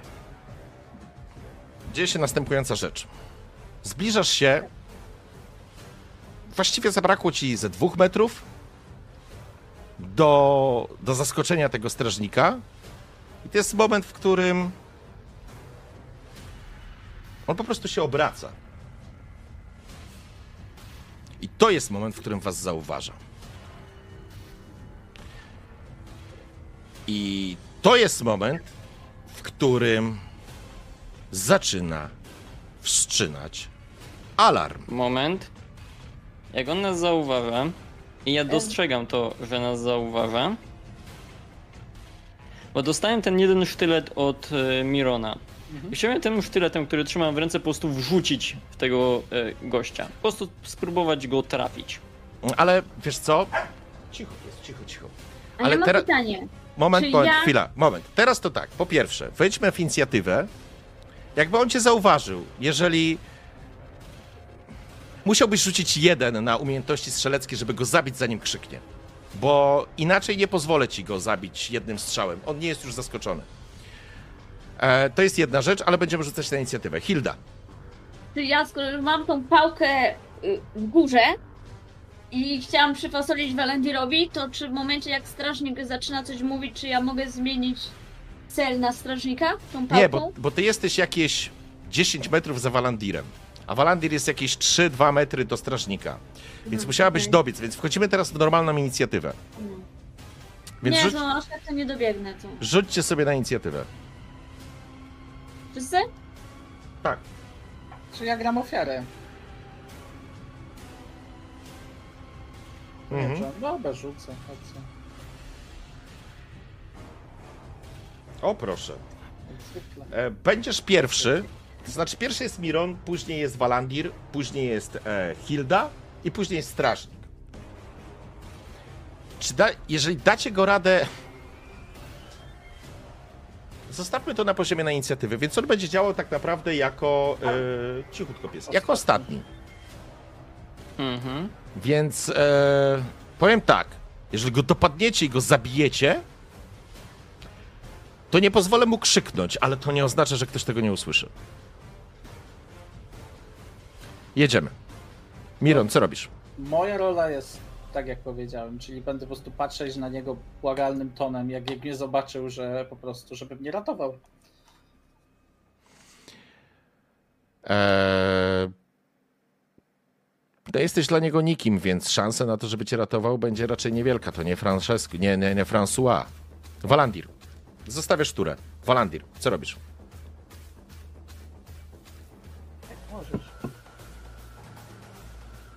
Strażnik chce wstrząs... To znaczy nie, Miron, je, przepraszam. Możesz wykonać jakąś akcję. Przepraszam, bo jakby. Bo w kategoriach ucieczki więźniów, jakby. Twoja siła perswazji w tej sytuacji jest dużo, dużo, dużo, dużo mniejsza, ale nie chcę ci odbierać e, mocy sprawczej. Więc pytanie, co chcesz zrobić? Bo Walandir planował go zamordować, no krótko mówiąc, no. No nie, no ja mówię, no z takim planem tutaj przyszłam, więc Okej. się trzymam. Walandir? Rzucam Mironem w strażnika. Rzucasz Mironem w stronę. Tak. I uciekam. Ile sił w nogach? Ja się nie będę w ogóle, w ogóle y, jakby opierał. To jest zajebisty pomysł, bardzo mi się podoba. Rz- Rzut Mironem w strażnika. Poczekaj, To go na pewno A jakie- wytrąci z równowagi. Jakie są statystyki na Mirona? Bo ja chciałbym zapytać. Jakie Miron ma Eee, statystyki? Wiesz co? E, kurde, jak to w ogóle rozstrzygnąć? E, dobrze, słuchaj, Waladir, w porządku. Mm, ciśniesz Mironem w tego strażnika.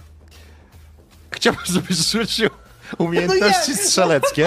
E, e, Na 3 metry? ja przyjmuję, że Miron jest nieporęcznym pociskiem do rzutu, więc e, dałbym ci z minus 20, ale ponieważ jest na tyle duża, odległość jest na tyle bliska, to dam ci plus 10 za, za do ułatwienia, więc rzucasz tylko na minus, minus e, 10. I błyskawiczne Mogę użyć docelowania? Błyskawiczne przeładowanie na chwilę. Nie, bo ja chcę też uciekać, więc... e, Rozumiem, w porządku. No, a to będzie twoja minus akcja. 10. Tak. O nie, no! A serio? Kurwa, no. Rzuciłeś mnie, Mają. Rzuciłeś Mają, ale... To znaczy, to po prostu wypchnęłeś ją, no. Ale układ jest taki, że Maja po prostu... No, no nie trafiłeś w tego strażnika. Ona upadła obok niego, wiesz... Czy ja rozumiem, że może jakby nie powaliłem tym y, mają tego strażnika, natomiast, nie wiem, wpadł jej po prostu pod nogi czy coś takiego, cokolwiek. Inaczej, jakby- żeby, żebyś utrudnił mu życie, musiałeś w, w niego trafić. Nie trafiłeś. Więc Majka po prostu padła obok niego, nie przeszkadzając mu. Zatem, jeżeli rzuci, rz- ruszysz biegiem, to on będzie mógł cię próbować trafić. Czy cię trafi? Nie wiem, ale będzie miał okazyjny atak. Jak okazyjny atak. No, bo będziesz przechodził przez jego strefę walki. Tak, i No ale ja jak jest uciekam 3 metry od niego, to jeszcze nie jest w walce. No, ale musi że przejść przez- niego. Dobra, przez masz bramę, rację, nie? Masz rację, masz rację. Dobra, Ale- ja spierdalam. Ale może, może się, może się uda. No. Znaczy, to musiałoby być. E, e, ruszasz. Zaczynasz biec, on cię próbuje trafić w takim razie. E, no i będę próbował cię trafić. Zamachuj. Ty przebiegasz, on zamachuje się bronią. Dobył broni, On więc miał nie, ją dobytą? może dobyć broni, więc e, to nie jest problem. Dobywa tej broni, ale atakuje cię na czysto, bez niczego. Pięknie. Nie trafia cię. Walandir, wybiegasz na środek. Hilda. To pytanie, y, jak daleko odbiegł Walandir? Bo powiem szczerze, jak zobaczyłam, że Walandir rzucił y, Mironem, to ja tym bardziej mam ochotę mu po prostu tą pałką przez głowę. W sensie, jako gracz wiem, co się stało i to rozumiem, ale no Hilda tego nie wie.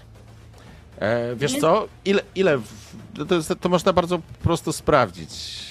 No to już jest. E, Szarżujesz. przebiegłeś, słuchaj, 15 metrów. No plus jeszcze 10, które miałem do Hildy, to jest 25. Czy Hilda jest w stanie 25 metrów przebiec w czasie jednej Musiałabyś, tury? jeżeli byś chciała przebiec, to znowu wpadniesz w strefę tego naszego strażnika, nie? No nie, nie, absolutnie nie. No to jeżeli nie jestem w stanie go dogonić, to w związku z tym po prostu y, rzucam pałkę i podbiegam i próbuję y, podnieść Mirona, tak? Żeby on po prostu wstał. Ale, w, Ale- masz tego świadomość, że Miron leży przy stopach, przy tym, przy Mam tym strażniku. świadomość, Jeżeli- ale nie rozumiem, co zrobił Walandir. Y, Hilda tego nie rozumie. Y, widziała, co się stało, no i tak jakby, no jako, że Miron ją otknął, to ona chce zobaczyć, co się dzieje z Mironem, tak? Stwierdziłam, A- że skoro Walandir ich zostawia i ich poniekąd zdradził tym, że no... W sensie ona tak to odebrała, no to ona chce pomóc Mironowi, bo Miron też próbował jej pomóc. To znaczy, żebyś jakby. Mówię teraz jakby z perspektywy mechaniki gry. Jeżeli dobiegniesz i pochylisz się do Mirona, będziesz próbować go podnieść, strażnik po prostu cię zaatakuje i będziesz celem nieruchomym. Po prostu. W tej sytuacji. I pewnie śmierć na miejscu, bo pewnie nie masz zbyt wielu tutaj. Że... No dobra, spróbujmy, w sensie to jest zgodne z, z tak jakby z tą będzie piękna postacią. śmierć. Hilda by tak, się- Hilda, Hilda by tak zareagowała. Okej? Znaczy w pierwszej kolejności chciała przyfasolić elfa, elfowi po tym co widziała, no ale że elf za bardzo uciekł, no to po prostu będzie chciała pomóc Mironowi. Dobrze, e, Hilda, podbiegasz do Mirona, który, e, czy do Mai, która, która nie wygląda jakby na pobitą, zmasakrowaną i tak dalej, ale po prostu Tak, podbiegasz, żeby jej pomóc, tak? Tak, z tych 10 metrów tego nie widziałam, tak? Jeszcze w ciemności.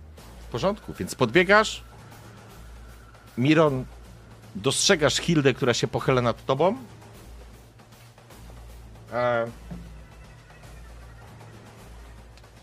No, nie mam wyjścia. Żadnego. No wiem. Ja tylko na Hildę spoglądam takim przerażonym wzrokiem. Co ty robisz? Co ty wyprawiasz? Nie, to, to znaczy ja nawet nie będę rzucał tego. No nie, to nie ma sensu. Chyba. Hilda, pochylasz się, masz takie szeroko otworzone oczy, spoglądasz się na Mirona, na Maję. Na zasadzie, czy wszystko jest w porządku. Miron. Spoglądasz się na Hildę, krzycząc: Co ty robisz? A potem widzisz, jak miecz strażnika sztychem przeszywa gardło Hildy. Czy ja nie krzyczę? Ja jakby wzrokiem chciałem to. Nie ma znaczenia. Okej, Rzuć sobie siłę woli, czy krzyczysz. okej, w porządku. Ma to sens. Hilda, nie masz już żadnych pepeków, nie? Nie. Ostatni pepek Miron mi zjadł. Rzuciłeś? Jakby to- nie wyszło. Nie wiesz. A mogę po prostu krzyknąć jakieś nie, czy coś w tym stylu? Oczywiście. No to Jasne, jakieś takie, jak, Nie jak tylko widzę, chodzi o to, że po prostu Jasne. widzisz, two...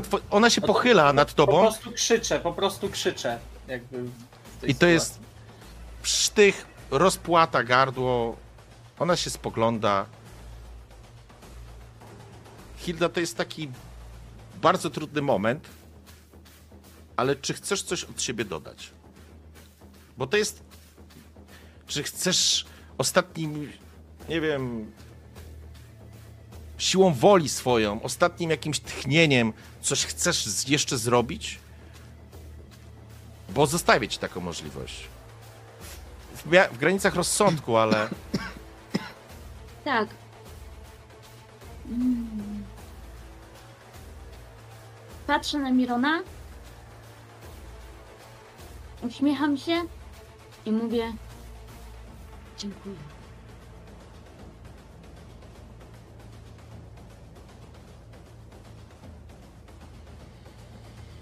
Hilda opada. Właściwie upada na ciebie, Miron. Czujesz ciepłą krew, która cię zalewa. Wyczuwasz delikatne drżenie. Kiedy. Kiedy ciało Hildy po prostu się wyłącza.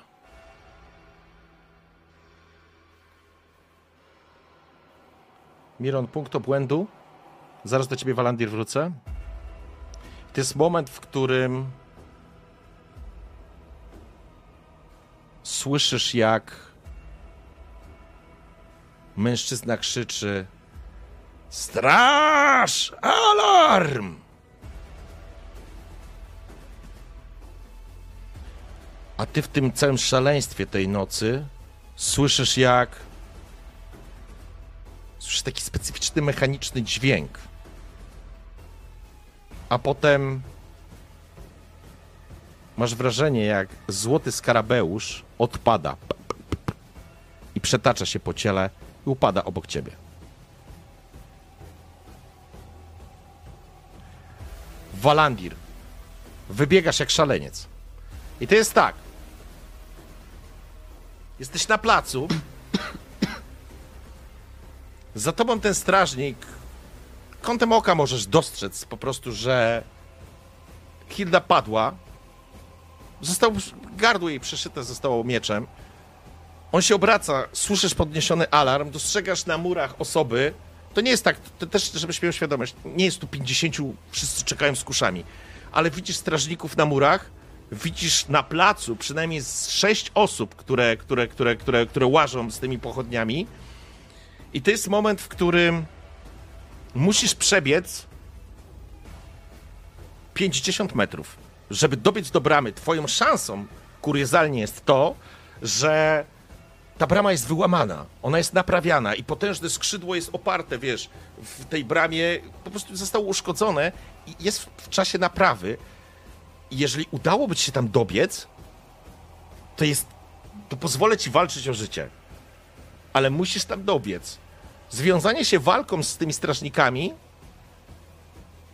to jest wyrok. Jakby, wiesz o co chodzi, oni po prostu cię w końcu dopadną, nie? Więc masz jedyną szansę tak naprawdę, którą ja widzę, chyba że masz inny pomysł, żeby, żeby po prostu wbiec tam i biec, no bo ukrywać się możesz, ale jest cholernie ryzykowne. Oni już wiedzą, jest alarm, straż Nie, się ja za będę- chwilę będzie, wiesz, Znaczy jedyna tak jak jest właśnie mowa, nie? Jakby mam ten jeszcze jeden sztylet gdzieś po prostu za zapasem, ten co mi Miron dał, Mhm. Ale po prostu jakby to jest dzida po prostu jak najszybciej, ewentualnie może spróbować troszeczkę lawirować, tak żeby oddalić się od tych strażników, ale to jest po prostu jakby bieg na złamanie karku do tej bramy. Mhm. Dobrze. Zaczynasz biec jak szaleniec, licząc, że ci się poszczęści. Eee, chcę coś sprawdzić, poczekajcie.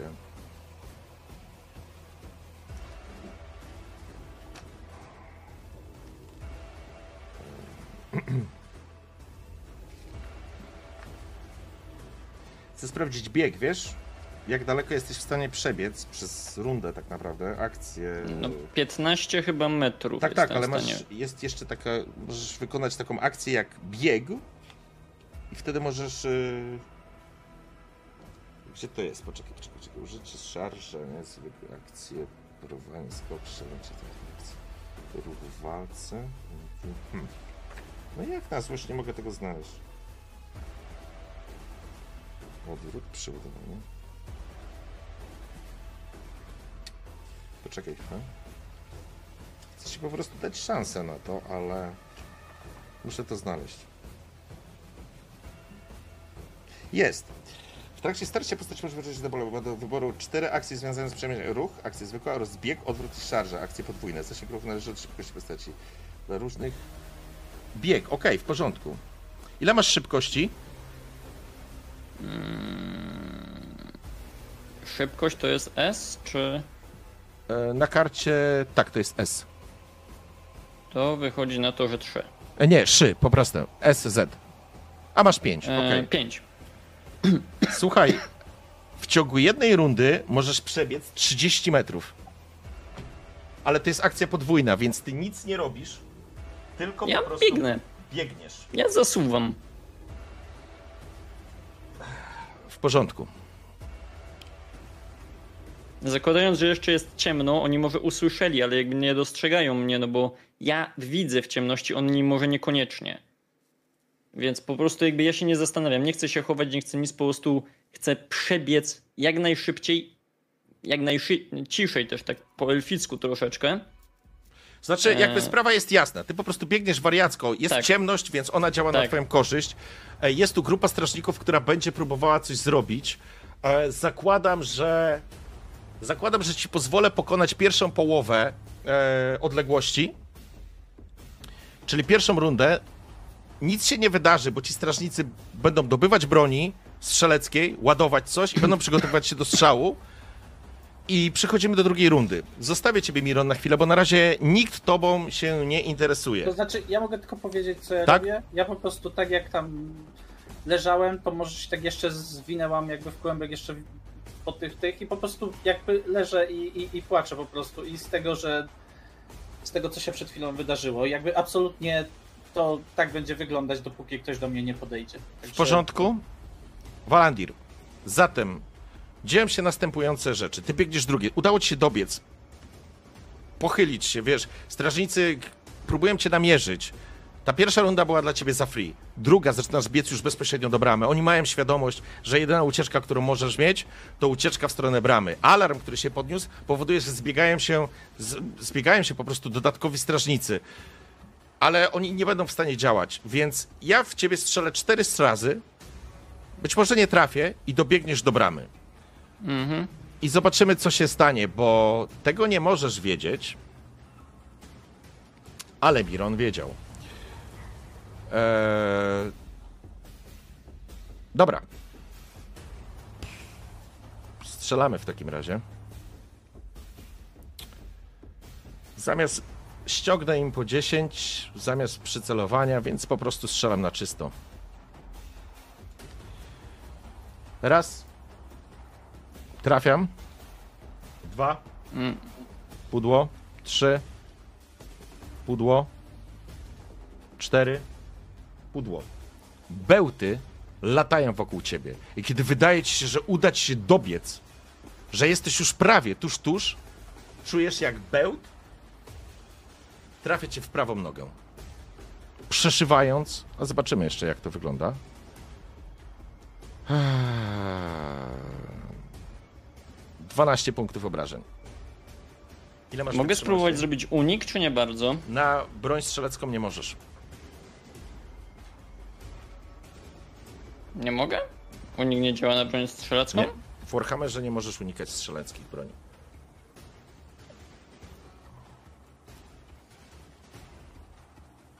No to w takim razie Pepek. Ile masz wytrzymałości? Wy... Czekaj, wytrzymałości mam... E, 4. Czyli to jest 8 punktów obrażeń, które wejdą ci. A ile masz punktów żywotności? 3. Okej. 3, y, czyli 5. To jest na 5.